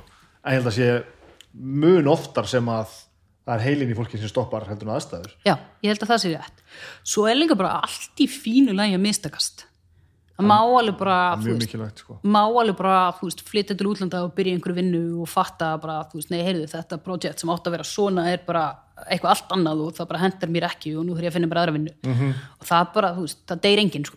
Nei, og sumt að þessu líka er ekki eins og mistök sumt að þessu er bara, já, þetta fór ekki í leiðina sem ég held þetta myndi fara. Annarkvort bara gerðist eitthvað eða bara, já, veitu, ég var ekki góður í þessu.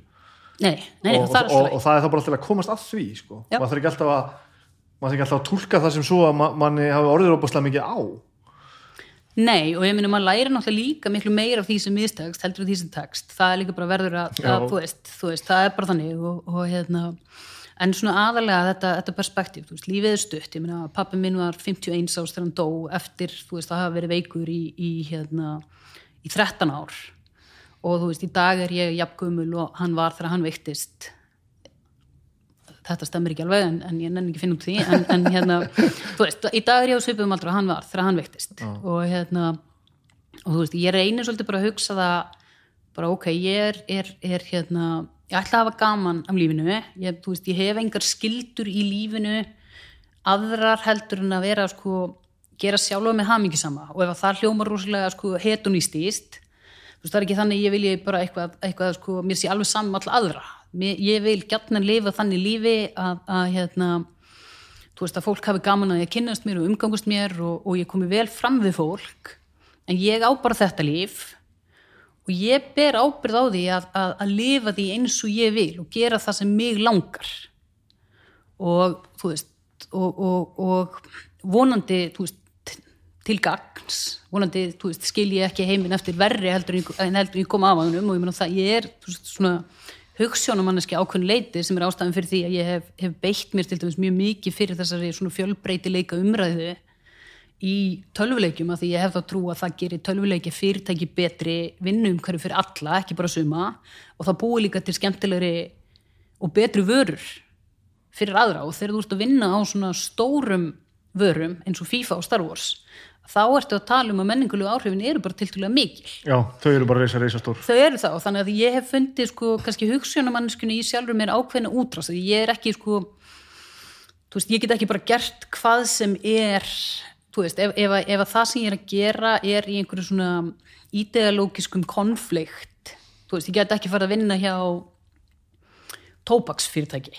Mm eða, eða þú veist, fyrirtæki sem að þú veist, er, er einhvern veginn stuðlar að því að, að arðræna eða, eða, eða þú veist, á einhvern hátt uh, skaða fólk eða, eða umhverfið eða eitthvað álíka þannig að veist, það, það þarf að vera einhver svona komponent það sem að, að hérna, það sem ég get horta á og sagt, það sem ég er að gera það skiptir máli Já.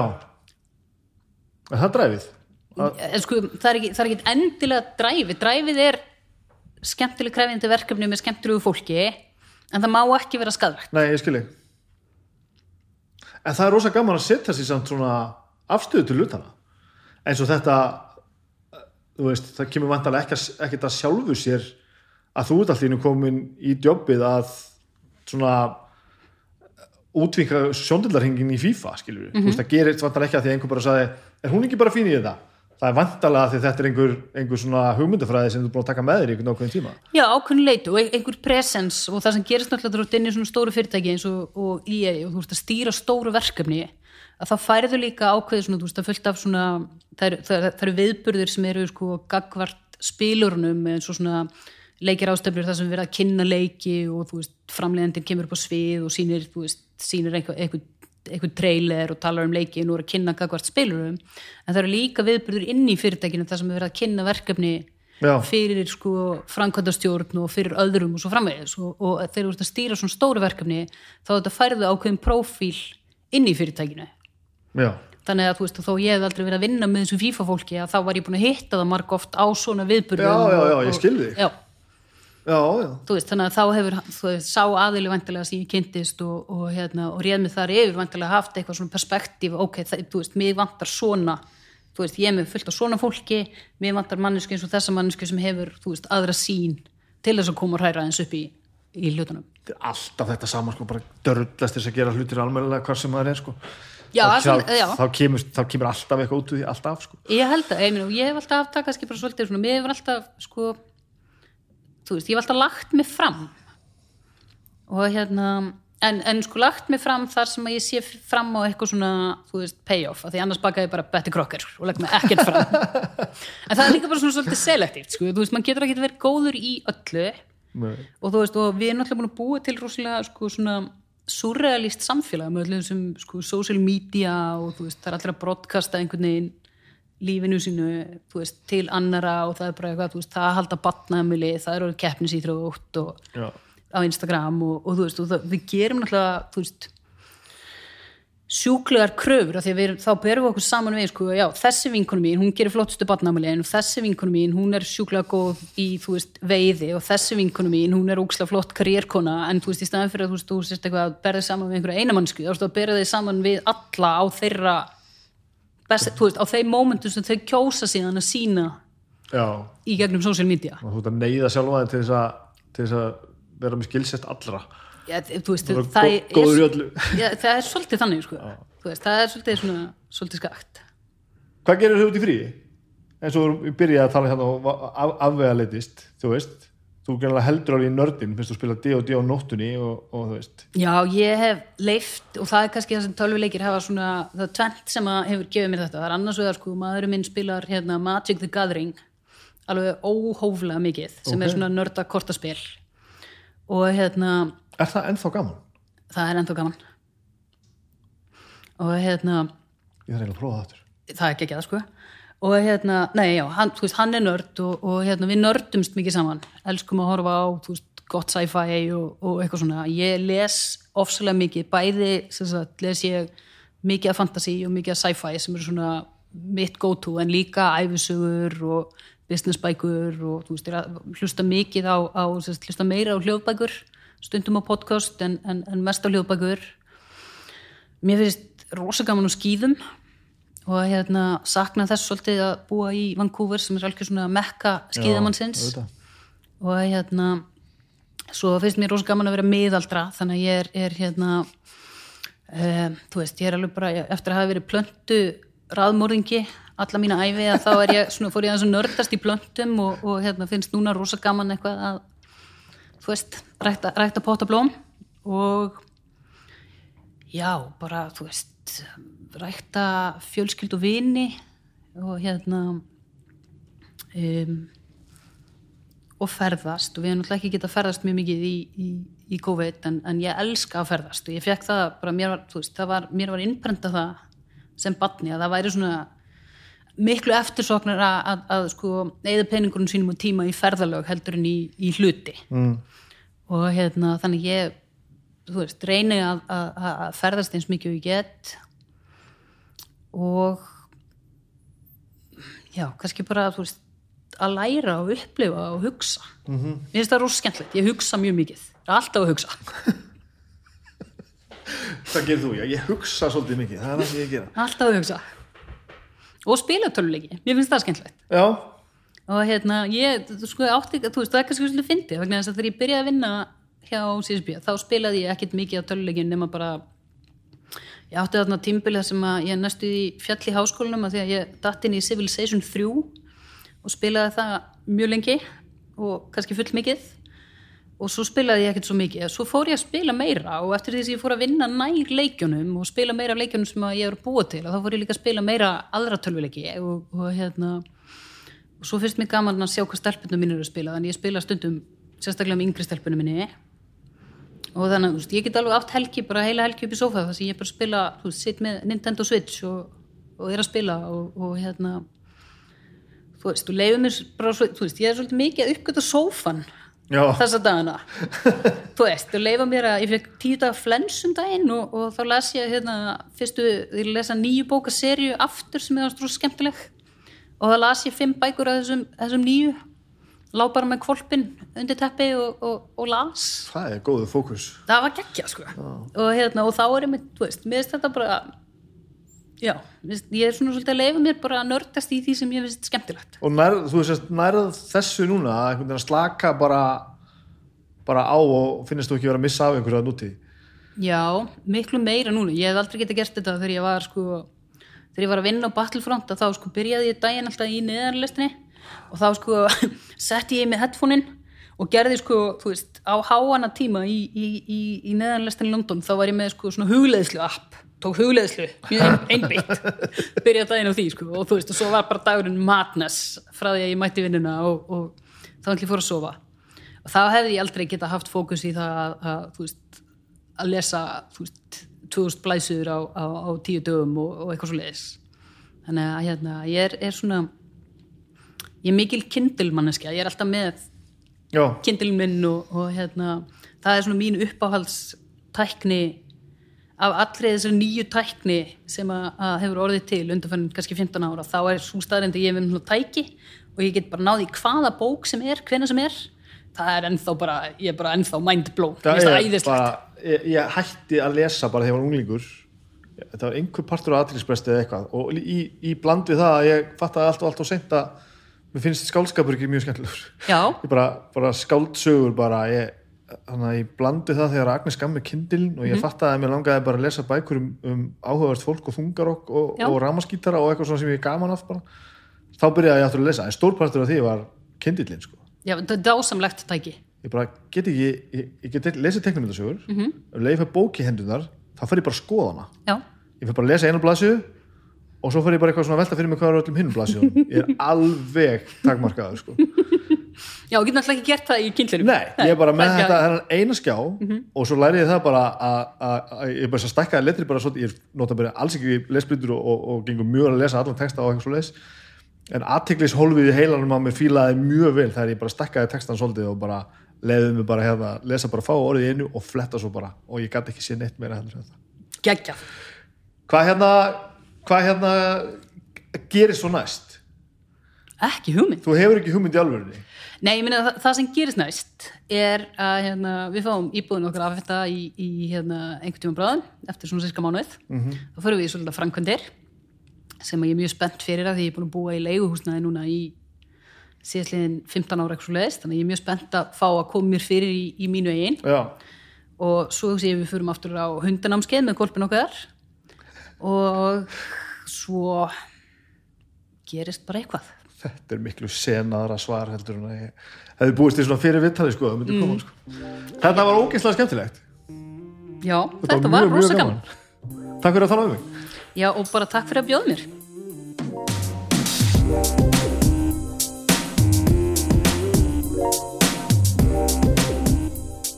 Þetta var svona eitt af þessum vittunum sem þarf eiginlega bara part 2 einhvern tíman, það er bara þannig Við lókuðum fyrir mækana og þá heldum við bara áfram að nördast hérna, fórum að skoða teknimyndasögurnar hérna upp í vekk, upp í vekk, upp í hillu hjá mér og við fórum að rifja það upp bara svo allir Íslendingar hvar við hefð, hefðum einhvern tíman hist og sérst í, í fortíðinu, við bara komum því ekki að í viðtalinu. Þannig að við skulum sjá til þegar, að, þegar hún er búin að gera gera, eitthvað, gera enn meira og, og, hérna, og, og koma enn meira á koppin og og þá, þá bara tökum við þetta aftur. Ég, ég til í að tala við hana bara, bara eins og árið þessuna, þetta var ekki eðlilega skemmtilegt. Þetta var ekkert eðlilega skemmtilegt. Ég ætla að hætta þessu bulli, ég ætla að taka þess til hérna. Og svo ætla ég bara kannski að í tilumni dagsins að spila þess tölvuleiki áður en ég fer að sækja börn og svona eitthvað. Takk fyrir eh, samtalsæðala þáttarins Sjóvá, Omnum, Simin Pay ég hveti ykkur til þess að eh, uh, hlusta meira á hljókirkuna og ég ætla að fá að nefna það ég er að sjá hérna alls konar reyfing á, á, á helstu vinsættarleistum veitnana hljókirkjan fikra sig eða ekkert fikra sig er bara uh, vel starta á öllum listum og hefur verið hans lengi, og það er ykkur að, að þakka og ég sé ofbóstlega breytingu hérna á því að það eru fleiri að skilja eftir engunir á, á streymisveitónum og, og ég vil skrifa litlar umsagnir og svona. Þetta hjálpar okkur allt saman því ofar sem við förum á þessa lista því hérna því auðveldara er lífi fyrir okkur og, og þetta er það besta sem þið getur gert til þess að hjálpa okkur, það er að tala vel um okkur bæði við fólk út í bæ sem og á, á öllum miðlunum og streymisveitónum en það er nú bara svo það er. Þið gerir þetta ef ykkur hugnast svo. Takk kærlega fyrir að hlusta. Eh, þetta var frábær þáttur. Ég er glór hungraður klára úrlega þetta sukulæði hefur skálinni og ekki að spila eftir líka gaman gaman, takk fyrir mig. Þá getur næst, bye